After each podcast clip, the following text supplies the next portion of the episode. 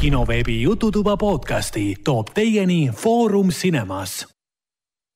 tere tulemast kuulama kinoveebi Jututuba, see on meie saja kolmekümne teine saade ja olen kinoartis programmijuht Ragnar, minuga koos saates on nagu ikka kultuurikriitik Raiko tervist, tervist! ja Foorum Cinemas äh, programmispetsialist Hendrik. tere, tere! aa, ikka kuuleb. see, ära ilmuta praegu meid siin, et, et vaikuse ja, ja midagi ei toimu. Lõpetage, lõpetage ära, poisid, poisid ähm,. võivad kuulajad teaksid, mis, mis tänase salvestusele eelnes. kuulajate konteksti mõttes jah, meile salvestusele eelnes tunnipikkune valuline protsess, kus Discord ei saanud aru, et, et miks, miks heli ei tööta.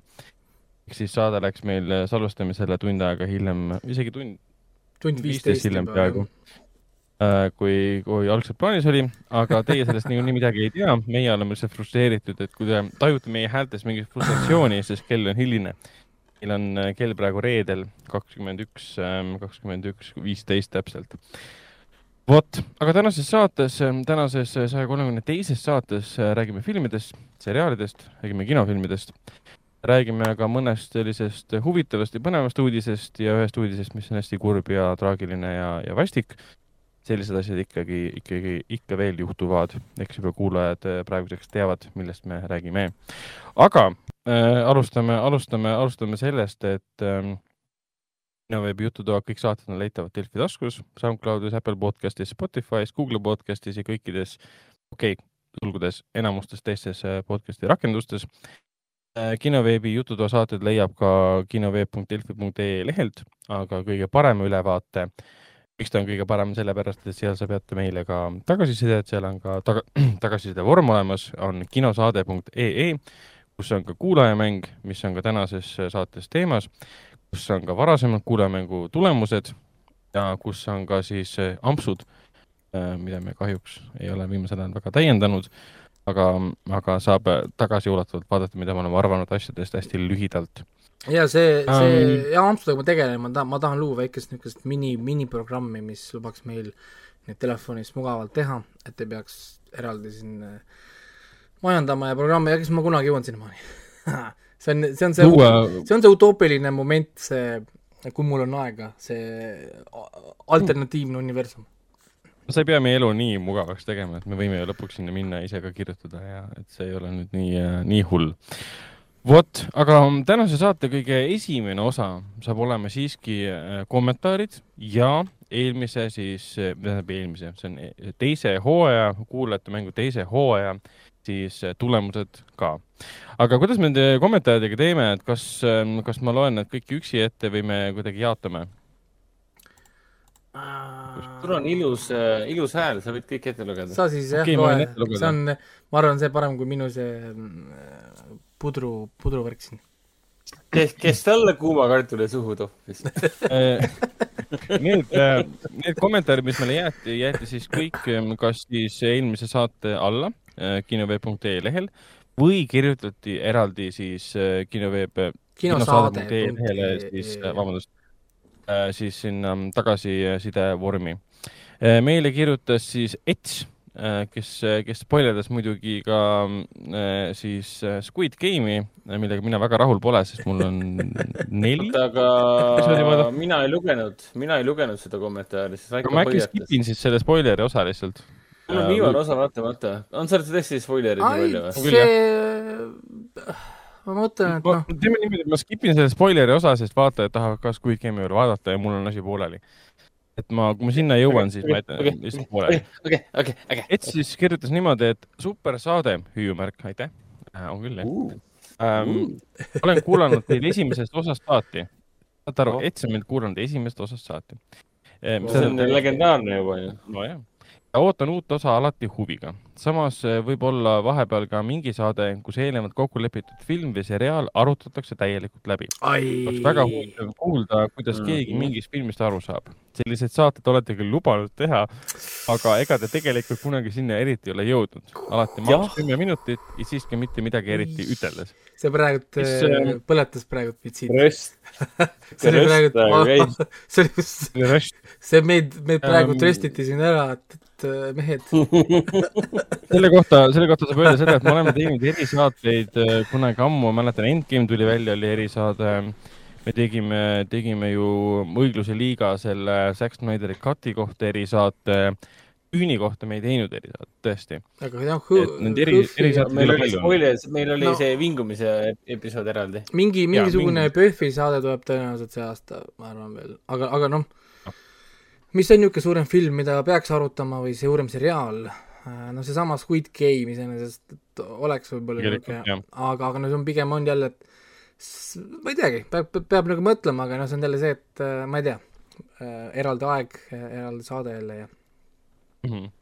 aga Etsi jätkas siis äh, küsimusega Squid Game'i kohta ja seda kommentaari ma väga ette ei loeks, sest see on spoilerdab esiteks Hendrikule. mitte siis Raikole, sest on läbi vaadanud, aga ka ülejäänud kuulajatele. ma lihtsalt jätkan sealt, kus ta siis ähm, äh, lõpetas ega selle see lõput, ega seriaal iseenesest ei olnud halb. jah, ega seriaal iseenesest ei olnud halb, aga ei saa aru, kuidas võetakse mingi tavaline asi, haibitakse nii üles. olen Raikoga nõus Alice in Borderland osas, et see on kindlalt huvitavam. igatahes veel kord väga hea saade ja jõudu tööle. aitäh sulle, Ets um,. ja Raiko mainis eelmine kord tõesti Alice in. Borderlandi.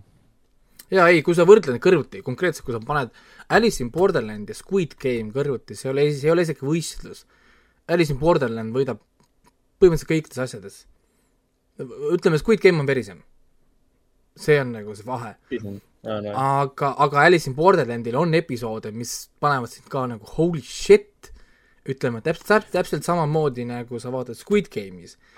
aga Alice in Borderland on kõvasti intelligentsem kui Squid Game mm.. aga, aga see on üks suur aga, miks Alice in Borderland ei saa olla mainstream, on see, et tal on äärmiselt tugev videomängulik element seal sees, mis nõuab ka seda, et sa peaksid olema võib-olla ise videogeimer või siis saama aru, kuidas videomängud töötavad, kuidas Jaapani anime töötab. siis selle seriaali peaosas ei ole seda Ryan Reynoldsit ka, mis nagu asja nagu loogiliseks muudab. jah, ja, ja selles mõttes siin ongi nüüd, et see, et, et sul on põhimõtteliselt nagu Jaapani anime, mis on nagu live action ja siis sul on selline Squid Game, mis kuidagi lipsas läbi, sai nagu mainstream'i. mis on, mis on, mis on hea uudis meil igal juhul, see tähendab, tähendab, tähendab seda, et äh, kohe Lõuna-Korea staffid on suurema tähelepanu all, mis on alati hea, hea uudis, sest millal me ei kiidaks Lõuna-Korea staffi. selles mõttes, et väga harva et väga harva juhtub, kui me räägime aga- näiteks mingit Lõuna-Korea filmidest või seri- seriaalidest ja me ei kiida neid, ehk siis antud juhul tõstab seda rohkem tähelepanu, Netflix suunab paar ekstra miljonit, kümme miljonit, kolmkümmend miljonit äh, regiooni, toob meile seda veel stuff'i ja ma, andke minna, mina ainult istun, ootan ja panen klipp, panen play ja, ja vaatan selles mõttes, et, et miks mitte. aga Alice in Borderland tõesti ähm,, kui inimestele meeldib Squid Game, siis Alice in Borderlands on tõesti kohe next thing ja teine hooaeg on kohe varsti valmis väidetavalt, nii et ähm, on mida vaadata ja, ja tõesti, mul on juba valmis äh, ei noh, juba valmis, Alice in Borderlands on juba aastaga möödas, kui see vist tuli või? aa, muidugi, ta on Jah. ju nii et äh,, nii et, et äh, ta oli mul vist eelmise aasta listid, listides vist isegi äh, sees. nii et äh, jaa äh,, tõesti, Alice in Borderland äh,, siin oli veel neid äh, sarju, mis on need nii-öelda surmamängud. surmamängudest äh, ma rääkisin ka animest, meil oli siin see Netflixi anime, kus nad seal tornides, tornides olid, mul juba meelest nimi läinud äh,, siis see Darwin's Game, mis oli üks anime, mis ma rääkisin, mida, millest saaks teha väga kergelt, mõlemast saaks teha väga kergelt live action'id arva, arvestades veel ütleme praegust turgu, kuidas Squid Game lippab, iga video, mis Squid Game mainib, Youtube'is on kakskümmend miljonit vaatamist miinimum, on ju, põhimõtteliselt, mõtteliselt, siis äh, miks mitte ka tuua need äh, muud asjad, nagu need muud surmamängudes ka ekraanidele, on ju. Aga ei, Etsiga olen nõus äh,, tõesti, Squid Game on seitse-kaheksa punkti sari, ta ei olegi rohkem, selles mõttes. et äh, aasta lõpus on on, on, on väga on niisugune kaheldav, kas ta mahub listidesse sisse, tõenäoliselt ei mahu, kui me just ei räägi mingisugustest mingi eraldi listist näiteks aasta parimat, ma ei tea, casual viewing stuff või mingi niisugune või aasta suurimad üllatajad või midagi niisugust. aga kui me võtame lihtsalt puhtalt kvaliteedi mõttes, siis tõenäoliselt ta ei, ei mahu. Ta on, ta on seal piiri peal, viisteist, kuusteist, ta jääb sinna kanti. aga, aga, aga päris kümnesse ta tõenäoliselt, tõenäoliselt ei pressi ennast. nii et Nojah. nii et jah võib-olla tõesti. räägitakse hästi äh, palju, kui lõpus on see, et keegi enam ei räägi sellest. tuleb uus mm. -hmm. tuleb mingi uus haip ja kohe tuleb mingi uus Lõuna-Korea sari, me ootame Kingdomit, Kingdom, Kingdom, Kingdom jaa. oh,, varsti me räägime ainult Kingdomist ja, ja, ja, ja nii, ja inimesed tahavad verd, kvaliteeti, siis look no further, Kingdom ja, ja Jah. ma garanteerime teile kvaliteetset meelelahutust, võtke Netflix täna õhtul lahti, pilootepisood peale ja, ja siis, ja siis tulge Vaata, mulle rääkima, et teile ei meeldinud see pilootepisood, noh, unustage ära. Teil on, teil on kaks hooaega vaadata, pluss üks teistpikk film oh.. et äh, Te, ja vot, ongi, vaata, kui inimesed räägivad äh, privileegidest, on ju, kellelgi on elus privileegid, siis see, teie privileeg on see, et te pole vaadanud veel Kingdomi. Te teete kadedaks need, kes on seda juba näinud, sest nad tahaks näha seda esimest korda. nagu Raiko oli kade meie peale vennaga, siis sa polnud ikka veel vaadanud Demon Slayeri seriaali. või siis nad pole vaadanud ikka veel For All Mankind. Neil, neil on see alles ees. Neil ootab see alles ees nagu, Raiko praegu mõnuleb seal kadeduses, suures kadeduses. jah, aga liigume edasi, võtame järgmise kirja, meil oli üks Mm, hea pealkiri, minu lemmik pealkiri siiamaani kõikidest kirjadest. ja see tuli Merle oli poolt. siis, Merle kirjutas meile siukse kirja, millel oli pealkirjaks ähm, Tere lemmik podcast suurepärane. äh,. tere, tere ähm,. tere päevast, kuulasin täna teie saadet ja tahtsin kirjutada kohe teile. armastan teie podcast'i. tehke veel pikemaid saateid. mina kuulan teid tööle tulles, jalutades ja niisama. Netflixi filmi tutvustused on suureks abiks, et orienteeruda selles suures džunglis. kuna elan äh, väikelinnas Kesk-Eestis, siis käin kinos harva. Mulle meeldib väga Artise kino oi ja, filmi valik. tavaliselt vaatan neli filmi järjest. aitäh, soojus minu südamele. see on, seda on rõõm kuulda, seda on väga-väga tore kuulda. see, see lisab motivatsiooni, aitäh sulle, Merle. Merle jätkab siis niimoodi, see on tore, et jutu vahele kordate, mis filmist on juttu. see on tagantjärgi jah, väga hea otsus, mida meil kuulajad tegelikult ka välja tõid, sest me räägime selgeks, et kui te ikkagi poolteist tundi räägite ühest filmist, et äkki võiks mainida, millest te räägite. ja Merle jätkas veel niimoodi, et viimati vaatasin filmi Vee peal, väga meeldis. jah, Merle, mulle ka väga meeldis Vee, vee peal. ja see on Eesti, Eesti Oscari kandi- kandidaat ka, nii et kuhu ta ilmselt ei jõua, aga noh, vaatame. vahet ei ole, hea valik. Merle jätkas veel niimoodi ka, et ootan uusi saateid ja palun siis nelja tunni pikkuseid, saab rohkem jalutada. kus, kusjuures see oleks minu arust väga hea treening challenge, jookse nii kaua, kuni üks mees saade kestab. ja täpselt neli tundi lihtsalt järjest um,. noh, eks meil, pärast on meie saates siin kuue tunni pikkuse et. siis on uh, uus fitness trend, et kuula kinoveebi podcast'i terve aeg vänta rattaga või uju või jookse, siis varsti oleme kõik siin uh, Mr Olümpiat. Kes need peaks ise ka istuma selle toaratta otsa samal ajal ja väntama lihtsalt samal ajal, kui me saadet salvestame. ei no see on see, mida, mida ma teen, vaata mul on siin nurgas siin ratas ja ongi, ma panen kinoekraanile siia suurele ekraanile panen mingi sarja peale ja siis hakkan väntama. mul on Ah, siinsamas on siin nagis on kõrval kohe rätike, panen selle all endale ja siis väntan kuni, kui, kui vänt, väntan kuni ma jõuan. Ma kusjuures tegin sama siis, kui need koroonapaugud olid, kus kino oli kinni, siis ma sõitsin kodus rattaga toas ja siis vaatasin, mis ma vaatasin seda Michael Jordani dokki Netflixist, vaatasin Tiger Kingi niimoodi ära. et Nii. väga hea oli. nii et selles mõttes, kui ma niimoodi väntaks, ma oleks ammu mingi kakssada viiskümmend kilo, nii et äh, aga tänud Merle, et võtsid aega kirjutada, see on kõige olulisem, võtta aega. sest äh, ilma me muidu ei teaks üldse midagi, sest aga nüüd ma pean muidugi ettevaatlik olema, vaata, sest niikaua, kui ma tean, et keegi võib-olla teid kuulab, ma saan igasugust pläga ajada, onju. aga nüüd, kui ma saan teada, et inimesed tegelikult ka kuulavad, siis peab, peab, siis peab ettevaatlik muidu olema. me võisime siin igas, igast möla ajada suust välja Siis ja, võid öelda- öelda mingit, nii-öelda. mingit random crap'i, visata mingit eriti nilbet nalja sisse, vaata, teha siin mingit eriti musta huumorit, sest no nobody will hear this. Aga siis, siis on nagu see jah, et rääkida siin, ma ei tea, Eesti poliitikutest või must, väga musta huumorit ja nihilistlikku huumorit teha, aga nüüd on see, et mingi no Oih, way, nope, nope, äkki ei nope. tohi enam. aga selge, sellega on meil tohib, äh,, ikka tohib, ennast ei maksa tsenseerida. jah, sellega on meil ühesõnaga see osa pealt läbi. et äh, äh, nüüd liigume edasi kuulajate mängu juurde, meil on nüüd meil Cool. tagasi väga fancy stuff, eelmine nädal alustasime. Kuulajate mängule lisaks on ka nüüd pildid äh,, hetkel veel järgmise pilti üleval pole, ma panen need üles ennem, kui saade laivi läheb.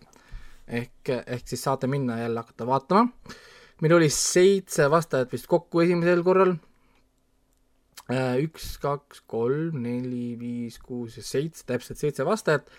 õigesti vastasid, kohe ütlen. Kolm vast-, õiget vastajat oli minu, minu statistika andmetel. äh, nii äh,, Ergo oli natukene puudu äh,. siis ma vaatan, Maarja-Liina vastas kõik õigesti või Marja-Liina mm -hmm. vist on ta nimi tegelikult, olen. Marja-Liina, jah. Argo on tagasi, meie kõige südikam mängija on tagasi Argo on tagasi. ja natukene jäi puudu, taaskord, ma kohe räägin ka õiged vastused. Siis õigesti vastas Lex Andres Mhm.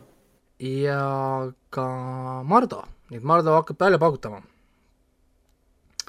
Mardo on, on tagasi on kõik tagasi. paugutama ja Merit on ka tagasi, Villu on ka tagasi, nii et äh, top kolmed on juba äh, mängus, juba hakkavad lammutama, kuid meil juba näha, et on uued konkurendid nagu Lex, Andreas ja Marja-Liina tulevad siit piletit ära võtma ja täpselt seda ka Marja-Liina tegi, sellepärast et esimese saate võidu, Cinnamoni siis piletid äh, tõepoolest läksid ka Marja-Liinale, et äh, ma siis vastan äh, kirjale ise, kust ja kuidas piletid kätte saab ja kuidas see protsess siis käib. aga räägime õige, õiged vastused üle. palju õnne. jaa, palju õnne, sest minu arust on ka vist esimene võit veel, aga noh, kõik see statistika läheb nüüd lehele ülesse, sinna vaikselt hakkab kogunema siis punktid, õiged vastused, valed vastused ja kui liitute täna, tahate mängida eelmist mängu ka, siis oleks hea nüüd mitte kuulata õigeid vastuseid, vaid minna nüüd tagasi üks saade ja siis proovida ise need ära lahendada. kuid äh, õiged vastused on siis äh, järgmised. kuulamismängus esimene oli of course The Big Bang Theory äh,, suhteliselt niisugune nišikas, kui pole varem näinud, ma arvan, et seda ei leia ka kuskilt äh,, aga te võite ju proovida. osad ütlevad, et et on päris hea komöödia äh,, siis teine on äh, The Amazing Race, millest ma olen nüüd rääkinud paar korda, käis Eestis ka vii- viieteistkümnendal hooajal ja naeruväärse produktsiooniga äh, tõsieluline siis äh, võistlussari, kus inimesed reaalselt võistlevad üle terve maailma. kolmas äh, Two and a Half Men, ka natukene tuntud äh, komöödiaseriaal ja number neli Star Wars, selline pisikene äh, kosmose indie-film.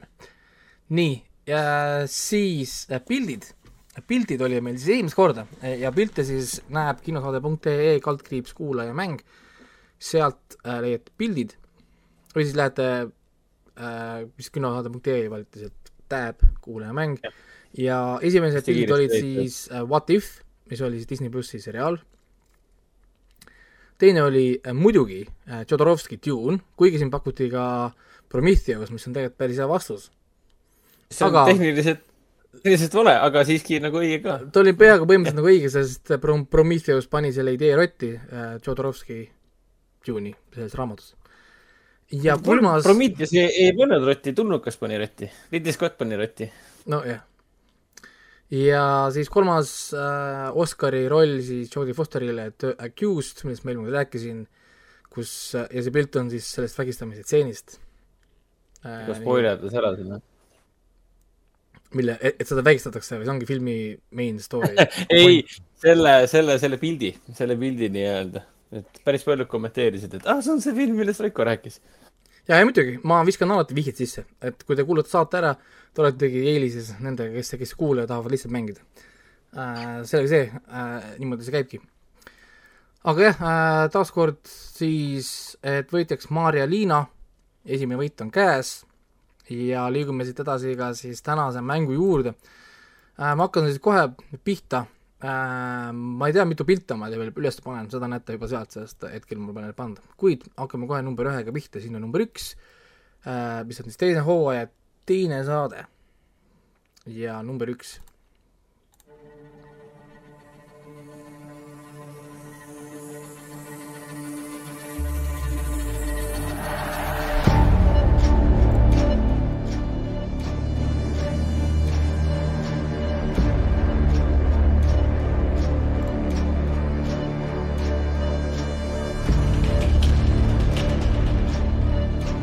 Kellel on kodus praegu ilusad võimsad bassikõlarid, you are welcome. rakendusruumis. jood kinni.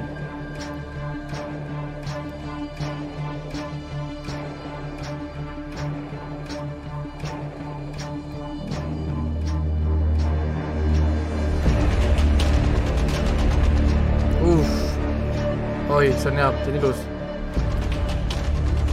see on väga ilus. nii, rohkem teil ei lase, sellest peaks piisama Ah. ah.. nüüd äh, teisel hooajal on ka nii palju siis muutusi, et, ma enam nii-öelda ei poputa kaaskuulajaid. nüüd, nüüd ma eeldan, et oskategi teha, te olete näidanud, et oskate asju teha, saate aru, ma ei ütle teile enam, kas see on intro, kas see on soundtrack, kas see on mingi outro, end credit scene, on see sari, film, ise mõtlete kõik, kõik välja. nii äh,, number kaks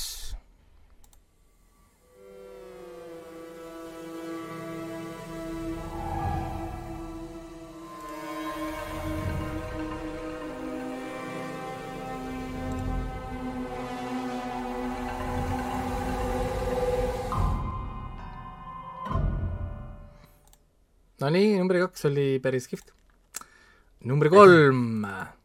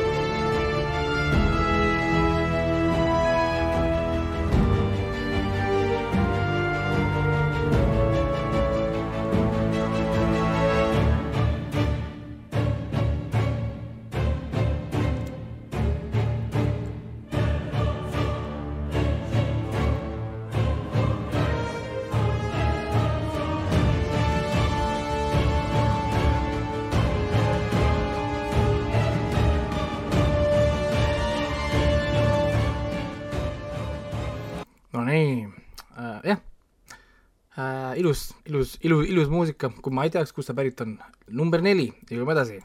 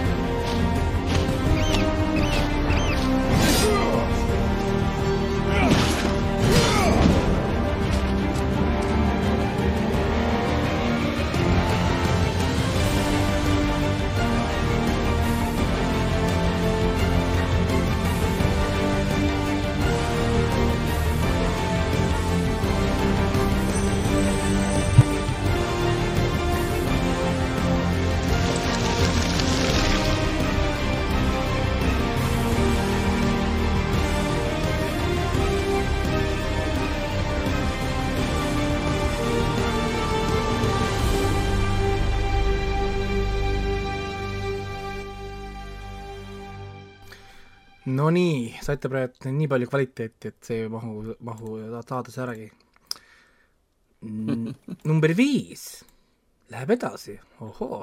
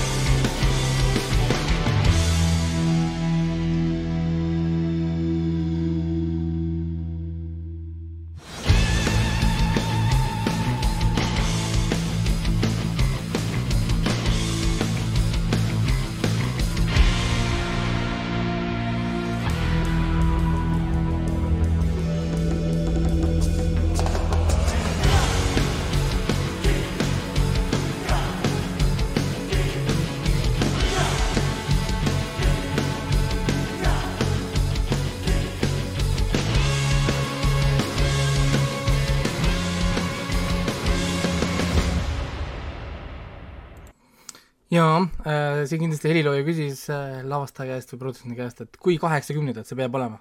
jess. jah, jälle mõtled, jah.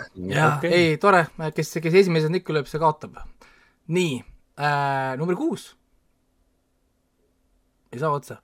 see on midagi epilist, ma panin ainult sellepärast need siia, sest äh, need on lihtsalt liiga e- epic, et mit-, mitte panna.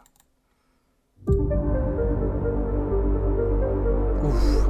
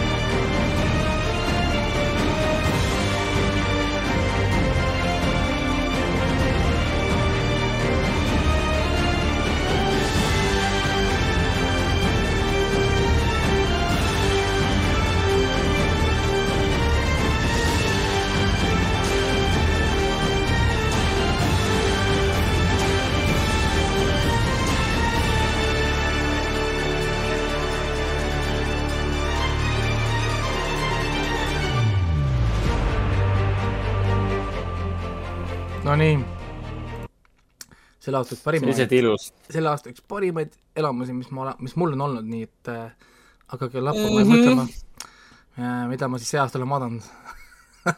paar asja nagu oleks. nii, number seitse, viimane, kuulake, nautige.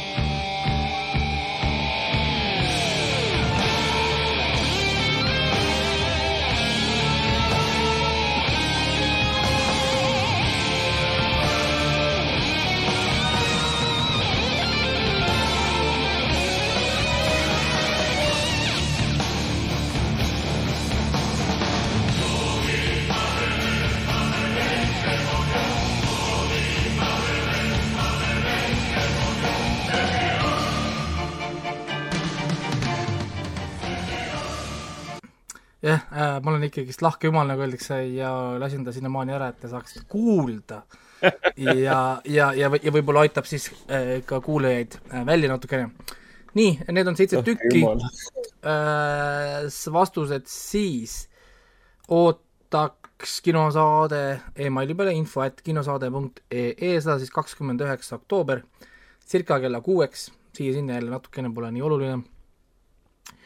Ja seitse tükki oli neid siis seekord, võib-olla pilte on kolm, võib-olla kaks, võib-olla üks, who, knows, selle ma panen paika siis peale saate lõppu, aga selleks ajaks, kui teie kuulate, need peaks olema juba äh, siis meil seal kodulehel ilusti üleval.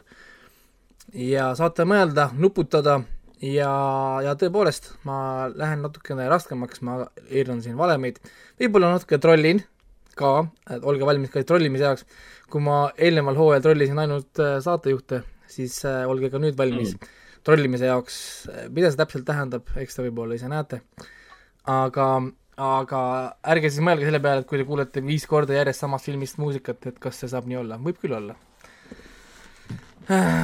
nii, aga sellega ongi see tehtud äh,. Kuul-, nüüd saatejuhtide kuulajamänguga oleme jõudnud äh,. Ah, äh, mis me räägime, järgmine kord on meil auhind ka, järgmine kord on meil kinoartiste piletid. järgmisel korral mm, -hmm. on või? jaa, jaa. silmad läksid suureks, oo, ohoo. et äh, räägime, räägime siis sellest ka, et äh, auhind on meil muutub, ehk siis äh, järgmine kord siis on äh, jah, kinoartisti piletid Mhm. nii, et äh, kui kinoart-, kin-, kinoartis minna ei taha, siis palun ärge õigesti vastake. uh,. miks, miks te ei peaks tahtma tulla?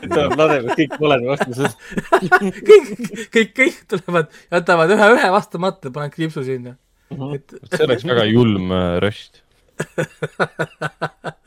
röst. aa, see oli selles kõige kratis oli see film. röst, jaa, röst. hea röst või ma ei tea, mis seal oli. jaa, röst. nii ähm,, äh, nii, kuul-, saatejuhti mäng on tegelikult, hooaeg sai läbi ja kuna Ragnar, Ragnar jälle võitis, sest Hendrik äh, ei saa hakkama konkurentsiga, ei saa hakkama elus oma asjadega. siis ma panin siia kolm varianti välja Ragnarile, mingisuguseid teistsuguseid filme sulle siis valida. esimene on sul siin, Samuel L Jackson ja Julian Moore, Ma isegi ei tea seda. Freedom Land film Blu-ray's, okei. kuulnudki sellest nimist. siis teine film on Steven Seagal, Morris Chestnut ja Charul filmis Aa. Half Past Dead. me käisime kinos vaatamas. me käisime seda kosmoses vaatamas. seal, kus nad vanglast on. mälestused on head. ning äh, esimene äh, Lord või noh, Supermani siis villan tähendab äh,, Neil Before Zod äh,, Terence Stamp ja Gemma Arterton või siis Gemma Arterton, kuidas seda nimi öeldakse, Song from äh, Mary On, nii et saad ühe nendest endale valida. mis film see ühe, ma ütlesin, et ma ei, ma pakun sulle midagi muud, vaata midagi muud, võta endale kollektsiooni midagi muud. miks sa kogu- kogud samu filme kogu aeg? uh,? jaa, tõsi um,. ma arvan, Freedom Land siis äkki jah. Tahad Oh, äh,, vaatasin, siin peal on kirjas High definition movie plays on Blu-ray players and on Playstation three. nojah, see on mingi talupoegade tuhat kaheksakümmend B. kakskümmend kuus aasta film on see. võta oma PlayStation kolm välja, et muidu mängida ei saa. Raiko laenab PlayStation kolme. et oota, mis see teine film oli? Äh, teine film oli siin äh, Song from, teine film oli Half Past Dead. aa jah. Steven Seagal ja, Ashley Judd ja- ja Samuel Jackson on tore. mitte Ashley Judd, vaid Julie, Julian Moore., Julian Moore. Julian Moore, kusjuures vabandust. Freedom Landil on, Freedom Landil on Vikipeedias kirjas, et äh, Rotten Tomatoes äh, critical consensus calls the film poorly directed and overacted. Jaa. aga kuna see on, kuna see on Rotten. Tomatoes, siis järelikult, järelikult film on hea. äkki, äkki aastal kaks tuhat kuus oli veel asjad natuke teistmoodi. siis sa pead seda lihtsalt nägema. Nii, aga, aga, aga äh, teie omad on valmis, number üks läheb peale, võtke Facerid lahti, kes siis see äh, meil on stu- stuudioversioon, teised, kes kuulavad, saate mõelda kaasa, naerda nende üle, kes seda õigesti ei saa. Ja, ja või siis olla imestunud, kuidas nad seda teadsid. number üks, palju siis saab meie üle kõvasti naerda?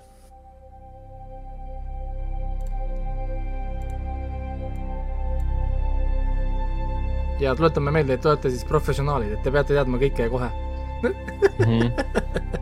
oota nüüd.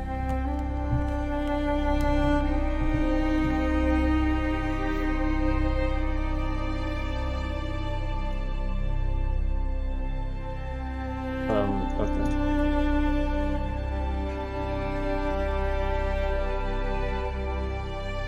film ikka jah.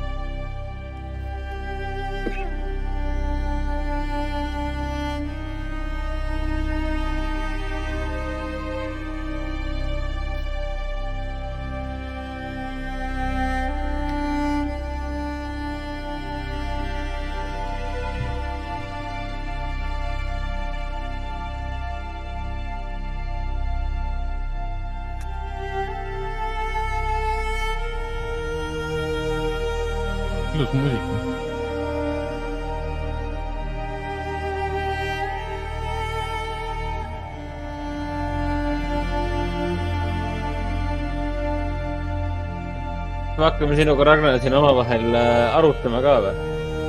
tavaliselt me oleme seda ju teinud. see meenutab mingit, mingit Ridley Scotti filmi mulle. ma kirjutasin Raigole täpselt samat asja. aa, kirjutasid jah? täpselt identset juttu. Ridley Scottilt mingi ajaloo epika. huvitav, et äh, tuleks nagu identsed kaksikud veider. kas see ei ole ju. Kingdom of Heaven? Tohi välja öelda. kirjutame Raikole. viin sind eksiteele. ma arvan, et see ei ole kindlasti Hearts. äkki raputab peast, ei ole Hearts. seal ütles ka, et see on midagi muud. ei, see on Ridley Scott kindlasti. siis kõlab täpselt Ridley moodi. ma olen kolm, kolm tükki juba pakkunud ja kõik on valed um,. No nüüd, no nüüd, kas nüüd tuleb? oota, oota, oota. meelega lasin nii pikalt. kas te nüüd saate aru, mis see on? mehed, lõpetage ära. see oli teie võimalus praegu. nüüd peab ära või? see oli see üks koht, vaata. üks koht, see tuletas midagi meelde küll praegu, jah mm,. nii, nii, nii. mis nüüd tuleb? Kumbki ei ole pakkunud, kumbki ei ole pakkunud, te vaatate filmi üldse, see pole film. ma juba ütlen teile.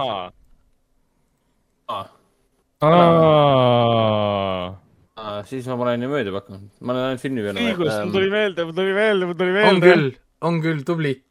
tubli. muidu ei tulnud meelde, aga see üks koht, see, et. ja, ja see on see põhiline ka, see oli põhiline, mis seal sarjas oli. jaa. Hendriku nä-, Hendriku nägu on jälle, jälle nii viltu, et sellise näoga, et läheb on see, on see mingi ajalooline Läheb jälle käest ära. tele, teleseriaali formaadis või Jah. uh,? mul ei seosta ära, tõenäoliselt see on mingi ajaloo epika, noh, seriaali formaadis, aga ma ei, ma ei, ma ei, mul ei tule ükski asi praegu ni- nimetus meelde. no selge, selge, siis on äh, vastus lihtne. Game of Thrones, House Stark theme. kuula nüüd seda uuesti korra, kuula, issand, kuula nüüd seda, kuula. vaata siit,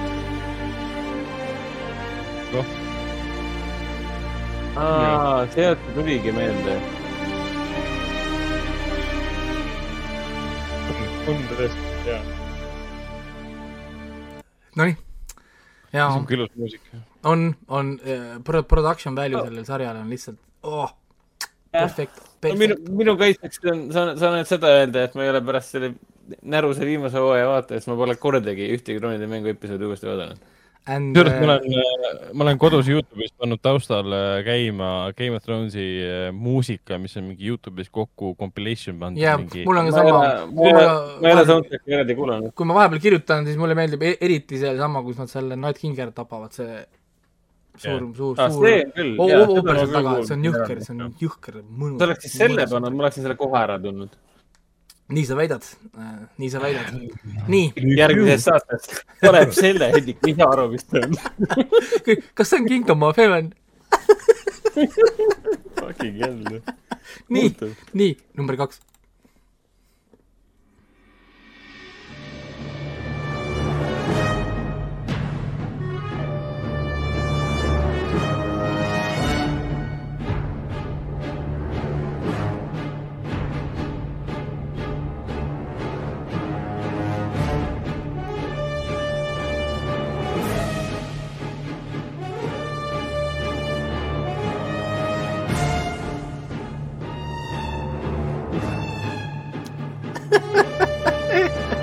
Lõpetage ära, mehed. pakute, pakute, ma lihtsalt ütlen, et nad ta- taustal pakutakse siin selliseid asju nagu in- Indianat, pakutakse gladiaatorit, Nope, siin pakutakse Psycho, pakuti isegi Jaws, mis, mis ka ei ole. see on jälle mingi ajalooline eepika. ei, see on mingi vana õudukas ju. hästi kindel, see on mingi vana õudukas.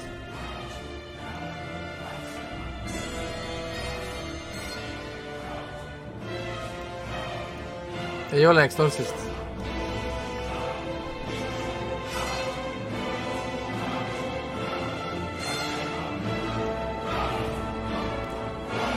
ei ole Malignant ka. mul oli siuke fakt, et soundtrack alguses.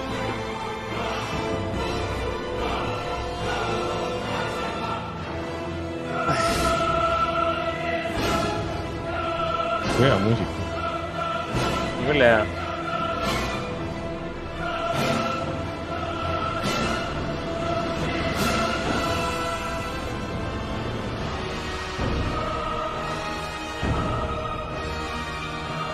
jah, ja kõige hullem on ka see, et ma äh, valisin seda muusikat äh, teie lemmikute järgi. et siis sarjad ja asjad, mille kohta te olete rääkinud head, te olete kiitnud neid, te olete vaadanud neid. see muusika oli Stargate SG-1 Go Old Theme ehk siis äh, Apophis theme äh,. Lähme Oh nüüd korraks äh, tagasi algusesse, kuulake nüüd palun algusest peale. jah, nüüd on loogiline. jah, jah, nüüd Jaa, ma saan aru. muidugi. nagu audio't sisenevad ja. Willy. no kas ta on nüüd tuttav? It all makes sense now.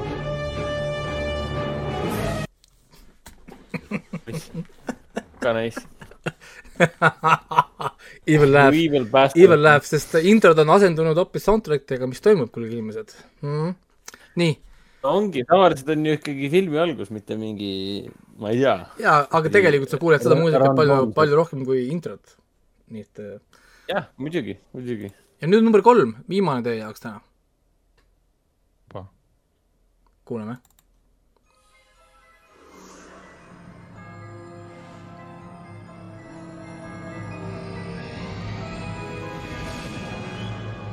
tubli,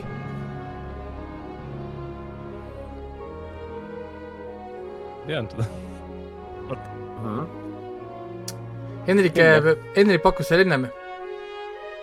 nii et äh, kui sa ütled sedasama asja põhimõtteliselt uuesti, siis olge nüüd vait korraks.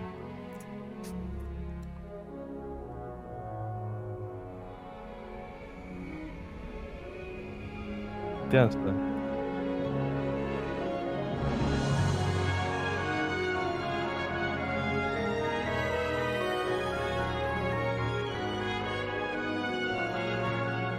No mõt-, kirjutame, mis mullid on, aga, aga vastust ei tule. keele peal. on kõik otsas, otsas. mingi armastatud, armastatud, minu poolt armastatud se- seriaal, kui ma ei eksi. ma ei saa öelda, no comments. ei, kui ei kommentaari seda, nii et äh, ei ole ju. ilgelt tuttav, eks. Hendrik Hendrik ennem ütles selle vastuse tegelikult korra, mainis, ma ei tea, praegu ta vist ei öelnud seda. Või ta ütles seda praegu. siin pole timestamp'i juures. ma ei tea, kas ta sai õigesti, õigesti selle või ei saanud. saad küll. ei tule, ma ei tea, täiesti aju, aju blankib. see on äh, Steven Spielbergi Taken. kaks tuhat kurat, kaks. just, kurat, ma just vaatasin, ma just vaatasin selle algust Youtube'is seda, muidugi. Kuna äh, ma annan, ma annan Hendrikule ikka pool punkti, sest ta ennem ütles Taken, mis sest, et sa polnud võib-olla selle juures. aga ta enne mainis. mis mõttes? ta ütles kus praegu kohas. ma enne ütlesin? aa, okei okay,, sa ütlesid siin, siis sa saad punkti. ma küsisin sinu käest, kas sa ütlesid seda praegu. selge, aga ähm, mis asja sa mõtlesid, kus ma, kus ei, ma mõtlesin, et sa ütlesid seda eelmise juures, Taken vaata, sest äh, ma, ma ei näe täpselt, et millal sa seda nagu ütlesid, kui ma vahetan seda screen'i siin. kas sa ütlesid seda ennem lõpus või ütlesid? aa, see oli nüüd muidugi, see oli Jaa. nüüd muidugi, ja, ja. selge, ühesõnaga siis teil on punktid. käes. aga nüüd äh,, mehed, võrdsed. nüüd saate teie ka teha huvitavat asja, et äh, ma vahetan ekraani ära. ma vahetan sa ekraani teed neile ära pildi. ja nüüd läheb põnevaks. You evil lord, you evil overlord. See, kas me, oota Mändi, õige. kas me pidime, kas me pidime hüüdma praegu või? ei näe praegu mitte midagi. Selles mõttes, et ta kirjuta on ju, on, on, on ju parem, sellepärast et äh, tal on see kuri arvuti seal, mis võib-olla näitab teil pilti. siis ma rikkusin ära, ma läksin. mina, mina praegu ei näe pilti näiteks. aa, sa ei näe pilti või? okei okay,, no aa, ma teen teiega niimoodi üldse siis, ma ei pea üldse seda tegema, niimoodi. mine, mine, mine võta meie ilusti chat lahti ja siis näed seal. pane, ta pani chati. ja te, ja te võite mulle vastata, vastata siis mitte sinna, aga nagu ikka. Endi. ütlesin muidugi vastuse ära juba, et. no vahet pole äh,, siis on Mändi ja tõepoolest ma panin neile pildi siia Nicolas Cage'ist filmist see oli testipilt praegu. äh,, filmist äh, Mandy, mis on äh, tõesti äh, hea film, kui pole näinud, siis on äh, tõepoolest hea aeg äh, võib-olla vaadata, siis kuulajatele väga põnev, et kuule, Henrik Ragnar, vaadake seda pilti. jah, pilt verisest Nicolas Cage'ist, kes ilmselgelt naudib seda, kus ta oma elus praegu on. aa, teine pilt tuli ka ah,. seda filmi ma ju tean. seda peab kirjutama või noh?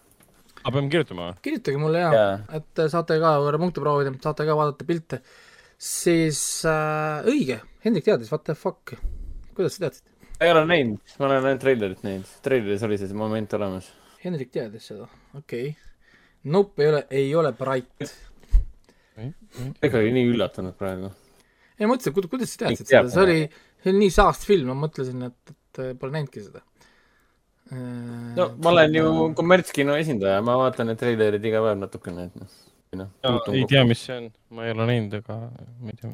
selge, siis see on, selle, see on Fantasia Island või Fantasy Island siis või ma ei tea. See Fantaasia on- saar oli vist eesti keeles oli ta Fantaasia saar.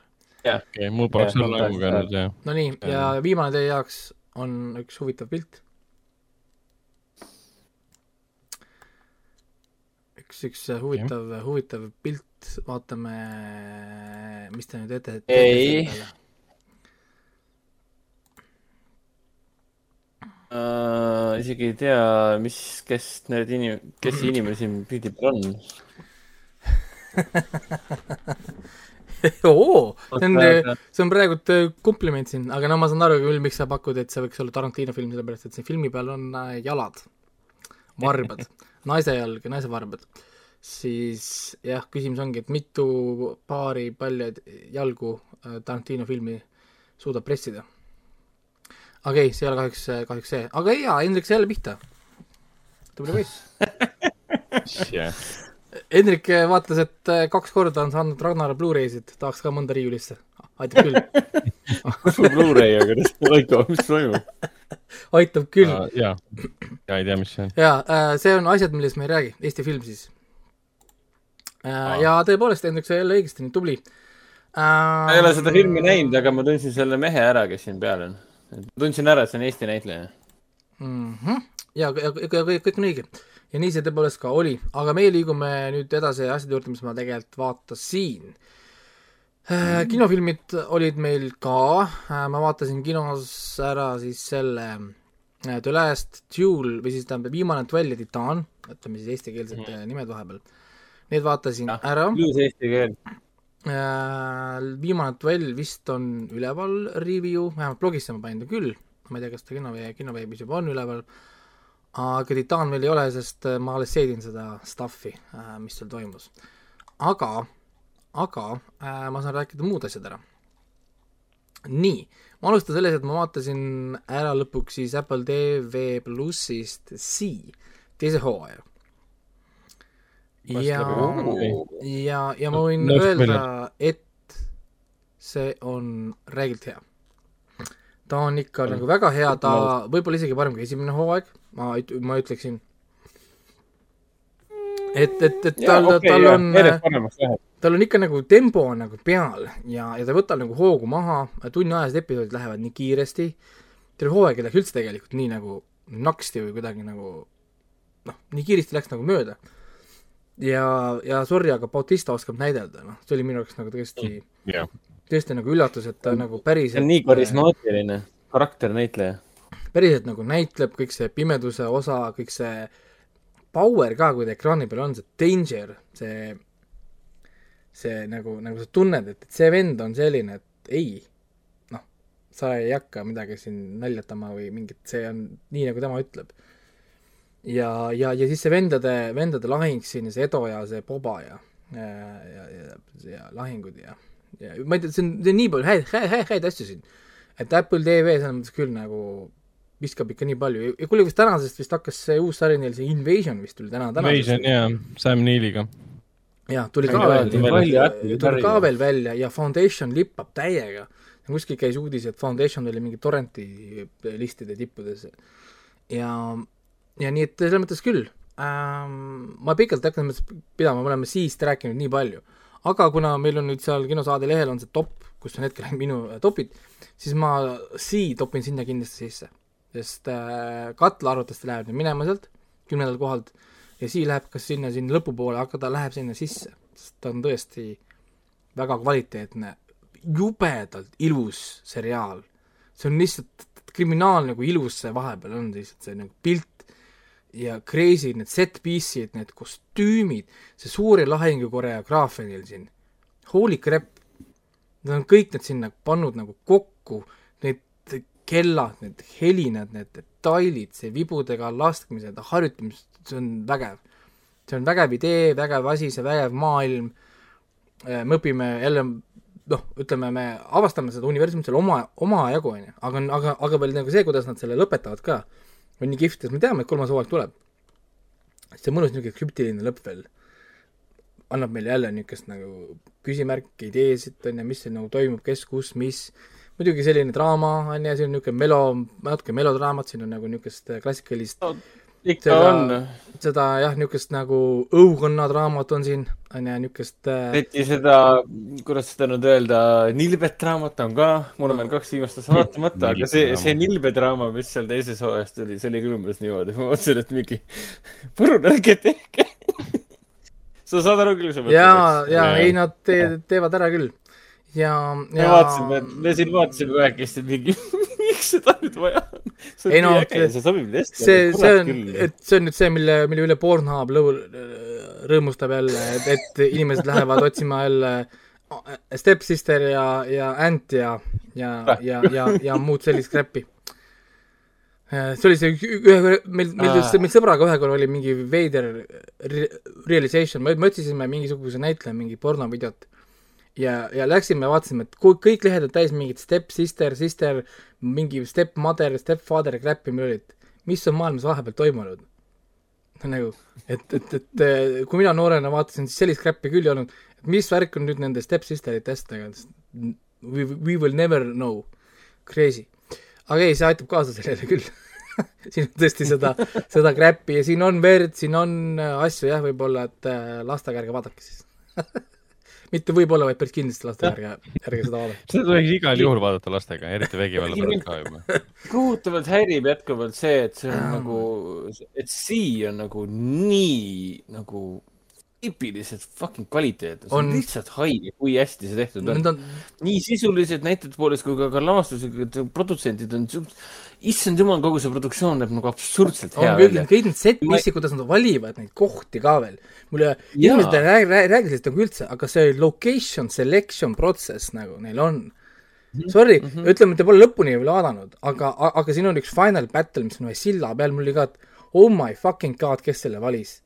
lihtsalt ah,. see oli mine, tiisitud seal treileris ka. et, et mine ja anna sellele vennale kätt, sest see on nagu noh, tausta, pane vahepeal pausi peale, siis nagu see on nagu kak-, Mhm, kaklu-, kaklusmängu mingi venue on ju, ja niisugune crazy. et, et näha, et inimesed tahavad teha seda.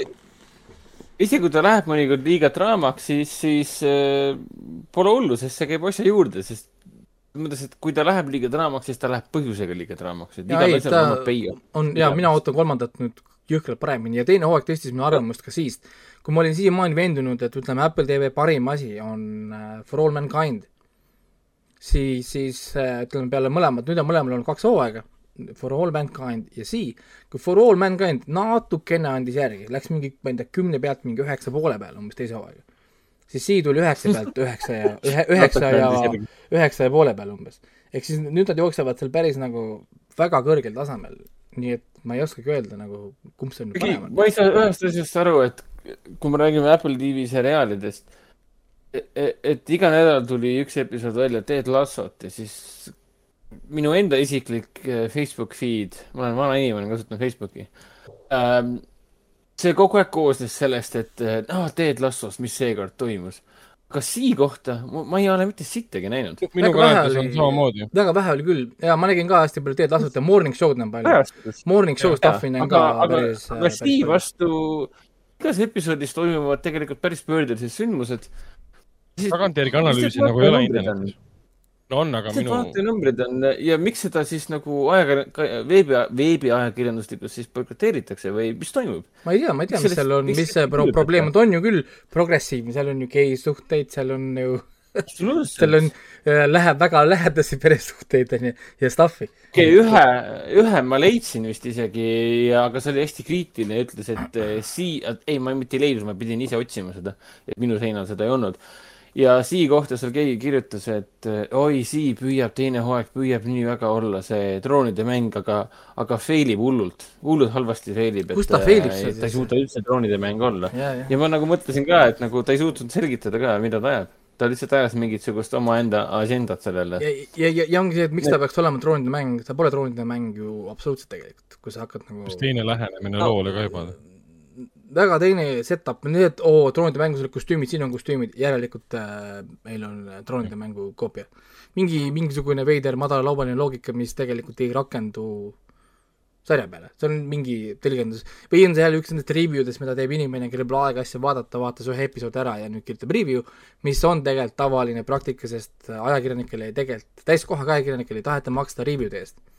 Vaid nad tahetakse, et nad teeksid klikkidega uudiseid ja ostetakse sisse tegelikult review sid, mis on nagu makes more sense. sest see on odav, odavam äh,. nii eh,. täpselt. oota, aga sorry, et ma nüüd korraks vahele segan, kas mitte see Invasion issand jumal, Invasion lasi korraga kolm episoodi välja või? täna pidi tulema jah, äh, mitu tükki korraga jah. päriselt? no ja Apple TV on, on praegu legit eestlase jaoks üks parimaid treiminguid asju. et täna, kui sul on Netflix ja Apple TV pluss, võib-olla midagi muud ei peakski võtma. täiesti piisab. sest, sest oled nii kulla ja karaga kaetud sest, sest sa saad tohutut kvaliteeti Apple'ist, mis ei tule nagu tihti, aga sa saad pikad episoodid, eestikeelsed subtiitrid igal pool mm, -hmm. ja sul on Netflix, mis lihtsalt annab lihtsalt nii palju content'i, et ta lihtsalt äh, noh, seda ei jõua niikuinii vaadata ära, noh nagu. Ja, ja, ongi nagu need tegelikult piisavad, nii et äh, jah, aga, aga ma liigun kohe edasi ühe teise streaming service'i juurde, Close to me, mis on Viaplay peal. Uh., Viaplay originaal, kuus, kuus episoodi pikk. Ja see on siis niisugune tõsiseltvõetav psühholoogiline triller siis põhimõtteliselt abielus, mis on muutunud rutiinseks. Peale kolmkümmend pluss äh, aastat olnud siis nagu koos. ja lugu algab siis väikse müsteeriumiga, kus naine ärkab haiglas üles, ta kukkus trepist alla. Ja ta ei mäleta oma viimast aastat elust. ja siis meie hakkame koos siis selle naisega avastama sündmuseid. mis ta siis viimane aasta tegi ja kuidas see protsess kõik välja läks näiteks ta unustas ära, et tema poeg tuli kapist välja ja ta lükkas oma poja eemale, sest okei okay., näiteks ta unustas selle un,, unustas selle ära. ta unustas ära, et ta võib-olla pettis oma abikaasat. ja samal ajal ta on veendunud okay., et, et, et abikaasa lükkas ta trepist alla, et oma raha saada. aga ta ei mäleta tegelikult, mis juhtus. Ehk siis ta on niisugune, ongi psühholoogiline triller, ehk siis tal on kuus episoodi ja me iga episood nagu saame mingi versiooni tõest, aga nagu ikka see, niisuguste sarjadega on, see tegelikult ei ole, järgmine episood kohe ütleb, et see tegelikult nii ei ole, nüüd on mingi järgmine versioon, järgmine versioon, järgmine versioon, ja näiteks tema aju ei suuda eristada fantaasiaid äh,, mä- äh,, mõtteid mälestustest. ehk siis tema ei tea, mis on, mis tegelikult päriselt toimus või mingi asi, mida ta kujutab ette endale. Nii et äh, siin on niisugune minifantastiline element ka sees, et me näeme või võib-olla asju, mis ei saa olla kuidagi reaalsed. nii et äh, aga, aga mis ta on, ta on aeglase, aeglase tempoga, esiteks. ja ta raamat on ka tegelikult sellise aeglase tempoga, nii nagu ma lugesin seda raamatu review'd, mis põhineb siis selle Amanda Reynoldsi äh, kahe tuhande seitsmeteistkümnendal aastal tehtud samanimelise raamatu põhjal. ja, ja, ja see on aeg, aeglase tempoga, ehk siis ärge oodake siin mingit niisugust clickbait'i kiire tempoga stuff'i, isegi, isegi äh, ida, isegi Idalinna Mare oli kiirem ja tempoga kui see. Nii et äh, äh, jah, ütleme, ta on, see on, tempo on kõige suurem probleem võib-olla siin. teine ah,, räägime korra Netflixist ka, meil on ähm, äh, oota, kes siin oli, Angela Bell oli stsenarist ja, ja kui see nimi midagi ütleb, pole hullu, sellepärast et tema põhimõtteliselt ainuke tuntud töö on kahe tuhande kuuenda aasta film Snowcake kus, mis peaks ütlema päris palju, sellepärast et see on ju Andy, see, mitte Andy Rickman, Alan Rickman ja see Sigourney Weaver äh,, Carrie Ann Moss, ehk siis see Matrixi äh, lendav, lendav kikiga naine. ja, ja sealt on ta nagu, nagu noh, nagu tulnud ähm,. aga väljaspoolt seda tegelikult ei ole muud tööd olnud, kui siis nüüd see Close to me, mis on tegelikult päris hea stsenaarium, arvestades nagu raamatut algmaterjali ehk siis, kui meil ongi mured, siis me ei saa tegelikult süüdistada nüüd Angela Belli, vaid me peame vaatama raamatu poole, kas see algmaterjal on õige või mitte. nii et, nii et jah, ja ta on väga lihtsa ehitusega, ehk siis meie olemegi see naine. meie publik olemegi siis see Joe Harding, see peategelane, keda mängib siis Connie Nielsen. Ja kui mõtlete, miks see nimi tuttav võib olla, siis Connie Nielsen mängib näiteks Wonder Womanist Oli ka teatris. ehk siis tal on olnud päris niisugune, niisugune fancy karjäär, aga ta on olnud nagu kõrval kogu aeg, ta on olnud see nii-öelda nagu B, C kategooria näitleja kuskil seal taustadel, tal pole olnud tegelikult niisuguseid. oli ju, ta mängis seda kuningannat selles Wonder Womani filmides ka või? jah, ta mängis seda Amazonide kuningannat, jah. Ja tal ei ole olnud niisuguseid nagu suuri niisuguseid breakthrough rolle ja siis siin ta proovib ja ma ei oskagi öelda, ta vahepeal tundub, et kõik on nagu hästi, siis natukene kohe, kohati muutub niisuguseks nagu teatrietenduseks, selline teatrilik näitlemine, et ta niisugune vasakul ja paremal lappab, aga samal ajal kuidagi hoiab niisugust balanssi, ma ei tea, niisugune, niisugune hea matsi piiri peal jookseb. et, et siin võiks natukene visata talle paar kivi sinna kapsaaeda küll nagu. aga tema abikaasa siis, see Rob, issand, Rob Harding siis, karakter, on Doctor Who näitleja, Christopher Ecclestone. täpselt, jah ta on äge. ehk siis äh, karismaatiline, hästi kihvti, mulle meeldib, kuidas ta räägib, tal on hästi kihvt niisugune aktsent äh,. ja, ja nemad on siis nagu, näitab koos ja siin on teine probleem, need kaks koos ekraani peal, neil pole mitte mingit dünaamikat. et, et ma see review, mis ma kirjutasin sinna, ma panin ka, et nad oleks nagu kahest erinevast seriaalist, nad lihtsalt on nagu kohtuvad aeg-ajalt ekraani peal. Nad mõlemad on väga kihvtid, siis kui nad on, ala me näeme seda abikaasat Roobi kuskil seal töökontoris sebimas võõraid naisi võib-olla, on ju, või siis, kui me näeme seda Joe'd unistamas oma tütre mehest. Äh, ja nii edasi. Äh,, siis nad on kõik nagu fine, kui nad koos on, kus, kuidagi üldse, üldse ei kliki ära, et nad peaks olema abielus või et nad on nagu paar, et ma ei tea, kas see oli taotluslik või see oli kogemata või, või mis siin nagu, nagu neil äh,, mis siis nagu neil sassi nagu läks nii et äh, selles mõttes, kui kellelegi jääb, hakkab huvi sellises stiilis äh, müsteerium, et mis siis tegelikult juhtus temaga, kas ta kukkus trepist alla, kas ta lükati trepist alla, kas ta ise hüppas trepist alla äh,, mis tal viimase aastaga siis juhtus elus. ja siis, siis äh, tahab sellele teekonnale minna, siis ta on Viaplay's on tulemas täitsa jah, kuus episoodi ainult kestab tegelikult.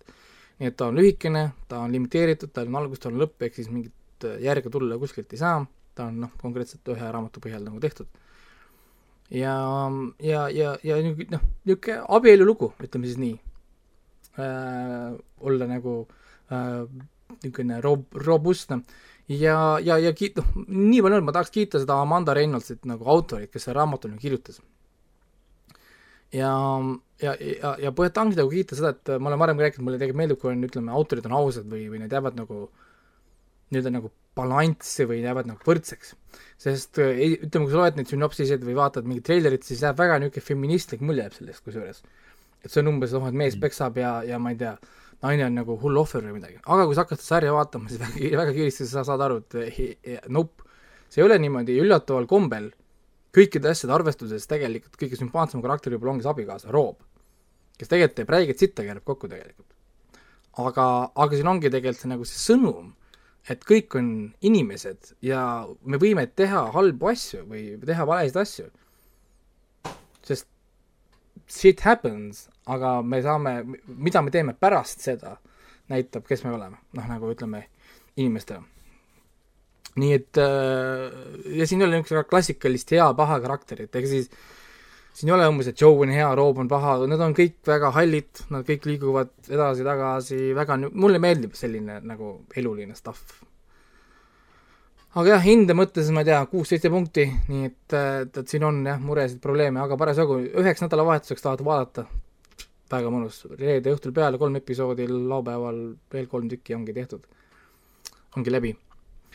nii et jah, liigume siit edasi äh,. nii, mis ma veel vaatasin ähm,? Ah, ma vaatasin Takeni esimese episoodi ära, sellepärast äh, see tuli mulle teemasse, kui Ragnar otsis, kus seda vaadata, siis ma hakkasin läbi vaatama ja ma avastasin, et tõesti on Prime videos olemas, Austraalias näiteks oota, me peaksime vist natuke selgitama, sest meie kuulajad praegu mõtlevad, et huvitav, miks nad Takenit jaa, ma kohe, ma kohe jõuan selleni. asi, asi, mida vaadata. jaa, et tal on äh, pikem nimi ka, tal on Steven Spielberg Presents Taken, mis on kaks tuhat kaks aasta miniseriaal, kümme filmi on siis nagu episoodid, ehk siis üks episood on üheksakümmend minutit pikk, ehk siis neid on kümme tükki ja, ja see on siis niisugune ulmeseriaal tulnukatest.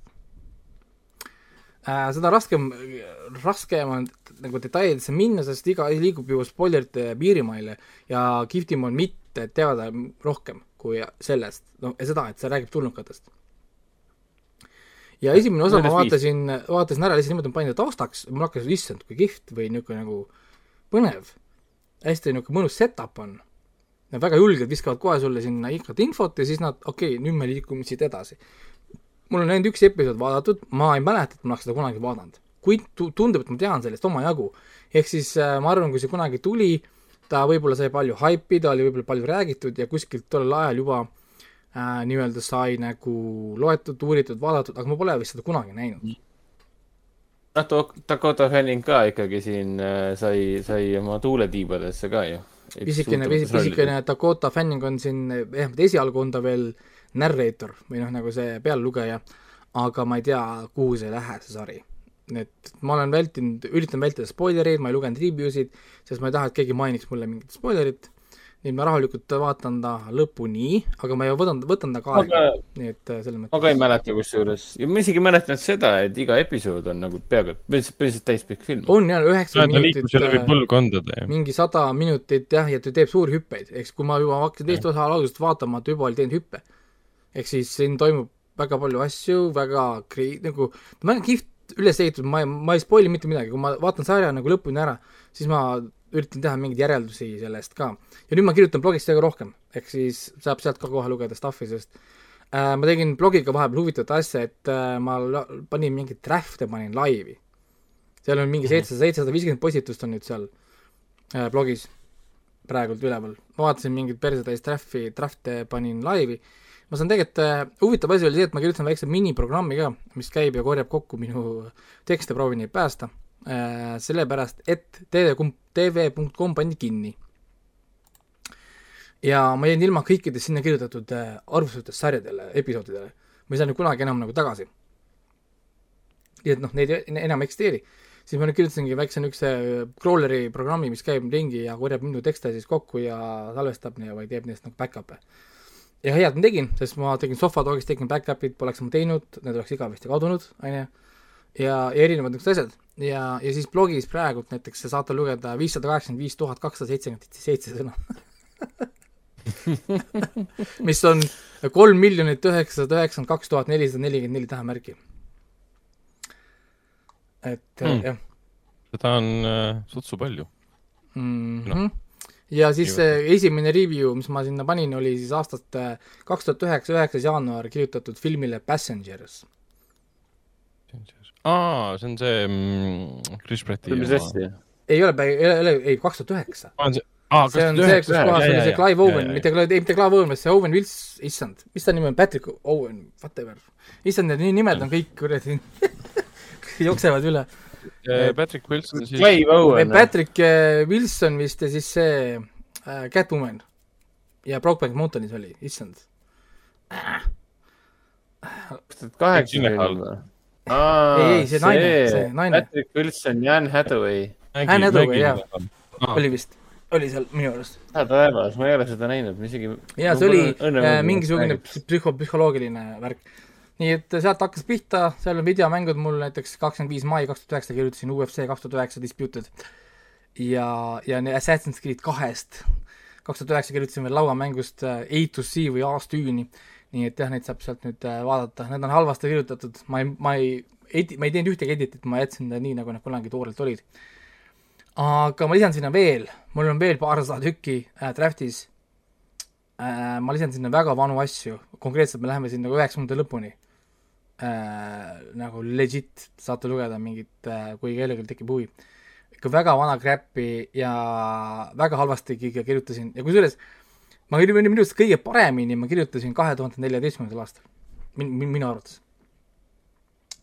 väikene en-, eneseanalüüs oli mul siis siin vahepeal, kui ma lugesin enda nagu tekste, siis, siis äh, jah. neliteist, äh, see oli siis, äh, mis sinu elus hetkel toimus? ma, Mari, Mariette sündis mul aasta enne seda. sünd tõstis kaasa, tõstis sinu siis kvaliteeti? aa ei, kaks tuhat neliteist ma tegin oma businessi, millega ma hakkasin ju kirjutama mm.. et ma ju lõpetasin ehitamise ära ja hakkasingi nii-öelda nagu täiskohaga äh,, tegelema siis ongi noh, nagu mängude ja, ja filmide ja asjadega. nii, et jah äh,, liigume siit edasi, nüüd ma vaatasin hunnik filme ära äh,. Scary Movie viite me ei räägi enam kunagi, see on äh, delete. äh,. siis äh, ma vaatasin ära paar Jodie Fosteri filmi, vaatasin ära Nell, üheksakümne neljanda aasta film tal, kus ta sai Oscari nomi. vaatasin Silence of the Lambs, ta sai Oscari koos Anthony Hopkinsiga vist ja, ja siis David Levine sai ju nomi sellest ähm,. ja, ja, ja see Silence of the Lambs vist on üks nendest filmidest, mis sai ju selle full värgi ju. Best female lead, best male lead, best script, lavastaja ja mingi parim film või? või kuidas nad seda nimetavad, kui sa saad kõik need olulised Oscarid se- sellel aastal. ja minu arust Silence of the Lambs oli vist üks nendest, nendest äh, filmidest. jah, see, jah, siiamaani räägitakse Silence'ist kui sellest, kes sai viis kõige olulisemat. jah, ja nii, et sa saad, kas sa saad, Hitler võivad saada siin seitseteist, aga nemad, tema sai viis kõige no sa tähtsamat. saad need kõige tugevamad Oscarid või noh, nagu kõige olulisemad Oscarid ju. ja siis ma huvitav, kas sellel on mingi lühendite termin ka? jaa, on olemas küll selle kohta küll ja ma ei mäleta, mis ta nimi oli. siis ma vaatasin üheksakümne seitsmenda aasta Kontakti ja kaks tuhat kaks aasta Panic Room. Jodie, Jodie, Jodie Fosteri oma. väga head filmid. ah, kontakt on klassika ikka. nii ähm,, nii, nii, nii äh,, vaatan kohe, Nell oli mul äh, Voodoost, Kontakt oli ka Voodoost, kuigi hiljem ma avastasin, et ta oli tegelikult seal Telias olemas või seal äh,. ma maksin ilmaasjata selle euro, euro mingi seitsekümmend senti. jõhker see on jube. ja, ja kohe taas kohe tagasi, sest, et see on kolm tundi ainult puhas kvaliteeti saada. siis Silence of the Lambs'i vaatasin ka Voodoost, see oli ka mingi, vana film maksab mingi eurot ja kakskümmend, see on nii poogen lihtsalt mm. uued on kõik mingi kakskümmend. -hmm. uued on küll mingi kakskümmend. värki, siis vaatad mingit juustu ainult, mingit, mingit kräppi. ma isegi olen ostnud niimoodi kahekümnega puudust, et ja ma olen rahule jäänud selle valikuga oma, elus. ja, ja Pa- Panic Roomi vaatasin siis Showtime'ist ja ma ei oskagi pihta arvata, esiteks suur pettumus oli Nell, on ju, ma räägin hästi lühidalt ära, mis film oli see Nell, Nell on siis ähm, lugu, kus Jodie Foster mängib nii-öelda metsikut naist, kes leitakse siis metsas peale seda, kui ta ema sureb ära. ta elab üksinda keset mingit äh, metsa järve ääres. ta ema oli kunagi varem elanud läbi insuldi ja teda vägistati kuskil. ja siis tal sündis see nagu see tütar siis tütar õppis rääkima nii, nagu inimene räägib peale seda, kui ta on saanud insuldi ja ta ei saa nägu korralikult liigutada. ehk Mhm. siis põhimõtteliselt nagu võõrkeel või noh, nagu võõras keel.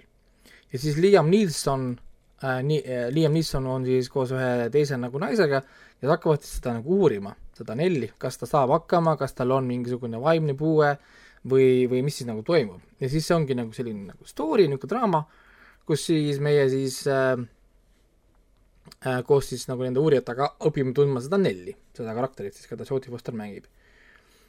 ja film oli pettumus, sest siin ei olnud mingit suuremat pointi või nagu mingi sõnumi nagu puudu. Mhm. kogu aeg oli tunne, et ta ehitab vaata kuskile poole. siin tuleb mingisugune reveal, saame mingisuguse suure õppetunni, on ju, tuleb mingisugune asi, kuhu poole see build-up kõik on. ja mitte midagi. on ju, või siis ma, ma magasin nagu maha ja siis see suur kohtuistung seal filmi lõpus on siis see mingisugune õpetus meile, aga see oli nii cringe, kui see oli see õpp, õppetund, et siis ma ütlen küll, see film on vananenud väga-väga halvasti. aga kas see on üks nendest filmidest, kus nagu selle, selle siis peanäitleja rolli sooritus ületab kõik muud puudused Nope, no ei mm. -mm. Voonakeste vaikimisega ja, ja The Accused näiteks, oi, Jodie Foster oi, jookseb, jookseb ringi ümber selle Nelli karakteri. Sorry, Kontakt näiteks. ei, see Nell on väga, ma ei, ma ei ütle, et basic roll ta ei ole, aga ta ei ole midagi keerulist, ainuke keeruline asi siin ongi see keel. ta peab rääkima nagu mingit niisugust nagu veidrat niisugust äh, pudikeele taolist asja Hmm. väljaspool seda ta on väga minu arust, ma ei tea, ühesõnaga ma ootasin sellest filmist nagu rohkem, mulle väga meeldis see sünopsis, selline uurimine ja, ja värki.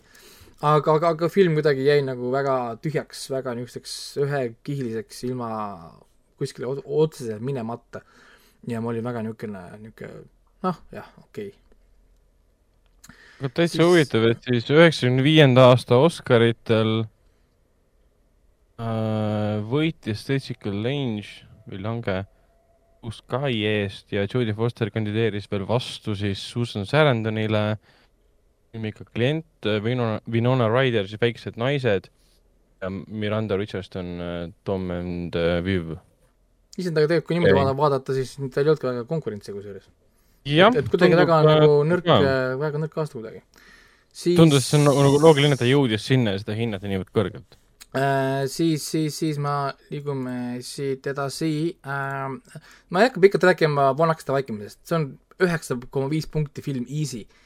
see, see on, ta on, ta on kvaliteetne film, mis on klassikaline film, ta on lihtsalt põhjusega seda. ta on põhjusega saanud kõik need olulised Oscarid, sest ta on, see on lihtsalt hea film. meil ei ole mitte midagi öelda, ainukene üllatus, mis minu jaoks siin filmis oli, oli see, kui vähe on tegelikult Anthony Hopkinsit siin filmis sest kui ma nagu mäletan ja, ja ma mõtlen Jaa. selle peale, mul on selline tunne, et see on nagu Jodie Fosteri ja Anthony Hopkinsi film, et see on nagu nendevaheline film, siis tegelikult Anthony Hopkinsit siin filmis on mingi, kui ma lööks minutid kokku, ma pakun mingi seitse minutit maksimum.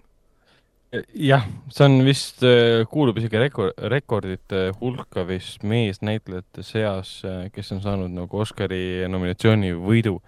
et kõige vähem ekraaniaega ja selle eest saanud siis võidu või nominatsiooni. täiesti uskumatu, kuidas nagu see, tema roll kuidagi jätab nagu mulje, et on nii oluline siin. Ja ta võtab nii palju aega ära sellest kahest tunnist. aga, aga tegelikult oligi, vaatad selle filmi ära, oo, Clarice räägib alguses ära, siis mingi tund aega möödas, kus, kus, kus Hannibal on? samal, samal ajal, kui sa filmi vaatasid esimest korda, siis sulle jäigi ainult see Hopkinsi nägu meelde, tema roll mõjus läbi kogu filmi nii võimsalt, sa pärast arvasid, et sa nägid teda vähemalt poolteist tundi. ja, ja, ja, ja, ja, ja siis samas, samal ajal mul on kahju natukene Ted Levine'ist, sest tegelikult Ted Levine'i roll siin oo jaa, oo jaa, oo jah. tegelikult on nii hästi tehtud, see stseen, kus kohas ta tegi seda, see, kuidas kaamera oli teinud, mul tuli küll kananahk tuli peale, see oli nii geniaalne. no vaata, ta, ta on seal peegli ees, vaata ta teeb seda, huuli endal värvib, would you fuck me? ja siis on see, oh, I would fuck me, I would fuck me so hard. ja, ja siis ta näitab seda, seda, ta teeb seda käed laiali, vaata seda poosi seal peegli ees jah. ja laulab sinna kaamerasse, mul oli, oh my fucking god, miks see mees ei saanud kuradi auhinda. ma ei tea, kas see oli liiga julge roll või see oli liiga naeruväärne roll või, või seda ei osatud hinnata. ega ju äh, Voonakaste vaikimine on üks väheseid õudusfilmi alla kuuluvaid filme ka, mis on ju Oscari võitnud. täiesti nagu noh, ja, ja see on, nii hea film, sorry lihtsalt nagu, või ma ei tea, mille, millest see nagu tuleb, varem ei hinnake seda võib-olla nii palju, sest on paremaid niisuguseid nagu müsteeriumeid või, või äh, serial killer'i mu- filme, sest ta tegelikult ei ole nagu nii serial killer movie, ta on rohkem selle Clarice'i story. jah, see on tema lugu, see on jah. uurimislugu pigem, see on see metoodika, kuidas leitakse mõrvar üles. ja, ja, ja, ja jõhkralt hea film on, ma soovitan tõesti vaadata seda uuesti ja ja issand, kui kihvt film. ja, ja Ted Jah. Levine, sorry, nagu noh, ma ei kujuta ette, kuida-, kes oleks saanud seda rolli veel teha või siis äh, Levin, Levine, Ted Levine vist või, või, või Levine või ma ei tea, kuidas seda hääldatakse. see on ju inglise keel, ega, ega, ega siin ei ole mingit ju üh- ühtset reeglit, kõik panevad ju puusalt. On tõsi. ja kurb on siinkohal muidugi tõdeda, et ähm, režissöör Jonathan Demme on juba meie hulgast lahkunud aastal kaks tuhat seitseteist ta meie suri, oli, oli siis seitsmekümne kolme aastane äh,. tuletame meelde, et tegemist on režissööriga, kes tõi meieni Philadelphia, kus Tom Hanks oli siis äh, koos äh, Oscari Denzel. Washingtoniga.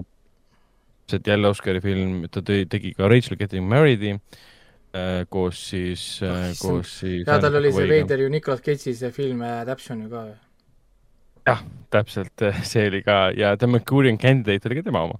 see, mis oli see remake selle algupärasest äh, filmist, et tal ikkagi väga erinevad ja võimsad äh, filmid olid ja, ja, ja kahju, et temasugune režissöör äh, enam ei ole meie hulgas filmi lavastamas. jah, aga noh, elutsükkel on niimoodi uh,. That's how it goes. samal ajal Ridley Scott on mingi Pushing äh, kaheksakümmend neli ja lavastab no kaks filmi aastas. samal ajal sul on William Shatner on ühe, üheksakümmend käib kosmoses.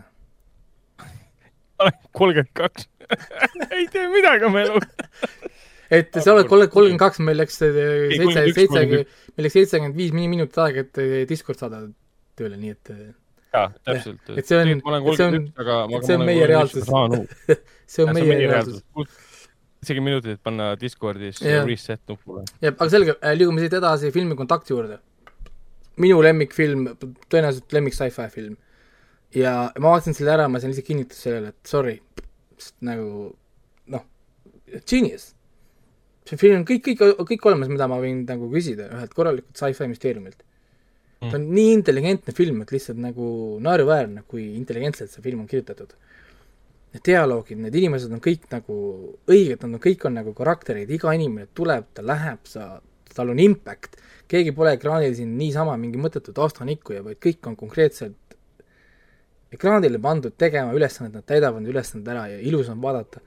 siin on nii palju tsitaate ja kui ma, ma räägin, vaatad seda filmi ja avastad tegelikult, kui palju see mõjutas su lapsepõlve, on ju, kui, kuidas seesama see loogika, need noh, nagu need klassikalised loogika, loogikalõksud, mulle nii meeldis see koht, kus ta räägib, et noh, et jumalat pole olemas, on ju, et meil pole tõendeid ju jumala kohta, on ju, tema teadlasena ei saa jumalat uskuda, mis makes sense, ja siis see Matthew Mac-, McConaughey karakter küsib, et aga kas armastasid oma isa? jah, tõesta seda. tõesta seda, täpselt. prove it. kas sa küsid, et kas sa armastad oma naist, et tõesta, mis hetkel sa hakkasid oma naist armastama? nagu teaduslikult um,. no näed, et, et paned, paned masina taha ja mõõdad hormoonid umbes taset, onju.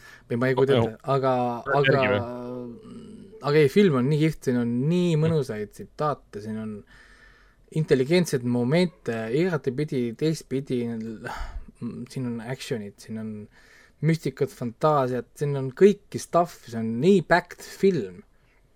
ja, ja see, see ja selle filmi nagu, nagu operaatori töö, siin on see kuulus stseen, see peeglisse jooksmise stseen, kus ta, kus ta see väikene on. sellest on mingi sada filmi, sada filmi, sada Jah. Youtube'i klippi, kus inimesed seletavad, kuidas seda tehti. See on, see on, see on, ja see pole ainukene koht, siin on veel neid geni-, geni-, geniaalseid kohti siin, siin, siin filmis. ja, ja lavastaja on ei keegi muu kui härra Robert Zemeckis ise. mees oskab teha ulmefilme, siin ei ole muud öelda, lihtsalt mees oskab teha ulmefilme. see meie eelmine film oli olnud ju, oligi Forest Gump vist või? ja oli jah, Forest Gump kolm aastat varem. no mees Nii tegi mees pani ikka jah, korraliku nagu korral-, korralikult. arendas CG animatsiooni, seiklusfilme, Back to the Future, Who Framed Roger Rabbit uh,, It Becomes Her, Forest Gump, siis tegi Kontakti otsa, pärast tegi Õuduka, tegi Castaway. tal oli see imelik uh, CG periood, kus ta lavastas ainult neid uh, motion capture filme. aga jaa, see on lava- lavastatud inimese poolt, kes on ilmselge professionaal igas võimalikus võtmes. nojah, sorry, kui sa oled teinud kolm Back to the Future filmi ja siis oh, Forest Gump ja ma viskan kontakti otsa umbes nagu, siis on see, et mida sa veel tahad CV-sse nagu panna. noh, mida sina Aga nagu veel, kui kui, kui sa nagu ütled, et sa oled nagu lavastaja ja tuntud lavastaja, mida sa veel CV-sse saad panna? aa, mul on siin mõned filmid, ma tegin selle, noh, kus nad autoga lähevad sinna minevikku ja mul oli see, kus kohas see šokolaadikarbi film oli umbes, et, et Ei, crazy. ta on selles, ta on selles mõttes nagu Ridley Scott. Selles mõttes, et ma tegin Tulnuka ja, ja Thelma and Louise'i ja Gladiatori nagu. sest Kri- tegid maailma kõige legendaarsemad filmid, thanks. jaa, ei, selles mõttes on ja, ja räägi- räägin ka Panic, Panic Room, mis on väga lihtne kontseptsioon, aga lihtsalt mu küsimus on, et kuradi, kes ostab sellise maja endale või korteri, kus on mingi lift on sees, on ju, noh, see oli muidugi omaette teema. palju sul ruumi on vaja, sa oled tütrega kahekesi koos, aa, mul on vaja neli, neli korrust või? Pluss kõik kelder on ju, okei okay., et selge, et äh, kuidas tä- tänased nii-öelda mingi tänased viie, viieteist, kahekümne aastased vaatavad seda, et kuulge, et halloo, et mul pole raha, et korterit üüridagi ühe, ühetoalist, te ostate siin mingeid neljakorruselisi mingisuguseid, ma ei tea, mõisa, mõisa, mõisamaju siin. mul oli sama küsimus seda Mal-, Malignantit vaadates, et miks te, te elate abielupaar ja teil on mingi tohutu suur, mingi fucking kahekorruseline häärber. Need on tohutult ja- suured ja laiad ja korrud., ja, ja sellel filmil on siin ka mõned tuntud näitlejad nagu Forest äh, Whitaker ja, ja Kristen, väikene Kirsten Stewart on siin. ja lavastajat on ka võib-olla mõned äh, kuulnud. võib-olla jah. ta ei ole nii tuntud just. on, on David Fincher, et ta on ka mõned filmid teinud, ma ei tea, mingi, mingi väike indie-film Seven, Seven oli kunagi, siis tal oli see mingisugune teine mini, minipisike film, see Gone Gone Girl mingi- oli siin ju. ja, ja siis mingi Facebooki film oli ka, et keegi aa jaa, oli mingi jah, mingi mingisugune arvutifilm oli küll. ei kuule praegu. filmi ajalugu oli ka ju, see mäng, mäng või midagi laadset, ja, ja. issand, tal oli Jaa, jaa, seda, et tal on ka ikka visanud nii palju stuff'i, tal on see Zodiac vist oli veel ja ja Jaa, siis see kas see on äh, Michael? Michael Douglas The Game Jah. on ju, Girl with the Dragon Tattoo ja. et, et, et, et, ja, ja, mees tegi Alien kolme ka, nii et kui sa rääkisid siin enne Ridley, Ridley Scottist, et äh, see jutumärkides tegi Alien kolme. ja selles mõttes jah, ta tegi Alien kolme jah. amet, ametlikult see ei ole tema esimene film muidugi, aga noh, Seven oli esimene. ametlikult on just nemad, aga see, mida tema ütleb, et see ei ole nagu tähtis. ei, see on see, et Fox nagu trukkis teda nii korralikult Alien kolmega ja siis pärast vaatas ta No, no, vastu jah. Seveni mingi kurat. ikkagi vaja,, ikkagi tema esimene film. Nii et jah, ei selles mõttes küll, mees on ja oskab teha ka see film on hästi lavastatud, ta on mõnusalt pingeline. kogu aeg on nagu mingi uus nagu oht, ta on niisugune hästi klassikaline üles ehitatud, et me esitame, tekitame probleemi, me lahendame probleemi, me tekitame probleemi, me lahendame probleemi, aga iga probleem tõstab pinget kogu aeg. panused kogu aeg tõusevad. panused tõusevad iga nagu niisuguse probleemiga, mida nad siis lahendavad ja väga hästi tehakse nagu ära nii et mul on kõikide, jälle ainult kiidusõnad selles mõttes, nii Forest Whitaker kui Kristen Stewart äh,, Jodie Foster, Jared Leto, kuigi tema roll on siin niisugune, niisugune nagu so-so, aga, aga teeb täpselt nagu ära ja ta ei näit-, näitle üle, mul on nii hea meel, et Jared Leto saab teha rolli niimoodi, et ei keera üle. et, et, et tal on ikka tal on mingisugune stopp stopp olemas. aga tagantjärgi minnes tagasi selle juurde, et miks peaks inimene ostma, kes on koos oma tütrega, sellise korteri siis, osa, sellepärast et eh, David Fincheril oli vaja neljakorruselist kortermaja, et ta saaks oma kaameraga, okei okay,, tihtipeale digikaameraga ägetseda. ja et, et ta saaks liikuda, et ta, et ta saaks teha seda ühte konkreetset võtet, mis talle meeldis siin teha, kaameraga sõita treppide vahelt niimoodi, ja siis nagu tagurpidi minna sinna kööki või sinna ruumi, ainult Ma- selle jaoks oligi vaja põhimõtteliselt seda. ma ma kujutan ette, produtsent küsis täpselt sama küsimust, et oh, nad on kahekesi, miks neil on vaja siukest maja? mingi, kas see vana, ma tahan filmida sealt üles-alla kuule, vaata. kuule vaata, mul, mul on üks nagu plaan, ma tahan minna ülevalt tulla sealt äh, paanikruumist kaameraga vuh, üle selle reelingu minna kaks-kolm korrust lataki kohe otse kööki. ühe võttega teha, on selge, no me siis lähme otsime mingisuguse äh, maja sulle kuskil New, New Yorgis onju. New Yorgis paarike ostab endale maja. see oli küll nagu, nagu jah, niisugune et vaat kuskil ma vist nägin isegi mingit review'd selle kohta, et, et, et see äh, tänu selle korteri ostmisele ta peaks sellele panema ühe žanri juurde, mis on fantaasia. ja, ja, no see on umbes nagu sõbrad, vaata. ah jah, et nad, et nad, et nad seal elavad seal selles.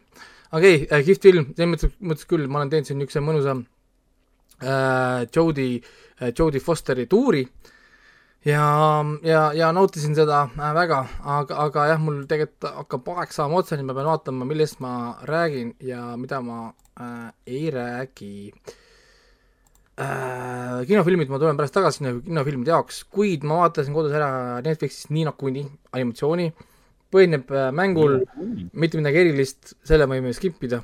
vaatasin uuesti ära Jumperi, sellepärast vaatasin, et kui ma blogi tegin, ma lugesin oma vana Jumperi review'd, mõtlesin, vaatan üle, kihvt film, hästi ilus CGI, pöörane action, aga väga brain dead, ühekordne meelelahutus. siis vaatasin ära äh, järgmise Mortal Combati animatsiooni, mis on Mortal Combat Legends Battle of the Realms, mis on parem kui esimene, sest see on rohkem mängulik. ta on väga puhas videomängu nagu koopia, ehk siis nad kopeerisid mängu, mängu ennast, olles väga true, väga verine, väga robustne, mulle väga meeldis. kui nad nii teevad, ma ootan äh, ka järgmiseid. ja, ja siis vaatasin äh, lastega koos äh, ära siis Telia tv-st sellise asja nagu äh, The Good Dinosaur. jaa, see on see Pixari film ju. jaa, mis oli Pixari oma Disney äh, levitatud äh, kaks tuhat viisteist tehtud ja see oli ju sellepärast huvitav vaatamine, see oli kõige esimene kino, kuhu ma läksin lastega koos äh,. Ma võtsin oma, oma pisikese tütre ja läksin vaatama seda kunagi koos kinno, meil on pildid sellest, tema esimene kino oli filmiga The Good Dinosaur. siis nüüd seesama film muutus esimeseks filmiks mu kolmandale. ta, ma ei ole temaga ühte korda filmi vaadanud, see oli mul esimest korda, kui ma tegin lastega kinoõhtu, et mul oli kolm last kinoõhtul, mitte ainult kaks suuremat, vaid nüüd, nüüd on kolm suuremat. ja, ja, ja selle kolmandal on hästi kihvt sõna dinosauruste kohta, milleks on jassu. Ja iga õrgu ta nägi, dinosaurus näitab näpuga ekraanil, jassu, jassu. hästi kihvt oli äh, vaadata. ja, ja see pisikene poiss selles äh, äh, siis selles animatsioonis väga meenutab sedasama meie enda äh, number kolme siin. nii et, et meil oli väga lõbus äh, vaatamine. hästi kihvt, hästi südamlik äh,, kurb natukene muidugi, kui siin see dinosauruse papa ära nagu suri, siis mul lapsed kõik oli, oli, olid jälle, jälle kurvad et, et neil jõudis jälle kohale teadmine, et, et äh, nende issi ka kunagi sureb ära. kuule, kuule, ära, ära mine, mine sinna morbiidne. liiga vara veel, liiga vara veel äh,. jah, aga ma ongi kõik, ma selles mõttes, et liigun siit nagu ära, ta on Tele TV-s, ei mitte Tele TV-s, see vist oli Go3-s vist oli, sorry. ma ei, ma ei saa väga vahet, sest nad on kõik mul ühes koos, noh nagu selles sisuleides seal mul on nagu raske neid eristada, kus nad täpselt nagu äh, tegelikult pärit on, aga see vist oli Go3-e äh, oma, sest ma eraldi pidanud maksma. nii palju mainin, et Go3-e tuli hästi palju uusi asju, neil tuli Mulan, neil tuli sinna Cruella ähm,, mingid sarjad, mingid see... omajagu uusi, uusi filme vist tuli sinna. jah, see on Go3-s ja, ja Telias. Ja siis see kurj, kurjeri äh, film tuli vist sinna nüüd, see Kulleri film. ma mõtlesin, et Suitsiidisalk tuli ka nüüd. Jaa, seal oli veel, seal tuli veel asju neile, nii et päris palju stuff'i tuli korraga nüüd äkki. nii et äh, jah, need vaatasin nagu ära, soovitan, mis ma just soovitasin. Äh,, ma naasen natuke hiljem tagasi, ma lähen tegelen just nende samade väikestega, kellest ma just rääkisin. ja, ja naasen siis kinofilmide ajaks loodetavasti tagasi, et rää-, et rääkida siis kolmest filmist tegelikult, sest Werewolves Within on ka veel, Last Duel ja Titan ja, ja siis proovime aru saada, millest kurat see film Titan siis tegelikult äh, räägib. nii et jah äh,, näeme siis juba varsti. olgu, teeme nii. okei okay,, aga siis ma saan jätkata äh, üsna lühidalt tegelikult isegi, sest mul siin, ei teagi, vaatasin siin äh, Midnight Massi ja Squid Game'i ja Superstore'i ja et äh, mina olin üsna, üsna igav nädal, võib vist nii öelda äh,. aga põnev oli see, et ma jõudsin erinevalt Squid Game'ist, mis on ikka veel viimane osa vaatamata. väga hea seriaal, kuigi Raikoga enam-vähem nõus, et äh, jääbki sinna kaheksa kanti kuskile või üheksa kanti. Aga ma isiklikult loodan, et aasta lõpus ikka räägitakse Squid Game'ist kui kultuurifenomenist ja kui ka sisuliselt tegelikult väga tugevast tööst.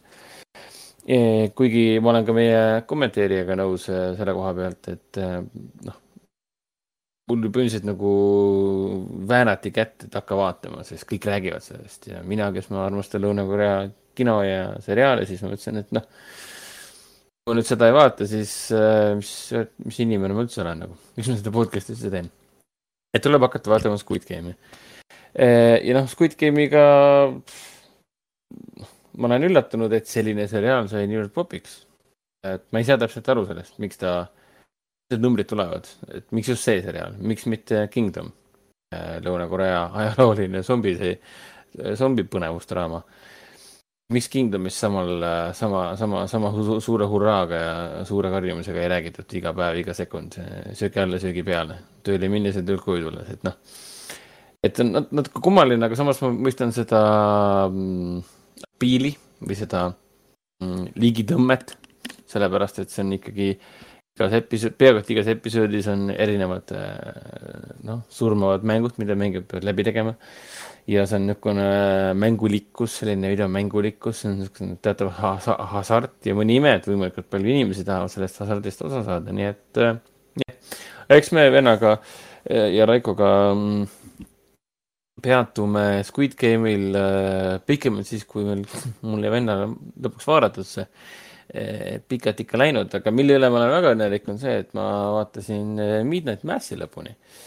ja Midnight Mass, jah, püha taevas, tegemist on siis Mike Flanagani praeguse seisuga viimase seriaaliga, mis ta teinud on. Uh, mis tal siin episoodide arv oli, küllaltki vähe, et kõik episoodid on siin, olid mingi viiskümmend kuni tund, viiskümmend minutit kuni tund aega. Seitse episoodi kokku, iga episood oli kuskil täispika filmi pikkus kohati, tund viis ja mis siin veel, tund kümme, et ikka väga pikad episoodid. et kui oled harjunud siin vaatama, noh, kiireid lakse, Disney, Disney seriaale või siis äh, Castlevaniat ja sa oled tõesti harjunud, et äh, nüüd teen ühe kiire vaatamise, siis äh, Midnight Mass, Midnight Mass ei ole kiire vaatamine. Midnight Mass ei ole kindlasti ka kerge vaatamine. et äh, Mike Flanagani senistest töödest on äh,, mina hakkasin Mike Flanagani fännama sellest äh, filmist nimega Oculus äh,, seal, kus Karen, Karen Gillan, kes veel Äh, seda poolrobot sõdalast Guardians of the Galaxy's mängib mm,. tema oli seal peaosas ja väga, väga vinge, väga krõbe psühholoogiline õudusfilm. et, et noh, seal oli see teema sisse pandud, väga Mike, väga Mike Flanaganilik teema. Et lapsepõlves siis on juhtunud midagi dramaatilist, siis tulevikus või siis olevikus on see küsimus, et mis siis tegelikult lapsepõlves juhtus. ja kõik eh, Mike Flanagani nagu edasised tööd on sedasama ideed või noh, seda teemat alati peegeldanud, et alates Oculusest kuni siis Bly Manori ja Hill House'ini, Haunting of Hill House ja Haunting of Play, Bly Manor ja mm, samamoodi ka see Midnight Mass, isegi Doctor Sleep, et äh, nii lihtne on tegelikult vaadata seda, et äh, Eh, milline on Mike Flanagani nagu, nagu käekiri, see on nii kergesti äratuntav, isegi visuaalselt on see väga kergesti äratuntav mm., isegi Doctor Sleep nägi välja nagu, nagu Bly Manor või siis. Doctor Sleepil ja Bly Manoril mõlemal oli selline. Mingi hägune, mingisugune filter on seal peal või ma ei tea, kuidas seda oleks õige nimetada ja ma tahan öelda seda, et mulle Flanagan kohutavalt meeldib, et kui sulle miski, miski kohutavalt meeldib, kellegi tööd ja sa jälgid neid umbes nagu Villeneuve filmid, kuigi ma ei ole esimest kahte. ma ei ole äh, näinud. Äh, filmi näinud. filmid, mis ta tegi ennem Prisonersi. Ja Polütek-, äh, Polütehniik vist oli esimene film tal. ja, ja, ja Insideris. ma pole siiamaani jaksanud neid vaadata Flanagani puhul mul on ka nägemata um, Hush, kus on ka peaosas sama naine, kes tuleb välja, et on Flanagani abikaasa. Ah, see Kate Siegel või? Kate Siegel ja mul on Flanaganit nägemata, mis oli mitu aastat riiulil, see Before I go to sleep äkki oli vist pealkiri. Ah,. Before Awake, Before Awake. Before Awake ja see Gerald's Game on ka tema tehtud ju. Aga Netflixis jah, pole kahjuks äh, ei ole seda jaa, see on see Netflixi film, mille ta ise kirjutas ja lavastas ah, no.. jah, mul on päris palju asju olen ikkagi võlgu, mul on tõenäoliselt piinlik Mike Flanagani ees. Miks piinlik, sest ta on lihtsalt nii andekas, ta on, ta teeb nii huvitavaid asju, aga noh, kui sa oled ikkagi väga sees kellegi karjääris, siis noh, ma ei tea, mul oli küll see, et pärast Hill House'i sa oled, ma olin nagu nii pumped up, sest kuidas on võimalik nagu, nagu pisarateni liigutavat, ülidramaatilist äh, siukest, siukest äh, verd tarratavat õudust teha. et niimoodi, et sa vaatad, et see on nagu nii kõhe, et sa ei julge nagu üksinda kodus seda pimedatud toas vaadata. ja siis tuleb see Bly Manor, mis nagu tõmbas tempo veits maha ja kuskilt poole pealt hakkas nagu toimima paremini hakkas meenutama Hill House'i. see ei ole otseselt kriitika, vaid see on pigem äh, harjumuse küsimus, et ega ma ei ootagi, et see, et kui režissöör teeb midagi väga hästi, ta ei pea ju äh, kordama hakkama ennast ja ma olen väga õnnelik, et ta ei ole ennast korranud. kuigi siin võib ka vaielda, et äh, Flanagan just nimelt kordab ennast, sest noh, Hill House, Bly Manor, mõlemad on suure hoone kummituslood nii-öelda see, et ta Doctor Sleepi tegi mingi peaaegu kolmetunnise filmi, mis see töötas ka lõpuks oli, oli tegelikult päris suur üllatus ja väga hea režissööri valik ka ja suurepärane film oli ka, nii et. mitmed Massi aga... veel, et ähm, mis sa tahtsid lisada? jah, tahtsingi jõuda Midnight Massini, et äh, see oli taaskord äh, uskumatu äh,, jälle teist, teistsugune, jälle täiesti teistsugune kui Prime Managerisse oli esialgu raske sisse saada, siis Midnight Mass võtab kätte ja jälle Flanagan näitab ennast täiesti teisest küljest. sa oled harjunud nende kummitustega nii ära, siis nagu ei ootagi enam eh, midagi muud. ja siis Midnight Mass äh, on ju kesköine missa põhimõtteliselt Jah. ja kogu, kogu see miniseriaal äh,, miniseeria muust ei räägi kui lihtsalt äh, religioonist, usust, elust ja surmast ja, ja, ja pimedusest, religiooni pimedusest, usu pimedusest nii-öelda, fanatismist. Äh, ja, ja kuivõrd raske on, ma ei tea, väikses kogukonnas jääda iseendaks, kui igalt poolt tuleb nagu surve, et sa pead olema meie sarnane nii-öelda ja noh, muidugi me nägime, Ragnar, sa oled ka ju Massi lõpuni vaadanud, jah, millega see kõik lõppes. et, et, et samamoodi William Massil kuskil, kuskil tegelikult oli varem kui Blind Manor, ma arvan, et esimene osa ei tekita minus üldse vaimustust. aga minu meelest kolmas, teine ja kolmas osa, kui nad, Flanagan seekord mõtles, et okei okay,, ma annan varakult ära, millest see seriaal tegelikult räägib. Ja tänu sellele ma olin nagu täiesti konksu otsas. ja ma tegi, õppisin,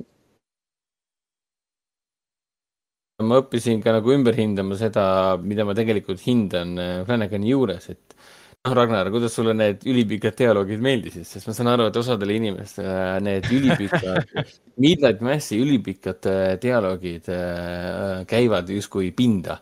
on nagu heidavad ette, et need on liiga pikad ja mõnikord isegi ütlevad, et liiga igavad. Kuidas on võimalik äh, õudusseriaalis nii pikalt ühte sama juttu rääkida? on mitut sorti neid, tal on ühed, mis on nagu ühe kaadriga üles võetud keset tegevust um,. kasvõi siis Midnight Massi teises, kui ma nüüd ei eksi, jah, teises episoodis, mis puudutas kassi, ma kõike ei spoilerda. väga pikk üks kaader, mis oli ka vestlus, aga see oli keset action'it. selles mõttes inimesed ei pane tähele võib-olla, kas on toimunud lõige või mitte. Aga seal olid mitmed vestlused, mis olid lihtsalt kestsid, kui ma ei eksi, ma võin üle pakkuda kakskümmend minutit vähemalt, kus kaks tegelast lihtsalt omavahel räägivad. ja seal ei ole ühe kaadriga sellist, sellist ilutsemist, näe, ma suudan võtta üles selle nii lahedalt umbes nagu ma suutsin teha Hill House'is äh, Two Storms episoodist. siin oli lihtsalt, ta lõikas ühest näost teisene. Aga need vestlused olid põnevad ja, ja huvitavad ja, ja kuna näitlejad mängisid lihtsalt nagu oma parimas võimalikus vormis, siis teil nii põnev oli vaadata ja, ja kuulata ja jälgida, sa unustad nagu ära, et millest kogu ülejäänud kogu, kogu, episood rääkis tegelikult, see võib-olla algas hoopis ühe teemaga, ta liikus ajutiselt kahekümneks minutiks hoopis teise teema peale ja siis läks tagasi sama käigu jaa, ta tõmbab nii sisse ära, et kui lõpuks äh, suur, suur selline mm, dialoogitsemine on otsa saanud, siis sa mõtled mingi. see episood saab nüüd läbi või mis nüüd edasi saab, ma peaks tegelikult nagu. mulle, mulle meeldis, just need tabasid äh, väga kiiresti, selles mõttes kiiresti, ühe episoodiga mingite tegelaste nagu, nagu tundemaailma ära. ja see oli väga lihtne lahendus ka, sa panedki kaks tegelast omavahel maha istuma ja rääkima surmast ja teispoolsusest ja kõigest sellest. See on exposition dump, see on tegelikult äh, tegelaste sisemaailma tutvustamine teksti käigus. sa räägid kohe välja kõik, mis see tegelane, mida see tegelane endast kujutab. mõnes mõttes see oleks väga halb on väga nagu piinlikult mõnes mõttes mõnes teises filmis ole- oleks olnud kirjutatud, kui tegelane räägib välja kõik, mis ta mõtleb. aga Flanagani käsitluses on see kõik kuidagi nii, nii loomulik, et see ongi nii, kuidas inimesed võiksid omavahel rääkida. nagu loob niisuguse narratiivi, mis tundub alati loomulik, siiski ei tundu nagu asi, mis, mis tund, nagu oleks võõras, et inimesed tegelikult omavahel nii ei räägi. aga mida me, ta on draama, ta on sügav draama tegelikult, ta on psühholoogiline draama, kus juhtub olema sellised, jälle spoilida ei saa. ärme, ärme, jah, ärme ütle midagi, mina olin väga üllatunud, mis siin toimuma hakkab, ma ei teadnud mitte midagi, ma polnud isegi treilerit korralikult, korralikult vaadanud. no mulle, mulle spoilerdati töö juures äh, kolmanda episoodi sisu ära, enne kui ma seda nägin. ja, ja sa mainisid ja sellest on Äh, kurb kuulda tegelikult. See oli, see oli selles mõttes tore, et see tõi, tõi nagu päevavalgele selle, et miks ma ise selle peale varem ei tulnud. ma arvan, et ma olen nagu palju näinud ja, ja, ja tajun nagu asju varem ette, aga selle puhul ei tulnud selle peale, et see on see, millest, see on see üks element selles seriaalis. aga mida me s- ja ütleks selle kohta, et see religioon, seda ma ei oodanud, et sellest seriaalist saab religiooni süvaanalüüs läbi selle temaatika, mida nad kasutavad, seda ma ei, ei oodanud absoluutselt. Minu arust midagi uut. äh, kui, kui see seriaal on tõesti selline, et kui sa vaatad selle ära ja sa oled kunagi äh, ühel või teisel viisil olnud äh, usklik inimene, mis puudutab äh, erinevaid jumalaid meie maailmas, siis sa vaatad, vaatad selle kesköise missa ehk siis Midnight Mass'i ära ja siis sa tuled välja ikka rämeda ateistina. ja mitte üldse otseselt paha pärast, vaid äh, Midnight Mass äh, vaatleb religiooni noh, erinevate nurkade alt, ta ei mõista hukka, ta ei heida ette midagi. lihtsalt näitab, et äh, mis nad, mis, mis on see hea versioon ja mis on see halb versioon ja, ja näitab ka seda, et mingit head ja halba tegelikult ei ole olemas, et noh. ja väga kihvt ja muidugi kõige hullem on ju see, et see, mis ta näitleja nimi on, see Hamish Linklater äh, oli vist ta nimi. Mina olen varem ju Seeria. näinud äh, ainult selles Newsroom'is. Äh, jah, mina samamoodi. kuskil mujal ma, minu teada ma ei ole teda kunagi näinud. aga pööraselt see, mis ta oli, see Father John või keda ta siin mängis? Father Paul? Äh, Paul, nii. Hamish Linklater, jah. või see Mon-, Monsignor või? Ütlesin. kus see, see hull tädi, mis ta nimi oli, see. Sister Bev, Bev Keen. see kõige kohutavam tegelane, mida ma viimastel aastatel ühes seriaalis näinud olen, see Bev Keen, see nii närvidele käib. ja no kogu selle karakteri areng on muidugi see täiesti eepiline, et noh, täiesti crazy. ja muidugi see Hamish Linklater, Linklater, tema peaks saama kõik, kõik auhinnad, mis maailmas olemas, täiesti fantastiline näitleja. kuidas sa nagu, sa võtad osa seitsmeosalisest seriaalist, kus, kus üheksa protsenti on tegelikult dialoogid. täiesti hämmastav. ja sellise pühendumusega mängib seda rolli, seda isa Pauli, kes, kes tuleb nii-öelda suure, tuleb ja asendab nende, nende selle väikese kaluri, kalurite saarekese eh, vana preestri välja ja võtab üle ja hakkab keskööist, mitte keskööist, vaid eh, mis sa, mis asja korraldama. kutsub rahvast tagasi kirikusse. ja, ja, ja kuidas ta suudab nagu naelutada sinu pilgu ja sinu tähelepanu nagu ekraanile. Läheb olema see ekraanil, seda vaatad, sa lihtsalt oled nagu täiesti kadunud tema sisse. samamoodi saab öelda ka kõikide teistele, teiste näitlejate kohta, et siin on Kate Siegel on muidugi jah, Mike Flanagani tuleb välja, ma sain alles paar päeva tagasi teada et Kate Siegel on äh, Mike Flanagani abikaasa või naine või elukaaslane, midagi sellist.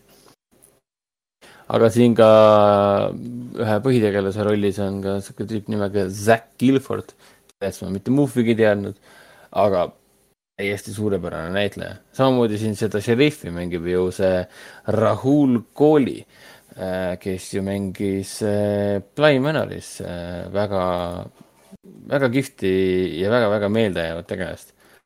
Fun, fun Et, fact, et äh, selles, selles Halloween Killsis mängib sama näitleja, kes mängib äh, ähm, Midnight Massis seda joodikut, külajoodikut. mängis või? jaa. mõtle, kes ta olla võis? ma, ma täna vaatasin seda Halloween Killi ta oli see sihuke suur, suur mees, habet ei olnud, vaata. raske oli võib-olla ära tunda, sest Midnight Massis oli tal habe. ta ei olnud see, kes oli seal laval. see, kes oli seal ülejäänud seltskonnaga koos, kes lõpus läks majja, ütleme nii. ilma spoiler, spoileriteta.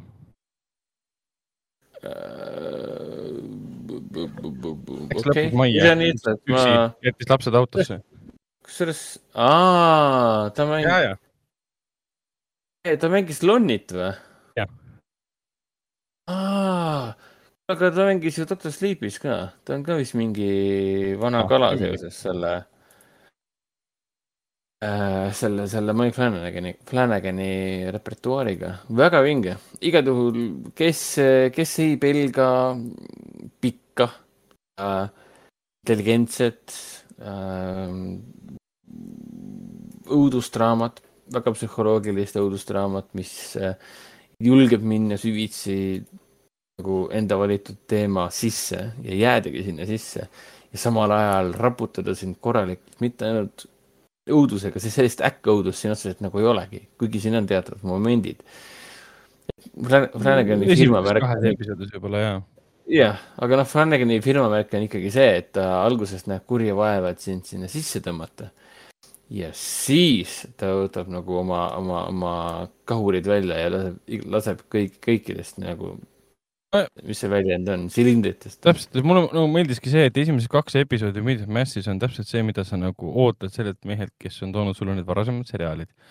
hirmutab sind, ehmatab sind. see teeb täiesti nagu kannapöörde. ta läheb sinna mm, Doctor Sleepi ja Bly Mirrori valdkonda, tutvustab sulle mingit üleloomulikku elementi, sunnib sind sellega leppima toob selle ümber palju siukse, siukse tihedama, tihedama narratiivi, mis arutleb hoopis teiste teemade üle, mida sa üldse nagu esimese kahe põhjal, episoodi põhjal ei oodanud. jah, täpselt. ja, ja, ja noh, ütleme nii, et väga huvitav oli näha ka seda mingit kalurikülakest, mida ma ei ole varem sellisel, sellisel kujul nagu noh, väga tuttav, et ma ei ole kuskil saarel kunagi elanud, et äh, väga põnev äh, lokatsioon ja kontekst, mille Flanagan tegelikult valis selline hääbuv kaluriküla, mis kannatab ka selle äh, massiivse õlireostuse tõttu, mis on paar aastat tagasi siin toimunud. ja loomulikult, kui ikkagi rahvas on vaikselt hakanud väiksest külakesest ära kolima ja raha enam korralikult sisse ei tule, siis loomulikult läheb ju asi nii kaugele, et ühel hetkel kui tuleb šarmantne isa Paul ja, ja pakub sulle lunastust nii-öelda et ta pakub sulle võimalust näha elu positiivsemalt kui kunagi varem, siis noh, loomulikult ei tohi haarata sellest kinni. Äh, Squid Game'i puhul, Squid Game'ile ma ei peatukski eriti, sest äh, mul on see viimane osa vaatamata, et Ragnar, ma saan aru, sul on üldse alles teise osa juures, nii et. Äh, ei, ei, mul on äh,. aa, sa vaatasid edasi? neli episoodi vaadatud. neli episoodi okei okay., no siis on sul ju. neljas oli ähm, Taga. üheksa episoodi on kokku, nii et väga hullu ei ole sul midagi siis, selles suhtes. aga ma arvan, et Squid Game'ist me teeme eraldi episoodi, kus me saame sellest võib-olla ähm, pikemalt rääkida. ja valiksime oma, ma ei tea, lemmikumad mängud ja, ja arutaksime mingi teatavate asjade üle, mida on juba netis päris pikalt äh, vaadatud aga siis Superstory vaatan ka edasi, praegu on kolmanda hooaja juures äh, seitsmes osa täpselt selline seriaal, et täna jõudsime koju, käisime lapsukesega ujumas.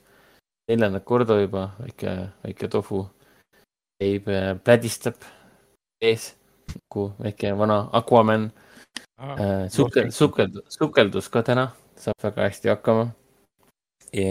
Minu jaoks. kõige kaua, nii mida? naljakas Äh, minu jaoks on see, et mingi, noh, sukeldume ka, ma panen su lapse pea veel, no mingi how about no esimene reaktsioon on see, et ma ei tea, hirmus on. ei, lapse jaoks ei ole hirmus, sinu jaoks on hirmus, okei okay,, no siis võib ju e,. aga jah, muidu võib ju täitsa, Superstory'ga on see teema, et mis ma sellest ujumisest üldse rääkisin ah,, jõudsime pikk päev, pikk nädal, jõuad koju, siis mõtled, et aa, Squid Game, see on nii hea asi, aga see on noh, raske teema ja tuleb mõelda, et vaataks pigem mingi paar osa Superstory ja tuju jälle heaks läheks, nagu vanasti, ma ei tea, või Brooklyn Nine-Nine'iga. nii, aga aa, siis kuna Halloween Kills jõudis kinodesse, siis ma võtsin ette siukse toreda asja nagu Halloween aastast tuhat üheksasada seitsekümmend kaheksa ehk siis kõige esimese Halloweeni noh, mina ausalt öeldes ei mäletanudki, millal ma nägin seda viimati. ma tean, et Ragnar vaatas äh, seitsmekümne kaheksanda aasta Halloweeni mm, aastal kaks tuhat kaheksateist vist uuesti, vahetult enne seda, kui äh, uus film tuli äh,. ja mulle see kaks tuhat kaheksateist aasta film äh, väga meeldis tegelikult äh,. Mulle see Laurie Strode ehk siis Jamie Lee Curtis'i lugu, Haddonfieldi lugu tegelikult väga meeldis, mulle meeldis, kui tõsiselt see David Gordon Green äh, suutis ette võtta sellise, sellise noh, natuke imeliku asja, aga no miks mitte, nagu Halloweeni uus teine osa nii-öelda, otsene järg seitsmekümne kaheksanda aasta filmile. et mulle meeldis, kuidas ta suutis tasakaalustada sellise koletusliku äh, ähm, sarimõrtsuka, maskist sarimõrtsukas, kes lihtsalt kõnnib ja annab sulle nuga ja panna siia juurde veel hästi inimlikud teemad nagu, nagu trauma, lihtsalt see trauma, et sind on kunagi rünnatud ja sa ei suuda sellest lahti öelda. ja ainus viis, sa arvad, et see ainus viis, kuidas sellest lahti saa-, lahti öelda, on äh, astuda vastu, vastamisi oma suurima hirmuga. et ma olen nii üllatunud, et sellel, noh, Halloween on ikkagi kestnud siin juba mingi nelikümmend aastat, et noh aastal kaks tuhat kaheksateist tuldi tagasi veel pärast ülipikka aega. ühtegi Halloweeni filmi ju, ju ei tehtud. ja siis äh, äh, suudeti välja mõelda loogiline põhjus, miks oleks järge vaja ja miks seda uut, uut nägemust oleks vaja, noh, ma olen sellega väga rahul. ja no esimese osaga hoopis teised mälestused. oo oh, jaa, enamustel on täiesti teised mälestused sellest. Ja, et ta nagu, mis ta oli, üheksakümmend minutit film või? ja, ja mul on täiesti meelest ära läinud, et siin ei ole mingisugust äh, tänapäevalikku või, või jah, pigem tänapäevalikku rappimist. see ei ole selline film. see on äh, kas mul katkes ära praegu? ei katkenud. ei katkenud. Siin ei ole seda tänapäeva rappimist ja kui tänapäeva, ma ei tea, ütleme nii, et noored vaatavad eh, seitsmekümne kaheksanda aasta Halloweeni, siis eh, mõni ime tekib tunne, et eh, jõu, miks see nii hinnatud on. see on ju kohutavalt igav ja siin pole üldse nagu ägedaid kille ehk siis tapmist ja, ja, ja, ja see maskis tüüp lihtsalt jõlgub mingi kuradi tund aega, tund aega filmist vist või, jõlgub lihtsalt kuskil tänavanurgal ja jälitab inimesi ja suurt midagi ei tee, et noh. paljud seda üldse ei mäleta, et ta on lihtsalt taustal, ta on taustategelane.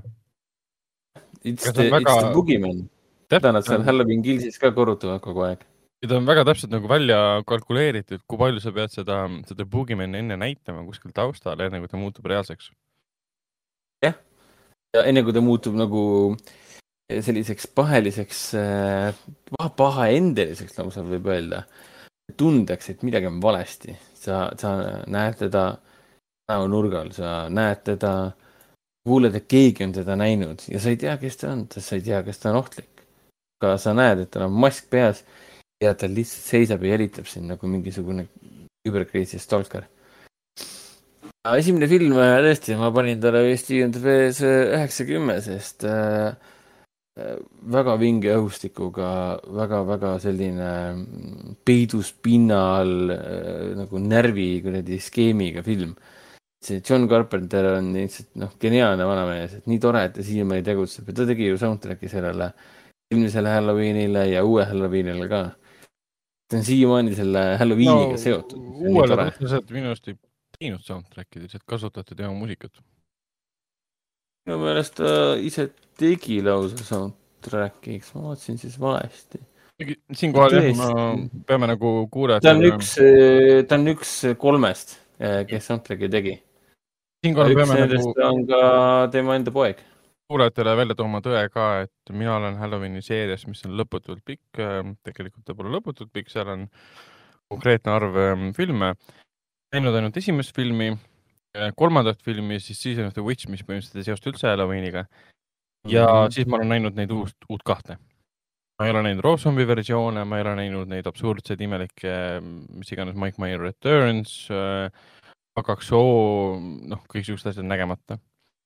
et me kunagi peaks selle maratoni ära tegema, aga meie põhiline maratonimees on selle maratoni hiljuti läbi teinud, ehk siis peame ise selle aja leidma, et vaatama. on või? jah. okei okay no igatahes fakt, fakt on see, et Halloween, esimene Halloween on hea. esimene Halloween on suurepärane ja ma tean, et teine Halloween on ka tegelikult hea.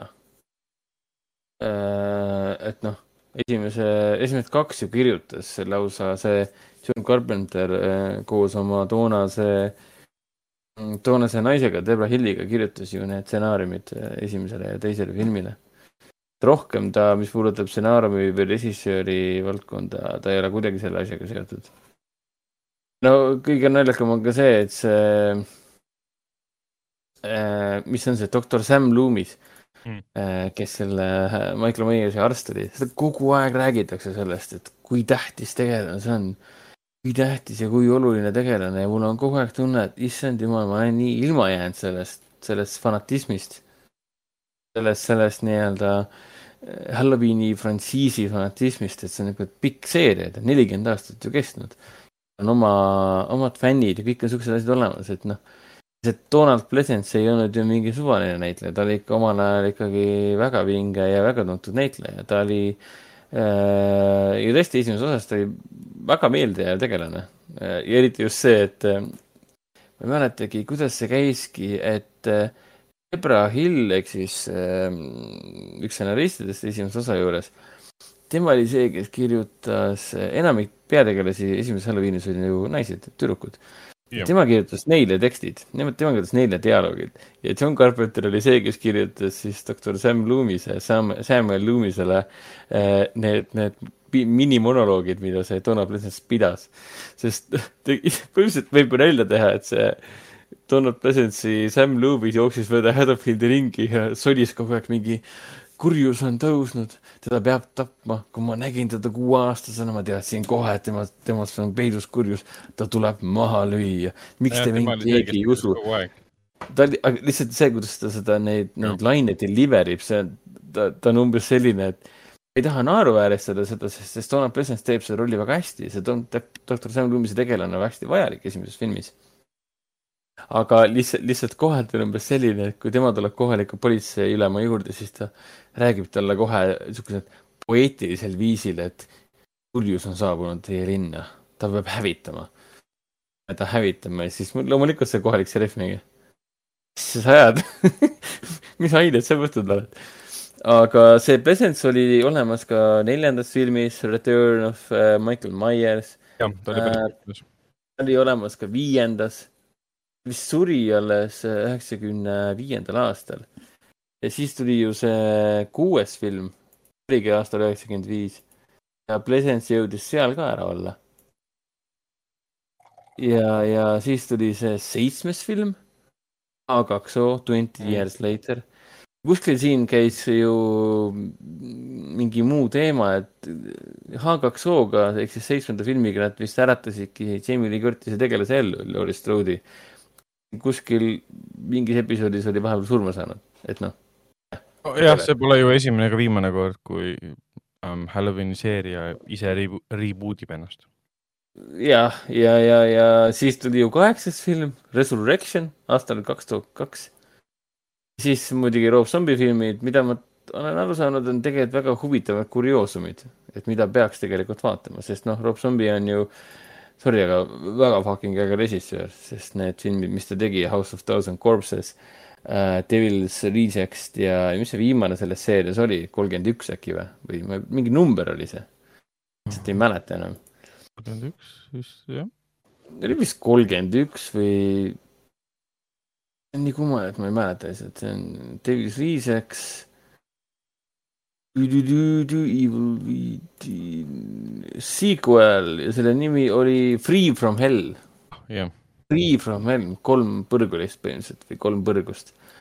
Rob Zombie on väga ägeda käekirjaga, et kindlasti õudusfilmide, kes ei pelga, kes ei ole õrnapõrnaline, ma olen selle, selle õrnapõrnalise ma olen ära varastanud selle, et meie, meie, meie, meie filmilevitajat Lauri Kaarelt, et kui ta meid kunagi kuuleb, siis äh, anna mulle andeks et kes ei ole õnnapõnnaline, siis tasub need zombifilmid ette võtta ja kindlasti tegelikult mina nüüd lähiajal äh,, Kills oli vahva film, aga kindlasti mitte nii hea kui kaks tuhat kaheksateist aasta oma. et ma nüüd lähiajal mõtlengi, et äh, esimese vaatasin ära, et võtaks ka kõik ülejäänud Halloweeni filmid ette. noh, põnev on ju tegelikult. ma olen nii ilma jäänud sellest. teisest kuni noh, kolmas on nähtud, aga teine, neljas, viies, nii palju filme ja kõik on nägemata äh,. ja, ja siis ma vaatasin äh,, lõpuks võtsin südame kokku, südame rindu ja vaatasin ära sellise toreda filmi nagu Autopsy of Jane Doe, mis oli siis. siiamaani nägemata. sul ka nägemata või? Äh, ja see eesti keeles oli vist äh, Tundmatu naise lahkamine, jah. jah, nii oli ta Eesti kinodes. ja ta reaalselt oli jah, kaks tuhat, kaks tuhat kuusteist oli Eesti kinodes, kakskümmend kolm detsember Äh, ja, ja, ja tollal mul jäi see nägemata, sest äh, ei teagi, mis põhjusel, tundus, ma ei tea, suvaline. tundus ebavajalik äkki või, äkki sellepärast, et kõik need õudukad kippusid ühesugused olema, et oo, mingi tundmatu naise laip tuleb kuskile surnukuuri või oo, seal surnud tõused üles ja hakkavad teid taga ajama, et nagu ei ole just kõige põnevam asi. aga alles äh, hiljem ma sain aru, et äh, selle, selle, selle samuse Äh, Autopsy of Jane Doe režissöör on ju ei keegi muu kui see norrakas Andrei Ovredal, kes siin ju sai kuulsaks tänu Trollhunterile, millest Raiko siin paar episoodi tagasi tegelikult rääkis, paar podcast'i tagasi.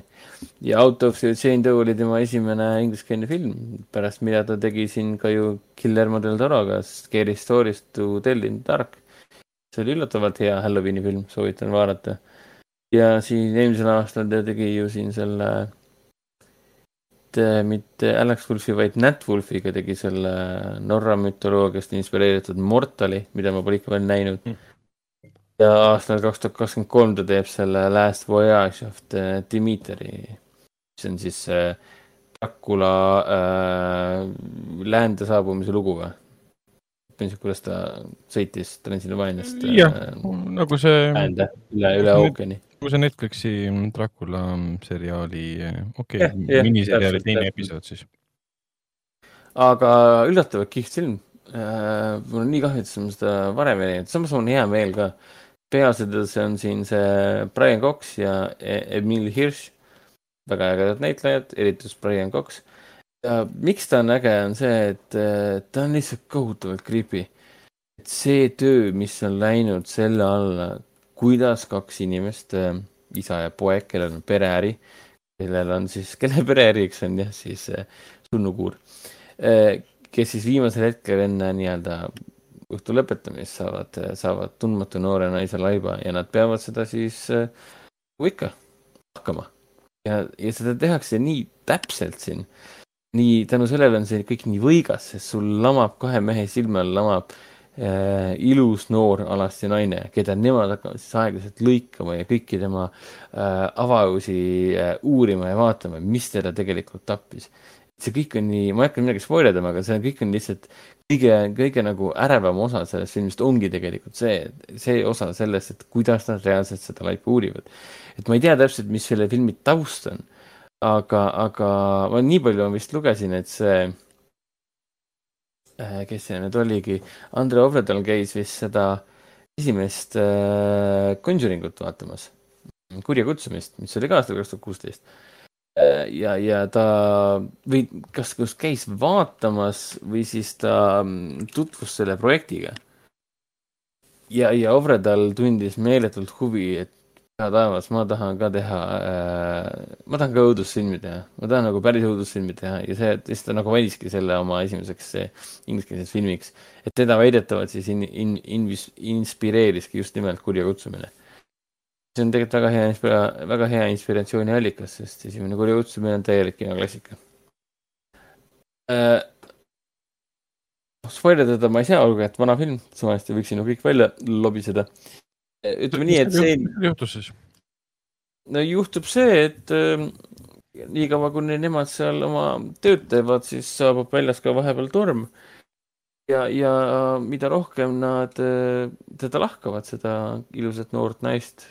olgu mainitud, et naine leiti äh,, leiti keldrist äh, pooleldi liiva sisse maetuna ja, ja kohe alguses jäävad silma mingid imelikud tõsiasjad, et, et äh, ta oli täiesti puhas. ta on liiva alla maetud pooleldi, aga ta on täiesti puhas. mitte midagi talle külge ei haaku. Äh, ja siis järjest nad avastavad, et äh, tema kehas, tema kehas sees on hästi palju võikaid detaile, mis ei ole justkui võimalik. alates sellest, et keegi on tema Eh, söögitorru eh, pistnud ühe mingi vana taime, noh, mingi ürgse taime põhimõtteliselt, mis tegelikult eh, halvab inimese ära. teda oli nii, või noh, ma ei saa väga, väga spoil ida, sest ma soovitan seda kindlasti ära vaadata mm. -hmm. et nad avastavad tema juures nagu hästi palju erinevaid detaile, mis nagu löövad nad täiesti, täiesti jahma, need tüübid on täiesti jahmunud, sest ta ei saa aru, kuidas on võimalik, et keegi on seda, selle, selle naisega niimoodi teinud ja siis, kui nad jõuavad selle murdepunktini, hakkab sealsamas äh, Sunnukuuris äh,, Sunnu, Sunnu hoones nii-öelda äh, toimuma äh, müstilised kummituslikud asjad, sest äh, ütleme vähemalt niimoodi, et no, igaüks aimab, millest see film võib rääkida, ta on õudusfilm ikkagi, et mis nagu ütleme nii, et selle noore naise saladus on tegelikult väga kohutav. ja see kohutav saladus on ka see, mis tegelikult nendega sinna kaasa läks, sinna alla Sunnukuuri et äh, no ikkagi režissööri meistriklass, võiks öelda nii. väga, väga pingeline vaatamine, et millest me räägime, räägime siis Autopsy of äh, Jane Doe. ja mina vaatasin seda Shudderist, et seda kuskilt mujalt ei olegi hetkel kättesaadav minu teada. et tõenäoliselt, kui ma siin satun jälle Blu-ray poodi, siis on võimalik, et ma lähen ja ostan selle enda koju ka. et kunagi poiss kasvab suureks siis vaatan temaga koos. noh, pojake, mis sa tahad, et su esimene film oleks? tundmatu naise lahkamine. isa, ma olen kuus, vaatame seda filmi mina tahaks, et minu kunagise tulevase poja esimene film oleks äh, Tim Burtoni Sleepy Hollow. isegi uurisin täna, kas see on tulnud välja 4K UHD Blu-ray, aga ei ole. ma olen kurb. miks, miks just see? see on väga äge film, tõeline oh. lavastuse, lavastuse meistriklass näitlemise meistriklass, kostüümide meistriklass, filmi, kõige, mis puudutab filmi meistriklass. õige.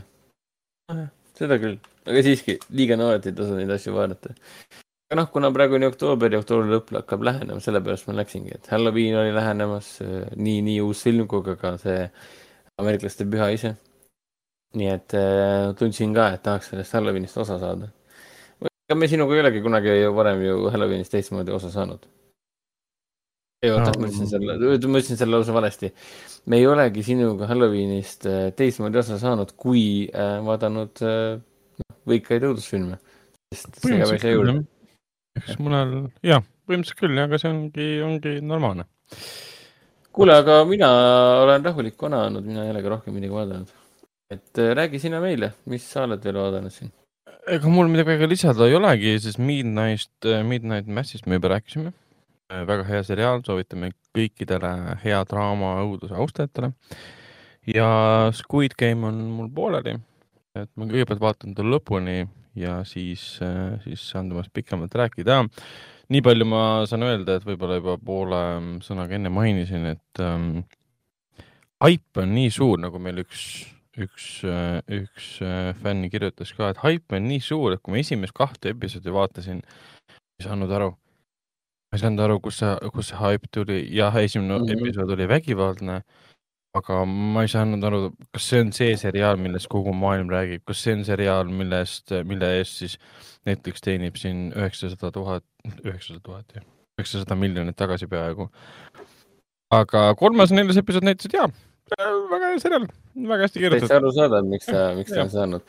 aga no, aga ma arvan, et me siis äh,, sina, mina vaatan lõpuni Squid Game'i, Ragnar vaatab Squid Game'i lõpuni ja siis me võime järgmisel, tõenäoliselt järgmiseks korraks on vaadatud ja siis yeah. võime seal podcast'is rohkem rääkida just nimelt Squid Game'ist. aga lähmegi, lähmegi edasi kinofilmide juurde. siin äh, Veiko Lipas ka kohale, et ta saaks hakata rääkima tema uuest lemmikfilmist nimega Titaan. aga kas me enne räägime ka seda, mis äh, sellel nädalal kinno tulevad? ja, mis filmid alustasid Foorum Cinemas kinodes kahekümne teisel oktoobril? nii nagu me oleme maininud, siis Halloween tapab ehk siis kaks tuhat kaheksateist aasta filmi otsene järgi ja kaks tuhat kaheksateist aasta film oli ka seitsmekümne kaheksanda aasta filmi äh, uus otsene järg uus äh, moodne värk, mida tänapäeval teha. siis äh, vahva animaseiklus nimega Rickis Ron ehk siis Ron's Gone Wrong äh, tuleb ka samuti kinno. ja loomulikult siis, ma ei tea, me enne juba mainisime või ah,? Raiko mainis äh,, Sir Ridley Scotti uus ajalooline äh, põnevusdraama äh, nimega Viimane duell. ja kõik oleme näinud ja meile kõigile tegelikult väga meeldis ja siis tõenäoliselt äh, üks kõige veidramaid filme, mis on kunagi Cannes'is kuldset palmioksa võitnud, nimega Titaan, kus äh, ühel naisterahval on väga suured huvid autode äh, vastu. kindlasti um, tahakski peatuda selle filmi. suureks filmi huviks on see veel jah, vähe nimetatud, ütleme nii. see mitte ainult suur huvi oh,, jah, ma saan aru. nii, aga Artises, mis Artises toimub? Artises äh, samamoodi saab näha mm, Titaani, mis on väga veider, huvitav, ähm, teistsugune prantsuse film. Ähm, hoiatan siinkohal, et see on vägivaldne, see on verd täis, see on seksi täis, seksuaalset vägivalda täis ja siin ikka juhtub asju, mis ei ole kindlasti nõrganärvilistele. aga see on prantsuse kino. ja siis prantsuse kinost rääkides või siis pigem prantsuse keskkonnas aset leidvast loost või siis antud juhul filmist rääkides, siis jah, viimane duell alustas ka kinos, kinos Artis, siis ka meie austame ajalugu ja austame filmiprofessionaale Äh, legendaarseid filmirežissööre nagu Ridley Scott ja, ja tema seda kindlasti ka on. ja siis äh, alustas meil ka lastefilm Polly, mis tegelikult on alustanud juba päris pikemat aega siin lastefilmide festivaliga seoses juba kuueteistkümnendast ähm, oktoobrist on linastunud siin nädalavahetuseti ja nädala sees. et nüüd alustab ta siis ametlikult äh,, ametlikult ka kinos äh, lugu leiab aset siis Lõuna-Ornusmaal. räägib ühest äh,, ühest neiust, kes äh, otsustab äh, päästa tsirkuse käest äh, poni nimega Polly. vot, need olid kinofilmid Artises. nüüd, mis filmidest me pikemalt räägime, me oleme vaikselt siin, äh, siin õrritanud ähm, ähm, rohkem hakkama rääkima siis filmidest nagu Viimane duell, Titan, Halloween tapab, aga Raiko saab meile rääkida ka. äkki alustaks siis sellest, mida mina olen juba rääkinud, ehk siis Werewolves Withinist äkki või? või mis Raiko arvab? no näiteks jah. ei nagu äh, teeme selle ära, see on lihtne rääkida ka, ta ei ole mingi midagi, midagi erilist ta ei ole, väga, väga niisugune lihtne, ühekordne vaatamine äh,. kindlasti rääkisite juba ära, et see on Josh Rubini film äh,, tuttav, tuttav, tuttav nimi meile, me oleme varem äh, äh kokku puutunud selle nimega, me nimelt äh, rääkisime kunagi varem äh, ühest filmist Scare Me, mis tegelikult meile meeldis. Äh, Äh, mis on siis äh, sama lavastaja tehtud. Ja tegelikult, kui sa vaatad, vaatad seda filmi ja sa oled Scare Me'd näinud, siis tegelikult tunned nagu ära küll. tal on väga palju niisugust sarnaseid joonistiile on sama, väga nagu sarnane sama stiil. väga nagu sarnane stiil, isegi värvi minu arust lahendused on samad, isegi viis, kuidas ta ehitas ruumid üles, on kuidagi nagu sarnane või nagu ühesõnaga sa saad aru, omavahel. et sama inimese nagu nägemus on ja see tuleb nii hästi nagu välja.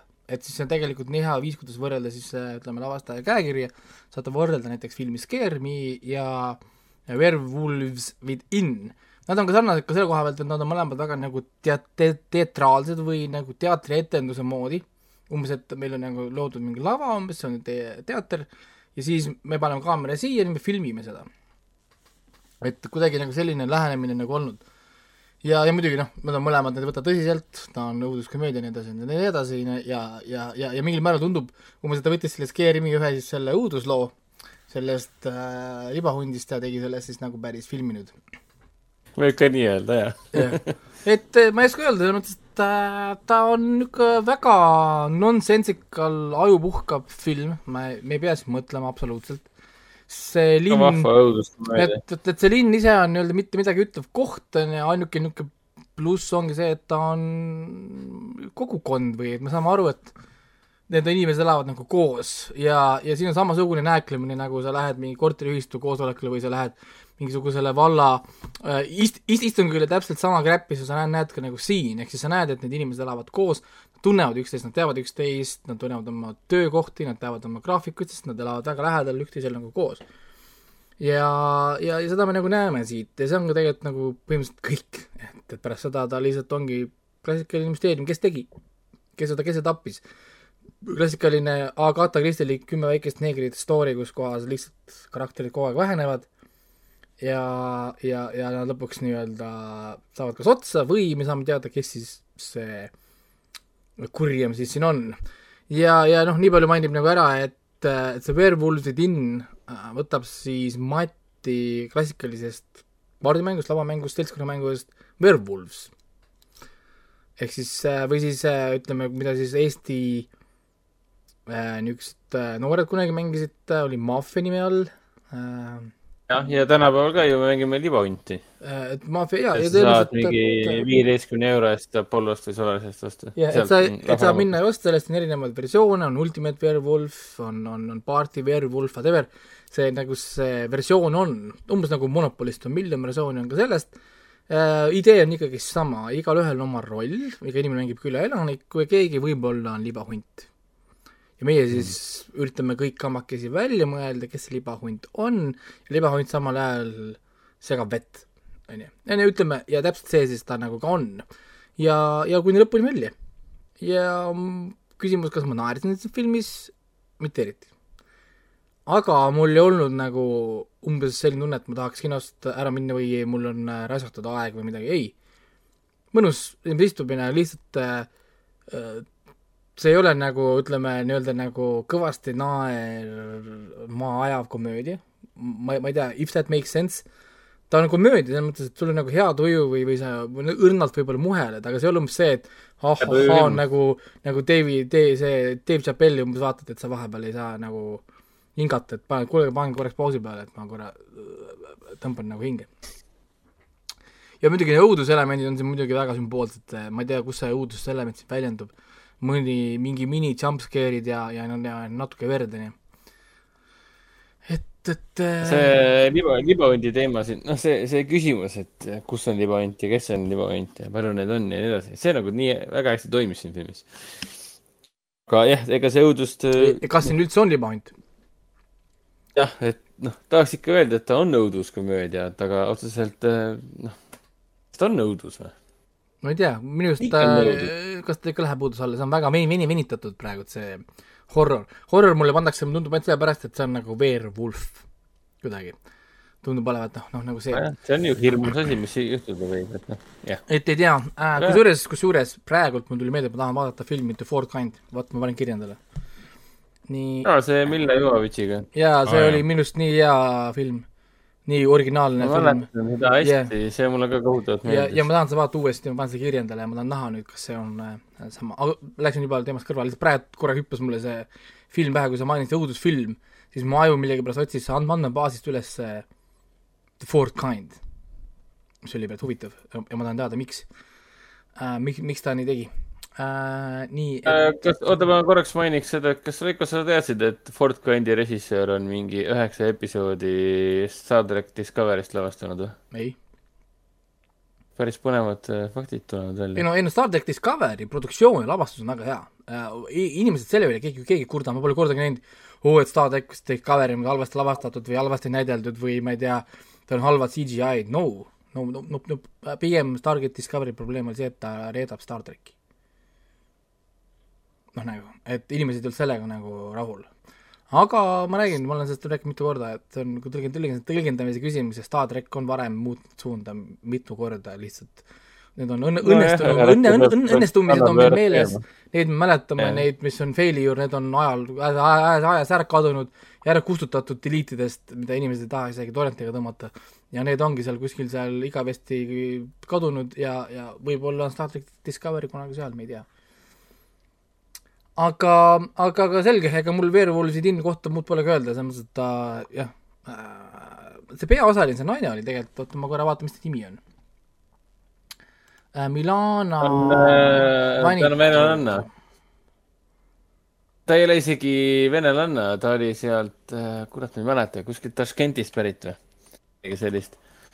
eelmises saates vist vennaga, kas sind vist ei olnud või, ma ei mäleta enam päris pikalt äh, ma siin ahmisin õhku, kui äge see Milana Vaintrub on. jaa, ei, selles mõttes ma tahtsingi öelda, et ta on minu arust hästi ilus naine oli.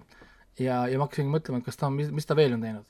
issand, ta on minu vanune, holy shit ma ei teagi, kas see on äh, hea või halb ta oli nii ameerikalik siin, selle tõttu ma olingi nagu veidi šokeeritud, et miks, miks sul niisugune nimi on nagu Milana Aleksandrovna. no muidugi, kui sa ütled ta veel venelane, muidugi ta on Usbe-, Usbekistanist, nii et, nii et jah. Eh, jah, aga, aga tehniliselt ta sündis eh, Nõukogude Liidus, nii et võime öelda nii, et ta on no siis olen mina ju ka, siis olen mina ka venelane. Oh my god, kommu ma sündisin okay, ka ju Nõukogude Liidus kõik oleme kommud. noh, mina vennaga ei ole. südames me oleme kõik kommud. nii, aga selge äh,, liigume, liigume siit edasi, vaatame, nüüd on meil kaks siis järgmist filmi, meil on äh, Last Duel äh,, äh viimane duell ja siis Titane või, või Titaan. aga, aga rääkige Titanist, sest mina ei ole Titani näinud ohohoo. täpselt, ohohoo. ohohoo. konteksti, konteksti mõttes, et tegemist on Julia Coronau äh, teise filmiga. Tokunau sai siis kuulsaks sellega, et ta kahe tuhande kuueteistkümnendal aastal tuli välja filmiga Toores nimega Raw, mis siis nii Cannes'is kui ka siis Toronto filmifestivalil kogus äh, tähelepanu sellega, et väidetavalt ähm, siis inimesed jooksid saalist välja oksendades ja ei suutnud filmi lõpuni vaadata. mina olen seda näinud siis, ja see ei olnud tegelikult üldse nii hull, väga ja ma olen täiesti nõus. ei ole üldse õudusfilmgi.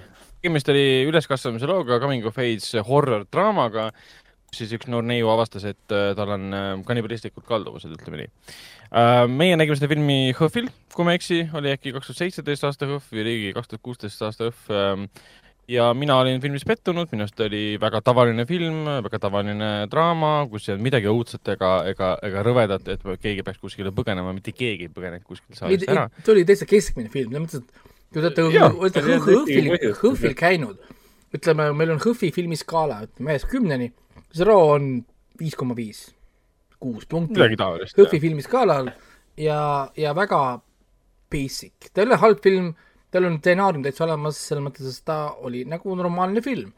aga mingit nagu niisugust seda veidrat overhype itud seda, seda, seda sisu ma sealt ei näinud ja, ja, ja, ja muidugi see overhype imine on, on alati kunsti surm ja seda peab tegelikult vältima, on ju. ja, ja, ja, ja selles mõttes peab olema ettevaatlik, et aga, aga noh, selle, selle režissööri karjäär on jätkunud äh, mõnes mõttes overhype'i nagu tähemärgi all, sest tänavusel siis Cannes'i filmifestivalil tema uusim film Titan äh, võitis siis, äh, võitis siis peaauhinna, mis ongi siis kuldne palmijooks, Palm d'Or. ja see tuli vähemalt nende sõnul, kes eestlastest, Eesti kriitikutest ka kohal olid ja muidugi ka žürii Äh, erinevate liikmete jaoks, üldse kogu üldsuse jaoks väga suure üllatusena, sest keegi ei oodanud, et selline kehaõudus horror-film võidab Cannes'i peaauhinna, mille muidu võidavad sellised noh, traditsioonilisema võitu filmid. ja, ja nüüd mitu-mitu-mitu kuud hiljem siis Titan on lõpuks kinos ja tegemist on kehaõudusfilmiga, mis on ainult üks väike osa tegelikult filmist, et see ei ole ainult see üks iseloomustus mis selle filmi nagu kokku jaa, et siin esimene asi, mis ma kindlasti mainin, see film ei ole väärt äh, kuldset palmioksa või kui see film on väärt kuldset palmioksa, siis auhind ei tähenda mitte midagi. siin on nüüd äh, oh.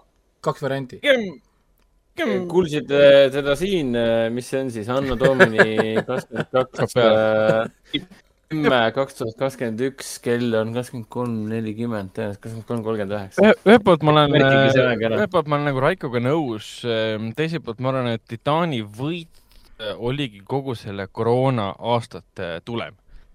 Meil on, on kann ära jäänud, siis on toimunud virtuaalne kann koos füüsilise kanniga ja lõpuks tuligi midagi täiesti teistsugust, ega horrorfilmid ei ole palju võitnud tegelikult kanni ajaloos äh, peaauhinda ja see ei ole ka tavaline horror-film ja see oli midagi kapitaalselt teistsugust selle koha pealt. ma arvan, et siin on kõik erinevate elementide tulem, eriti just kogu see koroona teema, mistõttu see film siis, siis kuidagi rabas siis žürii liikmeid no,. aga ma olen sinuga nõus, ta ei, ole, ta ei ole, ta ei ole kõige parem võitja, kindlasti mitte. aga ta on huvitav film sellegipoolest ma, jah, vot ma ei, ma ei oskagi öelda, ma räägin, seda on nii raske defineerida, seda filmi ma, ma pean kirjutama ka veel, ma täna õhtul kirjutan sellest äh, ka, sellest filmist veel äh,. siis ma saan teda rohkem nagu seedida, ma ei tea, kas ma tahan seda rohkem seedida, sellepärast et, et et, et mis ma nagu siit otsin, mul on tunne, et ma otsin siit asju, mida siin ei ole, vaata, nüüd hakkabki nagu see, selliste filmidega ongi nagu see, et umbes nagu siin nagu kirjandusõpetaja tegi kunagi koolis, et mida kirjanik tahtis öelda. siis minul küsimus oli see, et kirjanik tahtis seda öelda, mida ta kirja pani. on samamoodi, mina tahan öelda, mida mina ütlen, mida sina aru saad, on juba sinu teema ehk siis äh, siin ongi nüüd nagu seesama asi nüüd. seepärast see, mis ta ütles, ei ole selge, sellepärast et filmil ei ole sõnumit, see on puudu. siin ei ole ühtset narratiivi, ta on, film on katki selles mõttes, tal on mingid jupid. meil on mitu erinevat filmi siin, siin nagu sees. meil on see esimene osa sellest filmist, mida põhimõtteliselt ta, story on selline, räägime siis selle äh, filmi story ära. võta jah kokku see lugu. on äh, Äh, autoavarii filmi alguses, kus äh, noor tüdruk lööb pea ära niimoodi, et tal tehakse operatsioon ja osa koljust asendatakse titaanist äh, plaadiga. ja siis ta on suur, ta tantsib autode peal, lakub neid, hõõrub neid ja on sarimõrvar. ja sealt hakkab film pihta. ärgem nüüd liiga palju ka spoilerdada. see pole spoiler, see on filmi algus, see on sünopsis, see on treiler. ja ja, ja, ja ongi, ongi kõik siit hakkab film nagu pihta ja, ja, ja ma ütlengi, et siin ongi film jaguneb kindlasti vähemalt kaheks, esimene osa ongi see esimene osa sellest, kus ta on seksikas naine, väga ja, ja, ja, ja, ja me näeme, et lavastaja konkreetselt surub meile seda peale, et ta on seksikas, sõna otseses mõttes ta läheb ideega, et ajame pulli publikule kõvaks. ja, ja, ja lavastame ta selliselt. et on, ta võtabki sellise mm -hmm. nagu suuna. Et, et Ai, näitame meile, et kui, kuidas ta seksikas ta on, tal on kuradi tagumik on vastu kaamerat, ta hõõrub seal, ta lakub seal, siis ta on duši all, ta on teiste naistega koos duši all, me saame eriti detailseid stseene seal rindadest ja nibudest ja, ja Jah, kogu protsessidest. film on alguses tohutult erootiline ja, ja, ja alastust ja stuff'i täis. ja siis toimub pööre, hakkab selline muutus pihta. Ja nüüd küsimus ongi selles, kas on tahtlik või mitte, kui see on tahtlik, siis tahaks võib-olla isegi kiita, sellepärast et minule viskasid kohe mingisuguse niisuguse sümboolse viisi, kuidas võiks vaadata raset, rasedaks jäämist naiste puhul. et kuidas ta alguses on väga ultraseksikas ja siis käib see protsess. kuidas see protsess nagu, nagu, nagu muutub nii-öelda ja, ja, ja, ja keha võtab kontrolli, on ju. ma arvan, et sa palju ei eksi ka. aga, aga kas see tegelikult nii on, ega mina ei tea, selles mõttes, et see on minu enda tõlgendus, siin on väga veidraid elemente siin sees, siin on fantastilisi elemente sees ja, ja, ja asju, mis lihtsalt uh, doesn't make sense siin oli palju elemente, mida võib võtta puhtalt allegooriana. ei pea võtma mingi, mingi ulmelise või õuduspärase tõe. ja, ja see ongi mingi nüüd täpselt, see ongi see tõlgendamisvärk ja nüüd küsimus ongi, et kas mina nüüd tõlgendan üle, ma hakkan otsima mingisugust mustrit, mida siin ei ole. või ta mõtles neid asju päriselt. Kus ta, võttes ta filmist, eelmist filmi Raw, siis ma ei tahaks öelda, et ta mõtles neid päriselt, nii et ma ei tea. et, et samas on aega on mööda läinud, viis aastat on ju Mm. noh äh, inimesed kasvavad, inimesed arenevad, et äh, ja siis siin on põhimõtteliselt kaks karakterit on siin filmis, siin on see Alexia, oli ta nimi vist äh, keda, keda mängib Jah. see äh, Russell, siis siis see Agatha Russell. Agata, Agata, issand, oota, ma pean lahti võtma selle. Agata, Agata. jaa.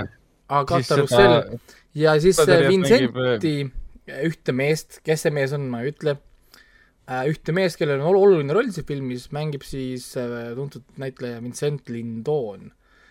ja, ja need on ka põhilised näitlejad siin tegelikult, või noh, nagu põhiline roll jääb siis nagu nende, nende nagu kanda, et kõik ülejäänud on nagu tulevad ja lähevad. ja, ja tõepoolest, ütleme, see žanr, mis sa enne mainisid, ongi body horror siis, sest siin on verd, palju tapmist äh,, retsimist on omajagu äh,, väga Ja veidrust toimub siin palju, väga rõvedusi on siin ka äh, asjad lekivad, kehaosad lekivad äh,, lähevad katki ja, ja igasugused muud, kannatavad selle all ja muud stuff'i, siin on psühholoogiliselt veidrad, veidraid asju, mida on raske vaadata või seletada kas või iseendale sel ajal, kui sa vaatad, sa võid küsida päris mitu korda, et, et mida pekki ma praegult vaatan, on ju, kuhu, kuhu ma sattusin, miks ma siin olen, mõtled tagasi selle peale, kuidas sa kunagi lasteaias olid ja kuidas sa sinna said, kus sa praegult oled, ja ja, ja, ja see on nagu okei okay,, see on no normaalne, see on tahtlik ja selgelt ongi läinud šoki peale.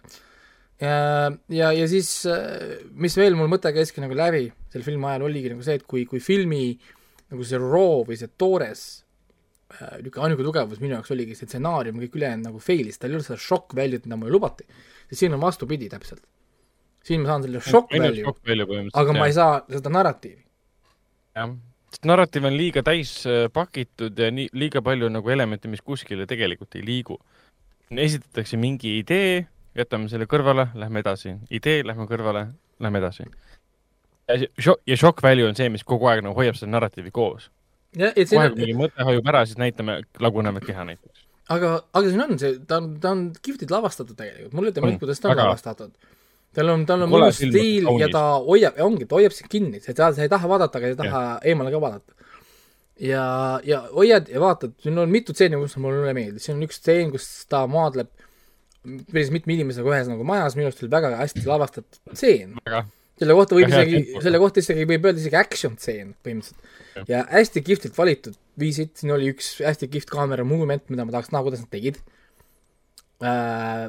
väga kihvtilt nagu mindi nagu mööda ja, ja, ja selline pööre oli, ma tahaks teada, kuidas nad peitsid neid asju, neid kaamera liikumisi, kas oli üks võte, mitu võtet, siin oli niisuguseid asju küll, mis nagu ütleme, on lavastaja niisugune ego värk umbes, et noh, saad aru, see on see, mida sa tahad nagu teha või kui sa kunstnik, sa tahad nagu teha because you can do this või noh, nagu sa tahad endale tõestada ja siis võib-olla ka maailma tõestada ja ja seda ta tegelikult tõestas, et oskab lavastada. lihtsalt ma ei ole veendunud, et oskab kirjutada filmi et, et, et, et, et see on jah, nagu võib ka nii karmilt öelda.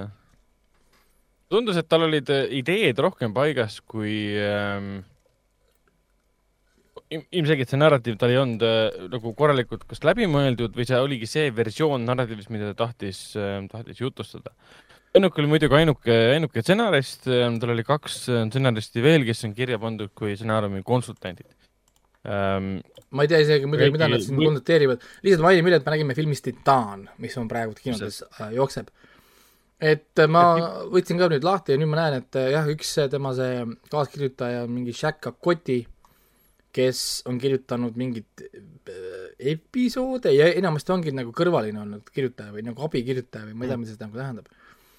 Aga oluline on see, et äh, oota, mis ta teise nimi oli, see Simonetta Gregio äh,. issand ei, oota ei, see oli see Shakil. sellel, keda ma esimese, esimese esineses mainisin, tal ikka oli siin paar filmi ka tegelikult.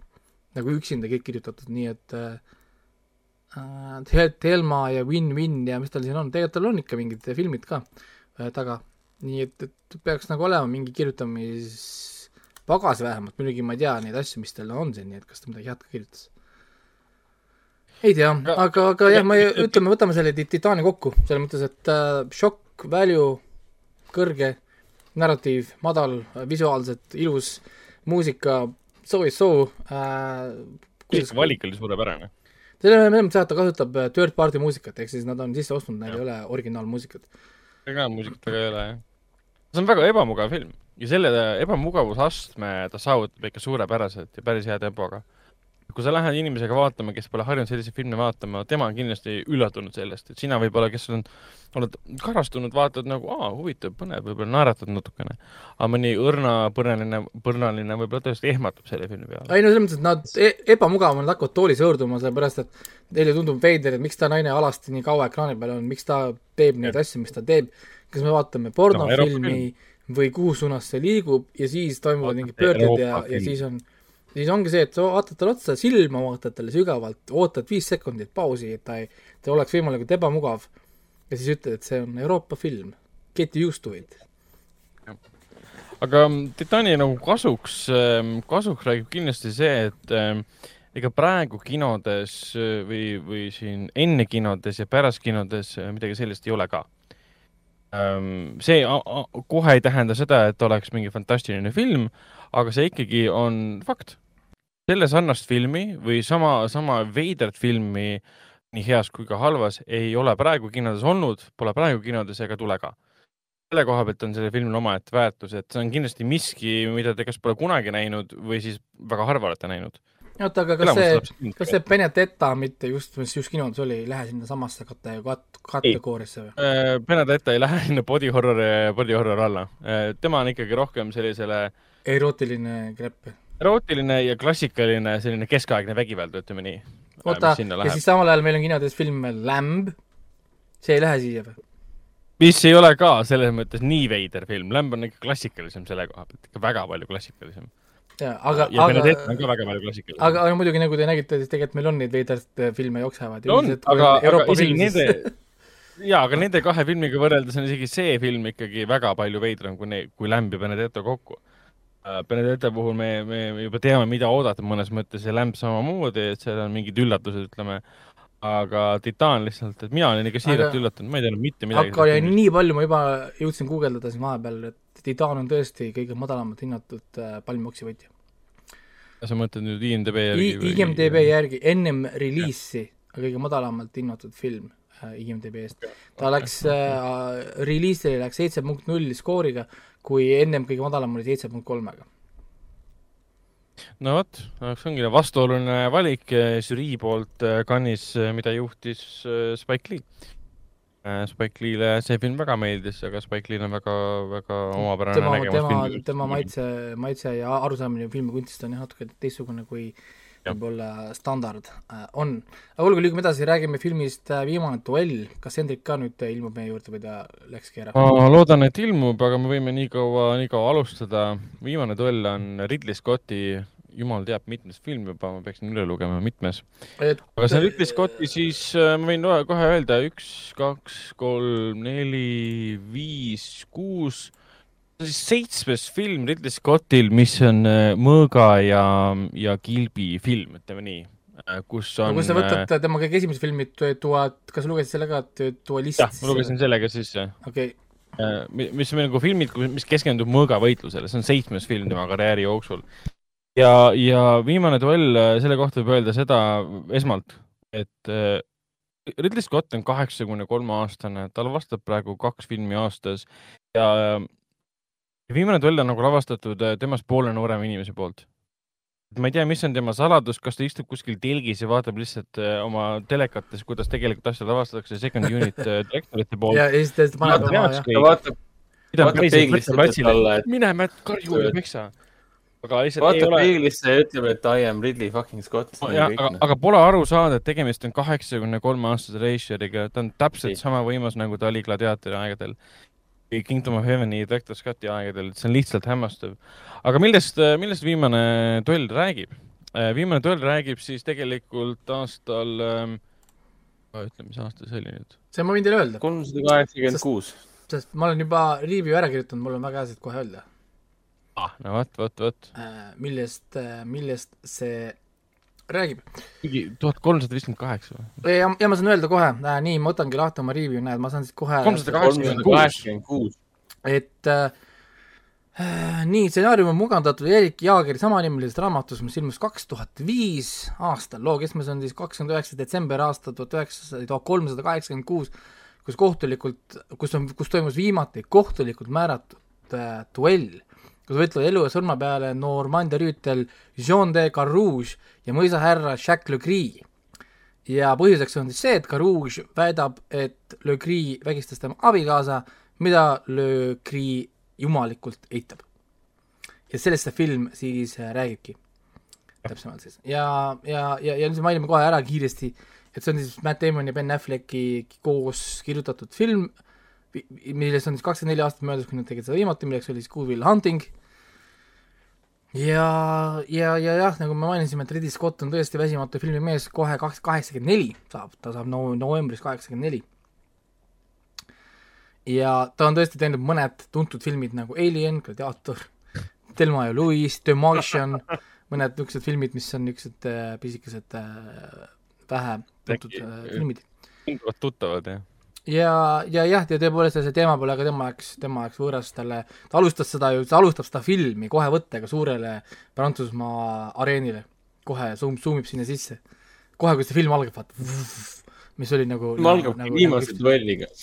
jah, ta algab, aga see ei ole, see ei ole tegelikult viimane duell, ajalooliselt äh, tuhat viissada seitsekümmend üks vist oli. Jah see oli te, te, tegelikult jah.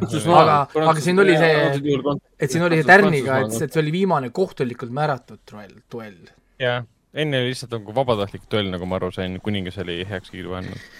Aga ma ei tea, palju me tahame spoilerdada selle filmi struktuuri, sest minule tuli see väga suure üllatusena ja ma tahaks, et meie kuulajatele tuleb ka. Ähm, ma ei tea, on- ma juba review'ste panin väga, väga ülbelt selle sisse, et ta on Oh, iga, igaüks oh, räägib oma story. oh sind. Raiko kohe ütles välja selle. Raiko ütles pärast äh, pressilinastust sulle esimese asjana või? mm,. põhimõtteliselt sama hästi vist või? üks te, teine lause oli enne, et naise, naise versioon on tõde, ei, okei jaa. ja ei, siin, siin on selles mõttes küll ja film on, ongi ehitatud üles, siin on kolm osapoolt, meil on kaks meest, kes on duellil of course, ja siis, ja siis naine, keda väidetavalt vägist-, vägistati. Ja siis igalühel on oma nagu story, me näemegi iga nende lugu algusest peale. nagu nelikümmend minutit, nelikümmend minutit, nelikümmend minutit, circa kolm lugu ja siis viimane duell. ehk siis noh, nii nagu see film tehtud ja, ja isegi kui te guugeldate ja te teate selle duelli tulemust, sest see on ajalooline sündmus, see on päriselt toimunud, see ei võta filmi väärtusest mitte midagi ära.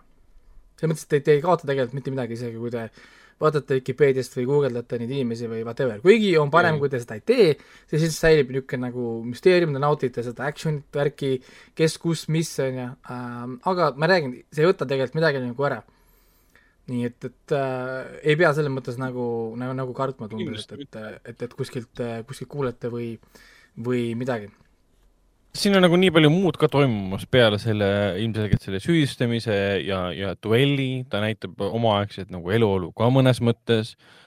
tegelikult kulgeb ju aastate, aastate jooksul, väga mitmete aastate jooksul, et see ei ole ainult mingisugune nädala sees näiteks. meil näidatakse, kuidas rüütlid elasid oma elu, kuidas nad said oma uue seisuse kätte või jäid sellest ilma näiteks, meil on õukonna konfliktid, meil on siin poliitilised konfliktid ja sellega tegelikult Ridley Scott äh, viimati näitas nii ägedalt eluolu oligi Kingdom of Heavenis, eriti Director Scott äh, versioonis. jah, see oli päris ammu aega tagasi juba ju. see oli mõnda aega tagasi jah, aga viimane duell, ta on kaks ja pool tundi film ja keset filmi, kui me nägime järjekordset kaadrit ähm,, kuidas tohutu Dolby Atmos heli äh, iSense'i saalis siis Madina saatel mm, hobused ratsutasid sellise, sellise vibratsiooniga, nagu ma ise oleksin saalis olnud. äge muusika lõi peale ja me näeme seda keskkonda, kuhu on nagu miljoneid lihtsalt visatud, et praktiliselt üles ehitada. mul tuli soe tunne sisse, sest ma näen nagu maa, filmi, mis on loonud usutavalt selle keskkonna ja sul ei teki kahtluski, et see on päris. sa ei vaata näitlejaid mängimas neid tegelasi minevikus, kes mängivad üle kuidagi, et näe, ma olen nüüd näitleja, kes mängib minevikku mingit äh, Graffi või, või Duke'i või mis iganes. Scott suudab oma kõikidest äh, osapooltest, on see operaator, kes iganes näitlejad nagu parima välja pigistada. ja, ja Jodie Comer äh, seda hiljem ütles ka erinevate väga Comer. raskete, kuidas? Boomer. Kummer ähm,, seda ütles ka äh, tegelikult äh, pärast Ridley Scotti siis ähm, võtteperioodi sellise kvaliteedi kohta, et kõik möödus väga-väga kiiresti, väga professionaalselt, mehel on kõik veel läbi mõeldud, ta on nagu Hitchcock põhimõtteliselt, film on tal peas valmis. ta teeb nii, nii põhjalikku eeltööd, eriti võrreldes muidugi selle gladiaatoriga, mis on siiamaani imetabane, et see film üldse valmis sai. Aga nüüd on näha jah, et äh, ma nimetasin kaks- aastal kaks tuhat seitseteist, mis ta siin tegi kaks filmi, üks oli All the money in the world ja teine oli see mm, Martian või? ei, ma ütlesin, oli kaks tuhat Kings, viisteist. Exodus Guns N' Kings. ei, see oli ka eraldi, et ma kohe vaatan üle, ma ei mäleta enam täpselt. ta, ta on palju neid äh, mõõgasandaali mõ, äh, kilbifilme Ah, teinud. Alien Covenant, ta tegi viimase Covenant, Alieni filmi ja siis samal aastal tuli välja All the money in the world ja siis sellel aastal ta teeb täpselt sama asja. jah, suur no. kahe ja poole tunnine ajalooline eepos, rüütlid, õukonnad, verd, vägivalda, palju sisepoliitilist sellist, noh, kuidas siin hea võrdlus tuua on, nagu troonide mängulikku sisepoliitikat nii-öelda. Sellise vihkamist ja etteheitmist ja, ja siis tuleb välja selle House of Gucci'ga novembri lõpus Adam. Driver ja, ja, ja Al Pacino on peaosas ja Lady Gaga ka, et kui keegi nüüd arvab et meie kirjelduse põhjal, et viimane duell on ainult sellest, et me, seal on üks duell ja kõik ülejäänud on inimesed kuskil äh, poolringis rääkimas poliitikast, siis ei. see põhimõtteliselt algab duelliga, siis me läheme tagasi mm, sündmuste juurde, mida me näeme kolmes eri perspektiivis läbi erinevate vaatevinklite.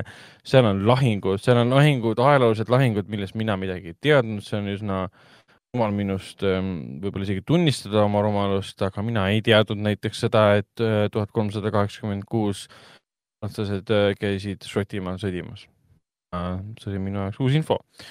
et nad peaks olema harima, harimatud matšid ka, et noh. jah, rohkem harima ja muidugi selles filmis on sellised klassikalised Hollywoodi troopid.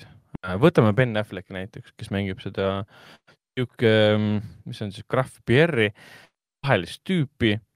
muidugi on talle nagu kostüümikunstnikud andnud äh, riided, mis väljendavad tema pahelist tüüpi äh, tüpaaži, talle on antud, talle on antud soeng, soengu värv, habe, mis täpselt näitab, et ta on, tegemist on tõbraga. ta on film, film lõpuni välja tõbras. Et siin on väga palju selliseid klassikalisi elemente, aga see ongi Hollywood, see on klassikaline Hollywood mõnes mõttes, aga siin ei ole midagi klassikalist tegelikult ähm, Ridley Scottile. minu arvates vähemalt viimasel ajal ta ei ole midagi nii julget ja teistsugust üle pika aja teinud. tal võib-olla lihtsalt juhtusid olevat head stsenaristid, kelle stsenaariumi põhjal selle loo nagu valmis tegi. aga see on midagi teistsugust ja väga ilmselgelt kogu see Me Too, mis on toimunud ja väga õigustatult ähm, tõde päevavalgele toonud see on ka üks tulem, äh, miks ta selle filmi üldse tegi, miks ta valis selle loo lavastamiseks, ega tõenäoliselt ta poleks seda lugu muidu valinud. naine süüdistab ühte ähm, teist meest vägistamises, keegi teda ei usu, kutsutakse duellile, et seda tõestada. olles keskaegses absurdses ajas, kus, kus duelli tulemus on, on kui justkui jumala seadus. kui jumal on selle yeah. otsustanud, mis duelli lõpus toimub mitte, et ma ei tea, kahe mehe ramm ei puutu asjasse, ilmselgelt mitte, et jumala otsus on ikkagi see. et siin filmis on palju absurdseid momente, kus veits vaadatakse muidugi tänapäeva pilgu läbi, see on väga selgelt tunda. tehakse natuke irooniliselt nalja mineviku üle tänapäevase pilgu läbi ähm,. nalja mitte selles mõttes, et tegelased naeraksid, vaid ta tekitab vaatajale reaktsiooni äh, päris mitu korda Äh, mina ikkagi naersin ja saalis ka inimesed naersid, see film ei ole surmtõsine, siin on väga palju huumorit.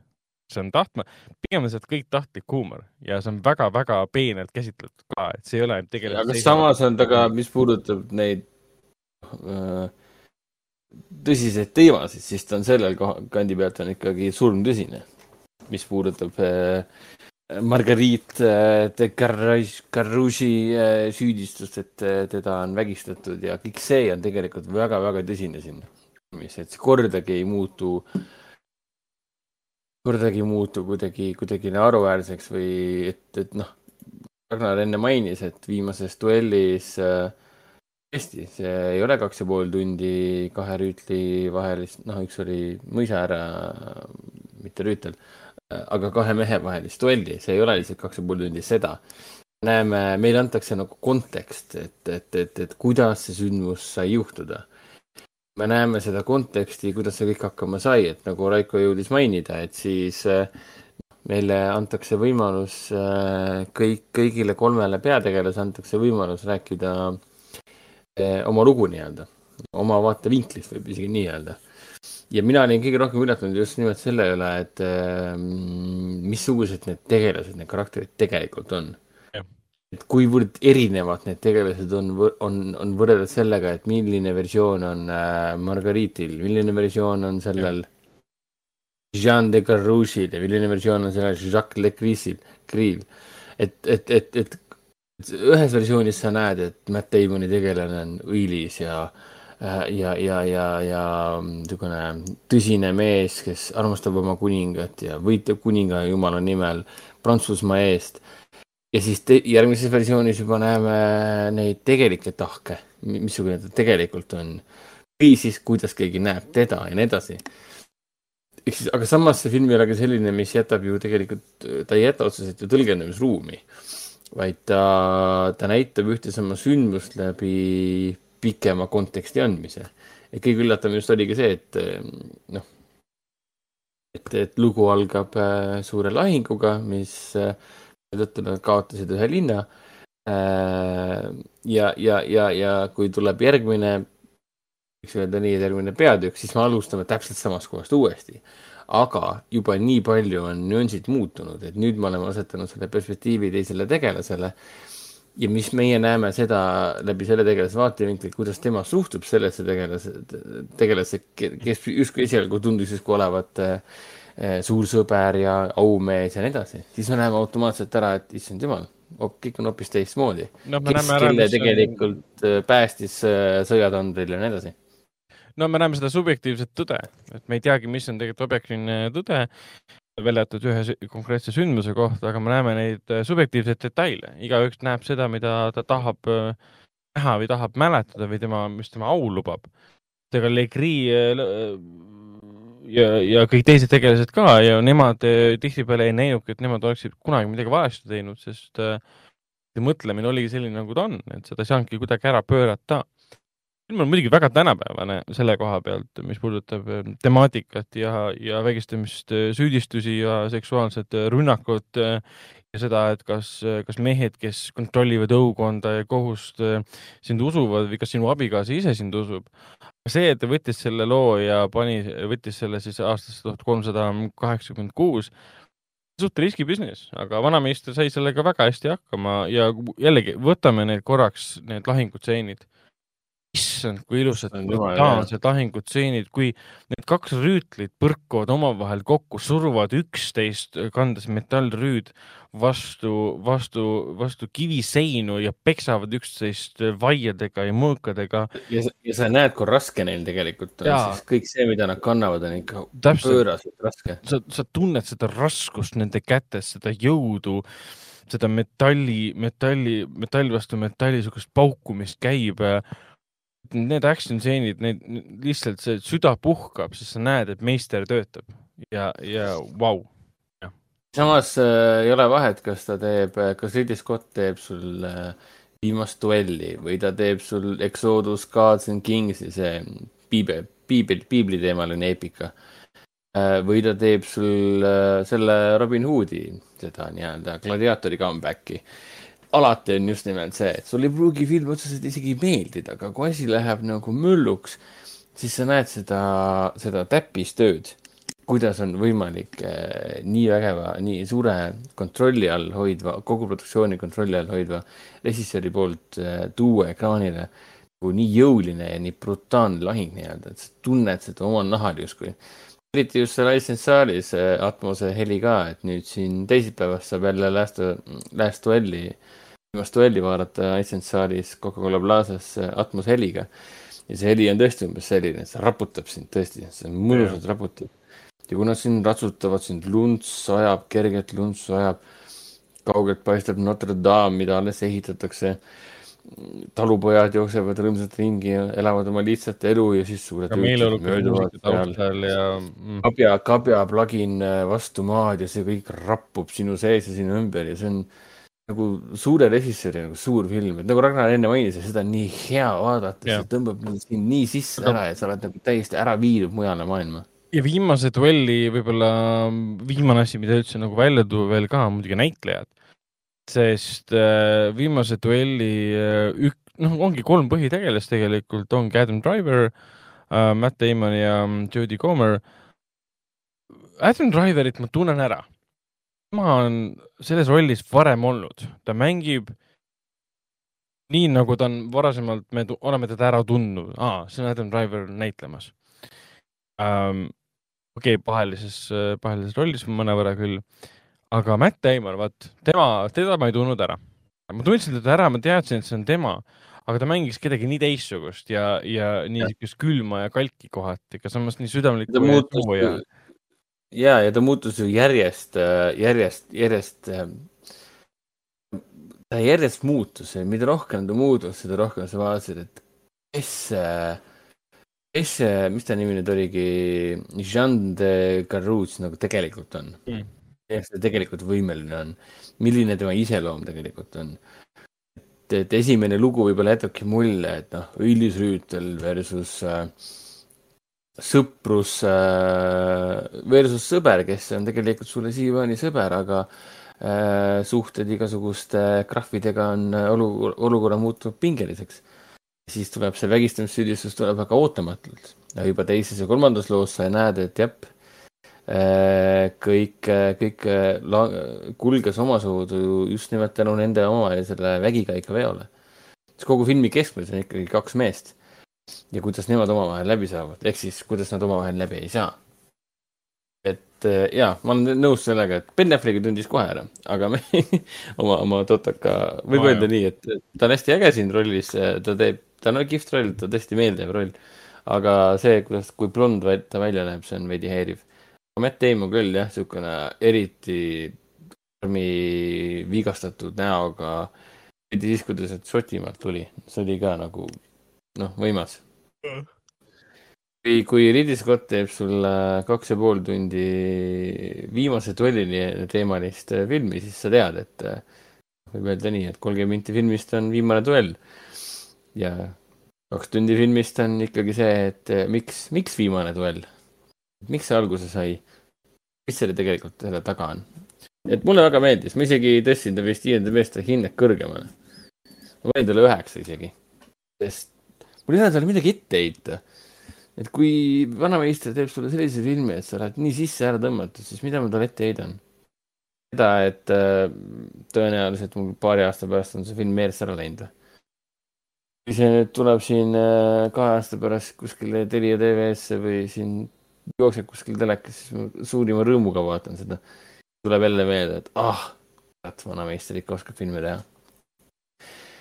Nii, aga kas äh, tahad rääkida Halloweenist ja sellest, et äh, kas oli või ei olnud see hea film? Halloween, Halloween tapab on kinodes, Halloween Kills, mis on siis kahe tuhande kaheksateistkümnenda aasta filmi Halloween järg Äh, tegemist on siis juba vist teise või kolmanda, pigem teise äh, reboot'iga mm, kaheteistkümnest äh, filmist koosnevast seerias, mille siis kolmeteistkümnes film Halloween Ends ähm, tuleb välja siis juba, oligi järgmine aasta, kui ma ei eksi, jah? järgmine aasta oktoober.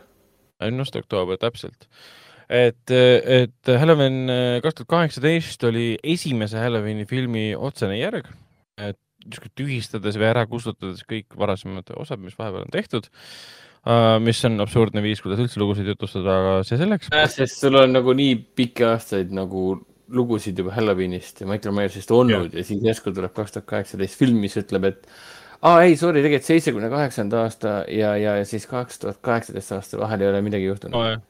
alles nüüd saab võimalikust välja, ta põgeneb ja, ja, okay. ja Halloween Kills äh, jätkab täpselt sealt, kus esimene film äh, pooleli jäi, et, et äh, Michael Myers pandi siis Lauri Strodi siis ähm, keldrisse ähm, luku taha.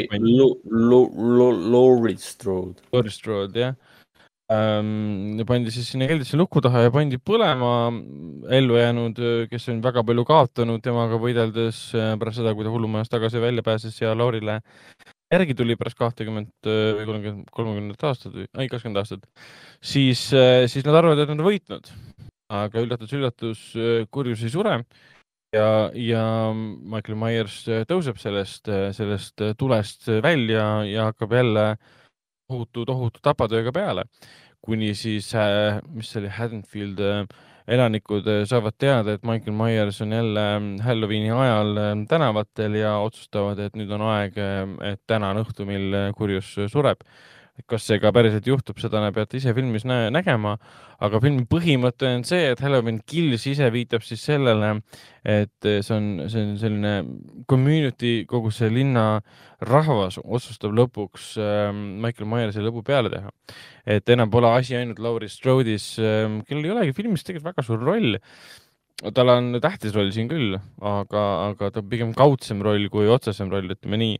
mis mulle Halloween Killsi puhul kõige rohkem muidugi paelus, on see, et kui, kui esimene see mm, uus Halloween keskendus Laurile, tema perekonnale ja nende võitlusele, siis teine film keskendub Michael Myersile. kõik muu on, on ka olemas ja täidab oma eesmärki aga seekord meil on rohkem Michael Myersit, meil ikkagi räägitakse tema, tema minevikust rohkem. näeme sõna otseses mõttes flashback'e, mis on lavastatud siis seitsmekümnendate filmide isegi vaimus. on, on kasutatud äh, vastavat, äh, vastavat sellist filtrit, et, et jätta mulje, näeme nagu filmis justkui seitsmekümnendate filmi lindi peale. kusjuures see koht, oli äh, väga usutav, sest noh, filmis on ja. ju need flashback'id seitsmekümne kaheksandasse aastasse, kui see kõik alguse sai. Ja, ja mm. siin on ka ju doktor Lewis on tagasi tuuakse tagasi, noh, näitlejaid lihtsalt äh, make-up'i ja prosteediks äh, abil, kes ei ole enam meie hulgas ja kõik see näeb äh, nagu, noh, nagu päris välja selles mõttes. ma lugesin, et see ei olnudki isegi CC, kui nad tõid tagasi doktor äh,. kostüümi, kostüümi tulemus selles mõttes, mis on väga-väga muljetavaldav. aga Halloween äh,, Halloween Kills äh,, minule esimene Halloween, see eelmine ei meeldinud. Minu arust see oli ebavajalik film um,. seal ei olnud midagi põnevat ja, ja üldse sellistes, sellistes slasher filmides mul on raske nagu pinget ka tihtipeale leida um,. Halloween Kills mulle õudusfilmina pinget ei pakkunud.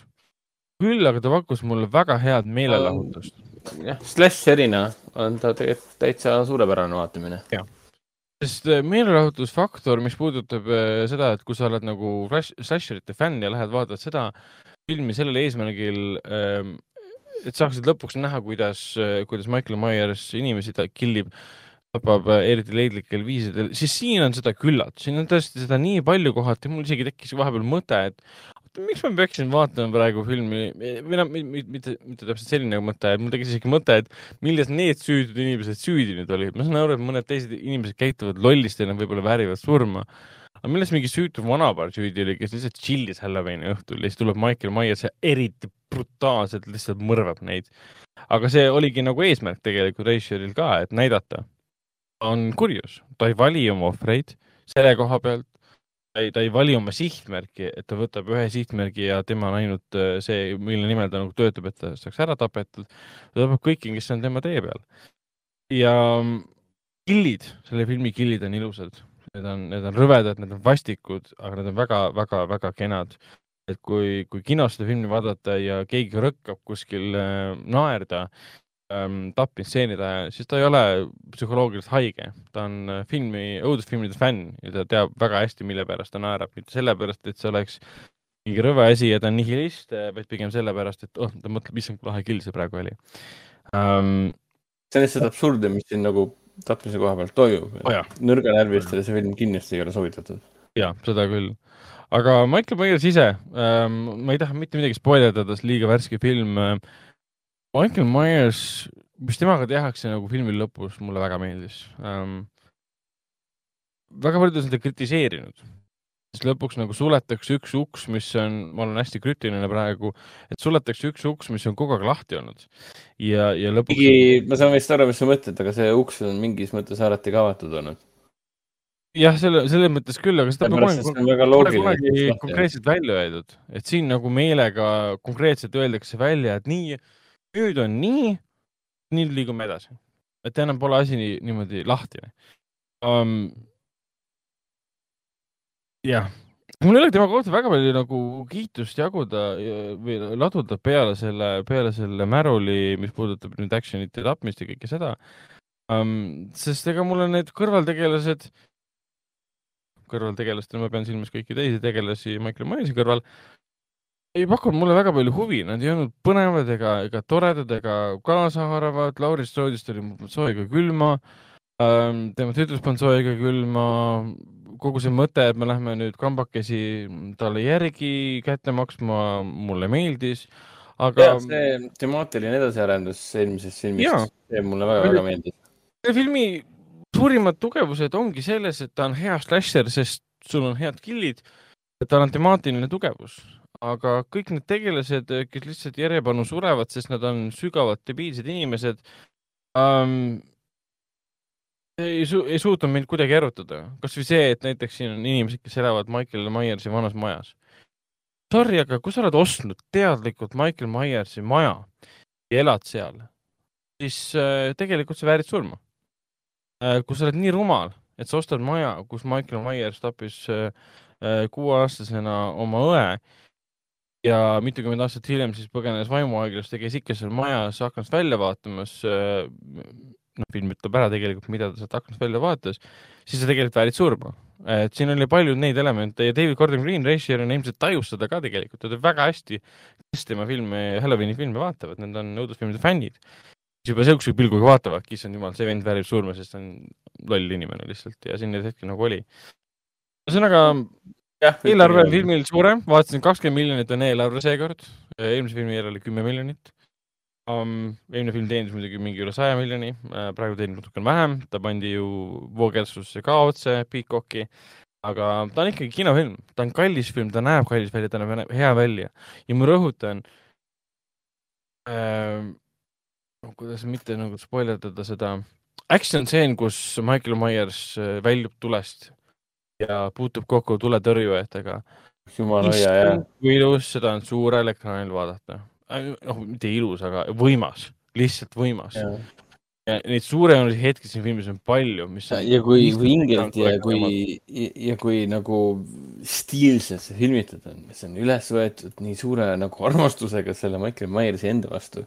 et kui nagu nad austavad seda legendaarset kuju tegelikult üliväga nagu mõni ime, et nad siis ka hoiavad seda stiili, mis puudutab kogu seda Halloweeni seeriat.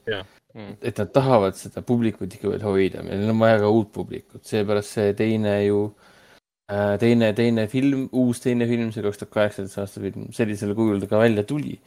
et noh, Jamie Lee Curtis on, äh, ei ole just kõige tuntum äh, näitleja, aga ometigi ta on siin, ta on siin film ikka on lisaks Halloweenile mina teadsin ju Curtist ju pigem äh, tänu sellele, kes teab teda tänu Freaky Friday'le. mina teadsin täna te, seda tänu True Lies'ile ehk siis äh, Cameroni ja Schwarzeneggeri mm. filmile. ja ta on üli, ülikihvt tädi, võib öelda nii.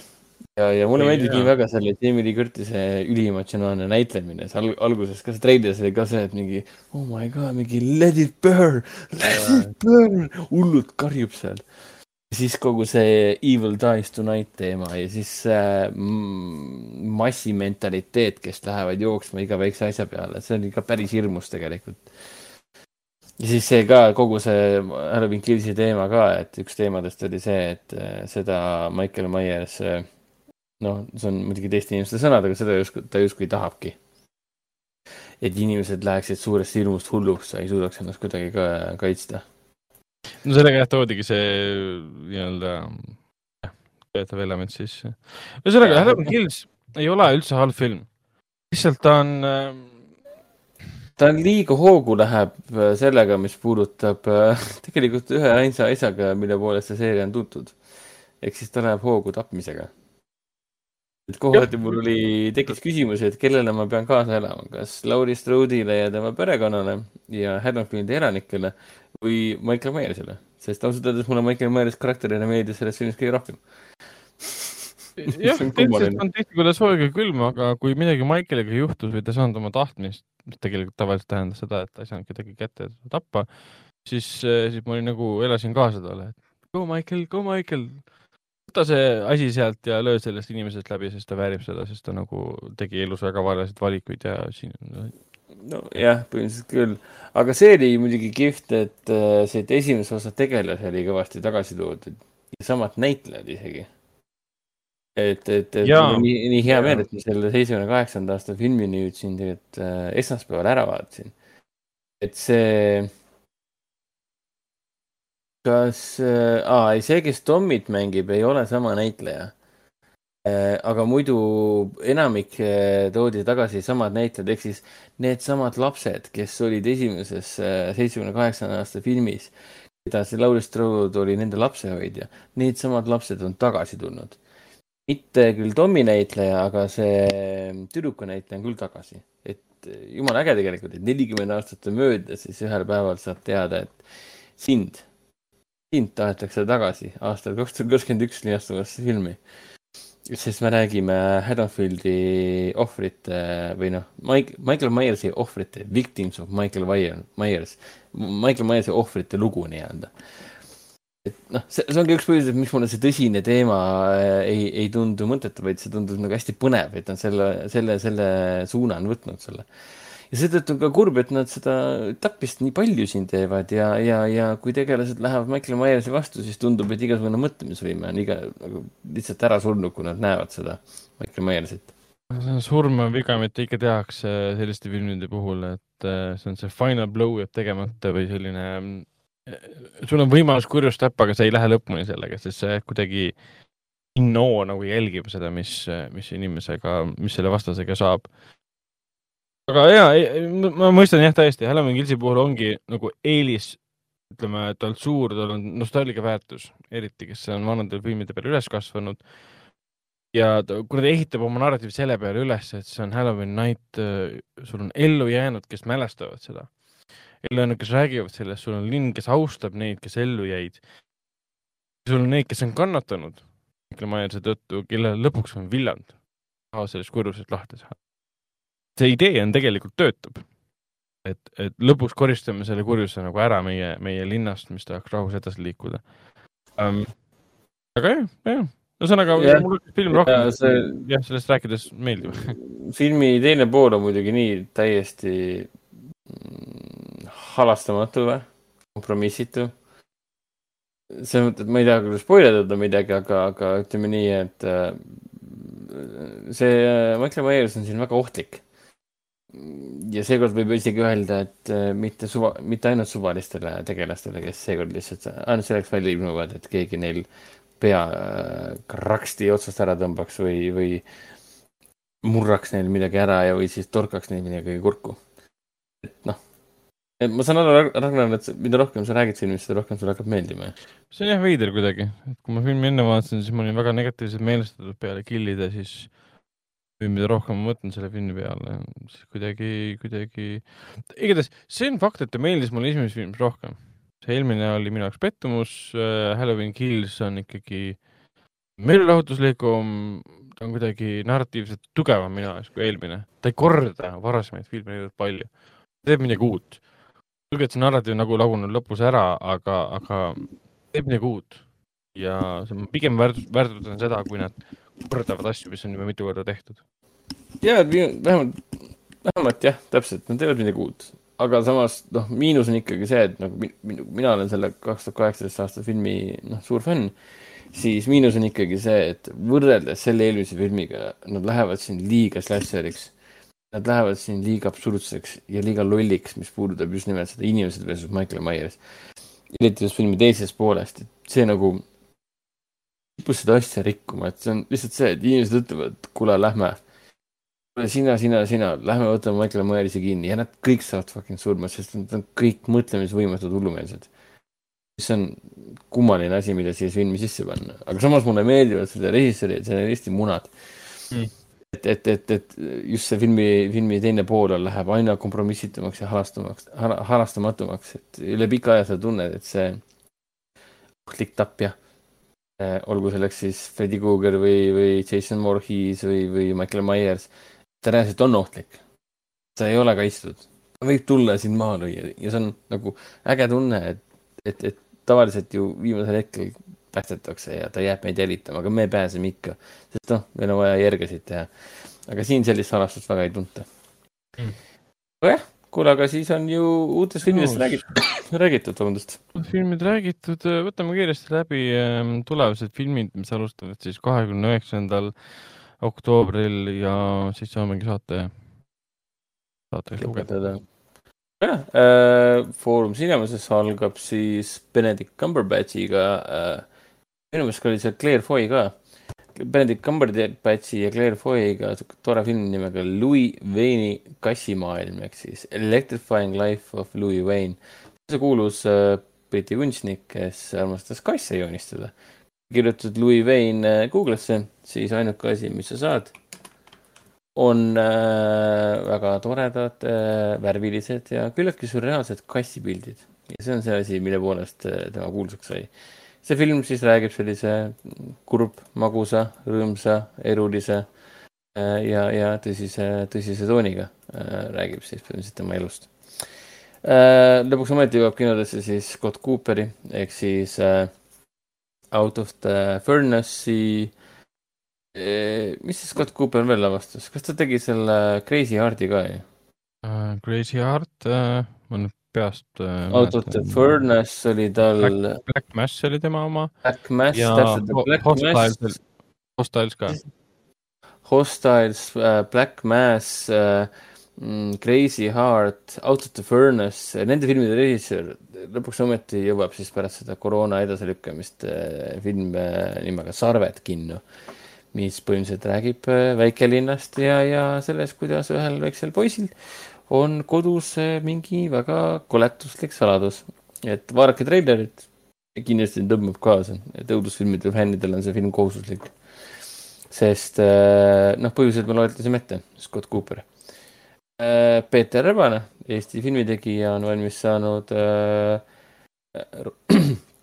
romantilise põnevusdraamaga nimega Tulilind, inglise keeles Firebirds, mis räägib siis, kui nüüd ei eksi, Eesti Nõukogude Liidu aegsest äh, armastusloost äh, kahe, kahe sõduri vahel äh, ehk siis ajal, mis äh, oli nende armastuse suhtes väga-väga keeruline. ja, ja Edgar Wrighti uus film Eile öösel Sohos, äh, Last Night in Soho, lõpuks ometi kinodes äh,. Joachim Trieri uus film, Joachim Trier, on siis see mees, kes selle meie lemmikfilmi Telma tegi tema uus film Maailma halvim inimene tuleb kinodesse ja lastele tuleb ka eestikeelne seiklus nimega Pulkson ja merekoletis. kinos Artis on, tahtsid veel midagi lisada? ei, ei teadnud saates samamoodi saab näha ilusat toredat lastefilmi Pulksen ja merekoletis, mis on meil tegelikult juba kuueteistkümnendast oktoobrist lastefilmide festivalil linastunud. samamoodi Louis Wanni Kassimaailm, omapärane lugu, omapärane film, omapärane lavastajatöö äh, kunstnikust äh, Louis Wannist Eh, Peeter Rebase Tulilind alustab ka meil, eh, sellega seoses on meil, eh, on meil toimumas kahekümne seitsmendal oktoobril, see on nüüd kolmapäevane päev Eesti filmiõhtu, kuhu siis tulevad külalistena filmirežissöör Peeter Rebane ja mm, filmi peategelasi kehastavad Tom Pryor ja Oleg Sagorodni Äh, mina olen seal isiklikult kohal ja nendega ka vestlen esimesed viisteist, ähm, kakskümmend minutit või täpselt nii, kuidas ähm, äh, juttu jagub. Meie esikas on siis kahekümne kuuendal oktoobril ähm, seal Alexela, Alexela kontserte majas. Edgar Wrighti uus film eile öösel Sohos joob ka samuti kinno Artis. Lisaks juba mainitud filmidele, mis alustavad ka Foorum kinos, siis äh, linastub meil ka Päästmine. Tegelikult ei, päästmine, jah, päästmine lükkus ära viienda, viienda novembri peale tegelikult jah, päästmine ei linastu kahekümne üheksandal oktoobril äh,. aga päästmist saab näha tegelikult kahekümne kaheksandal oktoobril Väärikate kinohommikul, et äh, kui teil on väärikas äh, sugulane tahaks kinno tulla kahekümne kaheksandal oktoobril, siis äh, see ei ole ainult väärikatele mõeldud, igaüks võib tulla sinna me ei saada ukse pealt tagasi mingi. kuus. Teie härra, te ei ole väärikas et seda me ei tee um,. ja siis ongi Hennikuga, Henniku kino suurimad erinevused tegelikult ongi, et korduvad Louis Maan, Tuli lind, eile öösel Sohos, Trieri uus film Maailma halvim inimene. sellega seoses toimub meil daamide, daamide õhtu äh, kahekümne, daamide valik siis kahekümne kaheksandal oktoobril um,. ja pulks on ka Ärkamine, Awaken, linastub meil ka, mis mõned aastad tagasi PÖFFi avafilm hästi ilus, äh, võimas, äh, suureline ood ähm, loodusele, meie maailmale, maailma parimate kaameratega üles võetud ähm, selline maailma dokumentaal, ütleme nii. mina seda nägin päris, päris mitu aastat tagasi. aga kahekümne üheksandast oktoobrist saab seda siis igapäevaselt ka kinos näha, näha maailma meie ümber, kuhu võib-olla nii väga reisida enam ei saa ähm,. vähemalt mitte lähiajal vot, aga selle noodiga tegelikult võimegi saate saateks ähm, lugeda, et meil Artises toimub endiselt äh, JAF, täna siis reedel, kahekümne teisel äh, oktoobril oli ähm, JAF-i avamine äh, filmiga Jose Tiiger ja, ja kala. Pakuti külalistele head paremat, Jaapani saadik käis sisse juhatamas, Jõhvi korraldajad kõnelesid, esimesed kolm seanssi toimusid täna ära nüüd siin kolmekümne esimese oktoobrini iga päev kolm-neli seanssi. meil on nii mängufilmid äh, kui ka siis äh, Jaapani animatsioonid. Äh, päris palju, päris mitu filmi on neli seanssi. mõned filmid on kaks seanssi, et tulge, tulge Jahvile ja vaadake Jahvi filme. tuleme. vot, vot. aga Raiko praegu tagasi ei tule, ta läks, läks pisikest, pisikest ähm, taas unne, unne sängitama aga, aga kell on null null kolmkümmend kuus ja mul on ka tunne, et ma tahaks äh, unne vajuda. et äh, jah. või, või uh, Squid Game'i vaadata äh,. ei, palun. või Squid Game'i vaadata.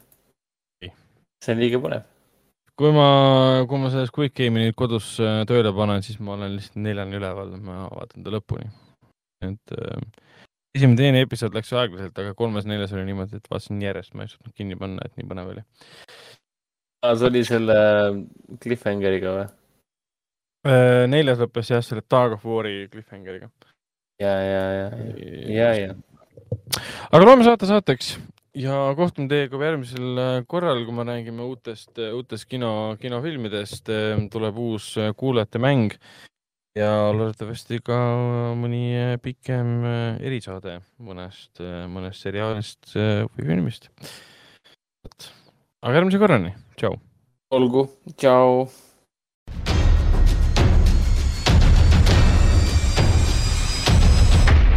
kinoveebi Jututuba podcasti toob teieni Foorum Cinemas